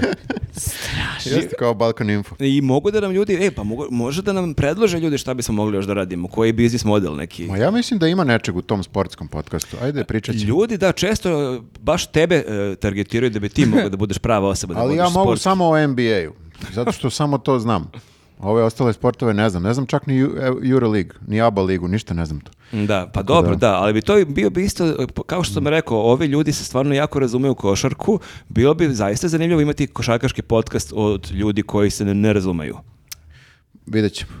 Ona neće, neće. Pa ja samo mislim da Ne nemam o šta da da doprinesem tome, da bi bilo glupo, ali ako vo- vi verujete da je to drugačije, možemo da probamo. Samo ja... mm, voljna sam da probam, ali nisam sigurna da mogu da dam nešto tu. Samo to. Malo će biti imposter sindrom. Čuj, malo, znači, eksplodirat će mi Koliko glava. si ne bukvalno. koraka, dva ili tri kad se polaže lopta? To Na znaš. trećem. Mm, dva. Ok, tu, ali blizu si. Ali to je u rukometu možeš tri. U, u rukometu možeš koliko hoćeš. Tek futbol, samo trčiš. Ok, brate. mislim da već imamo materijal za neki dobar sportski podcast. Ok, To je bilo sve za ovaj podcast. ljudi. Vidimo Sve. Se, uh, vidimo se u Nišu 24. od 16 časova, kafić Carpe Diem. Uh, gledajte naš podcast u sredu, uh, bacite nam pet i slikajte se sa nama, podržite nas na Patreonu i YouTubeu, čekirajte linkove u opisu videa. I dajte vaše predloge za neke serije, filmove, knjige, muziku, nešto što smo propustili, a što zavređuje našu pažnju. Eto. Ćao ljudi. Ćao. Ćao.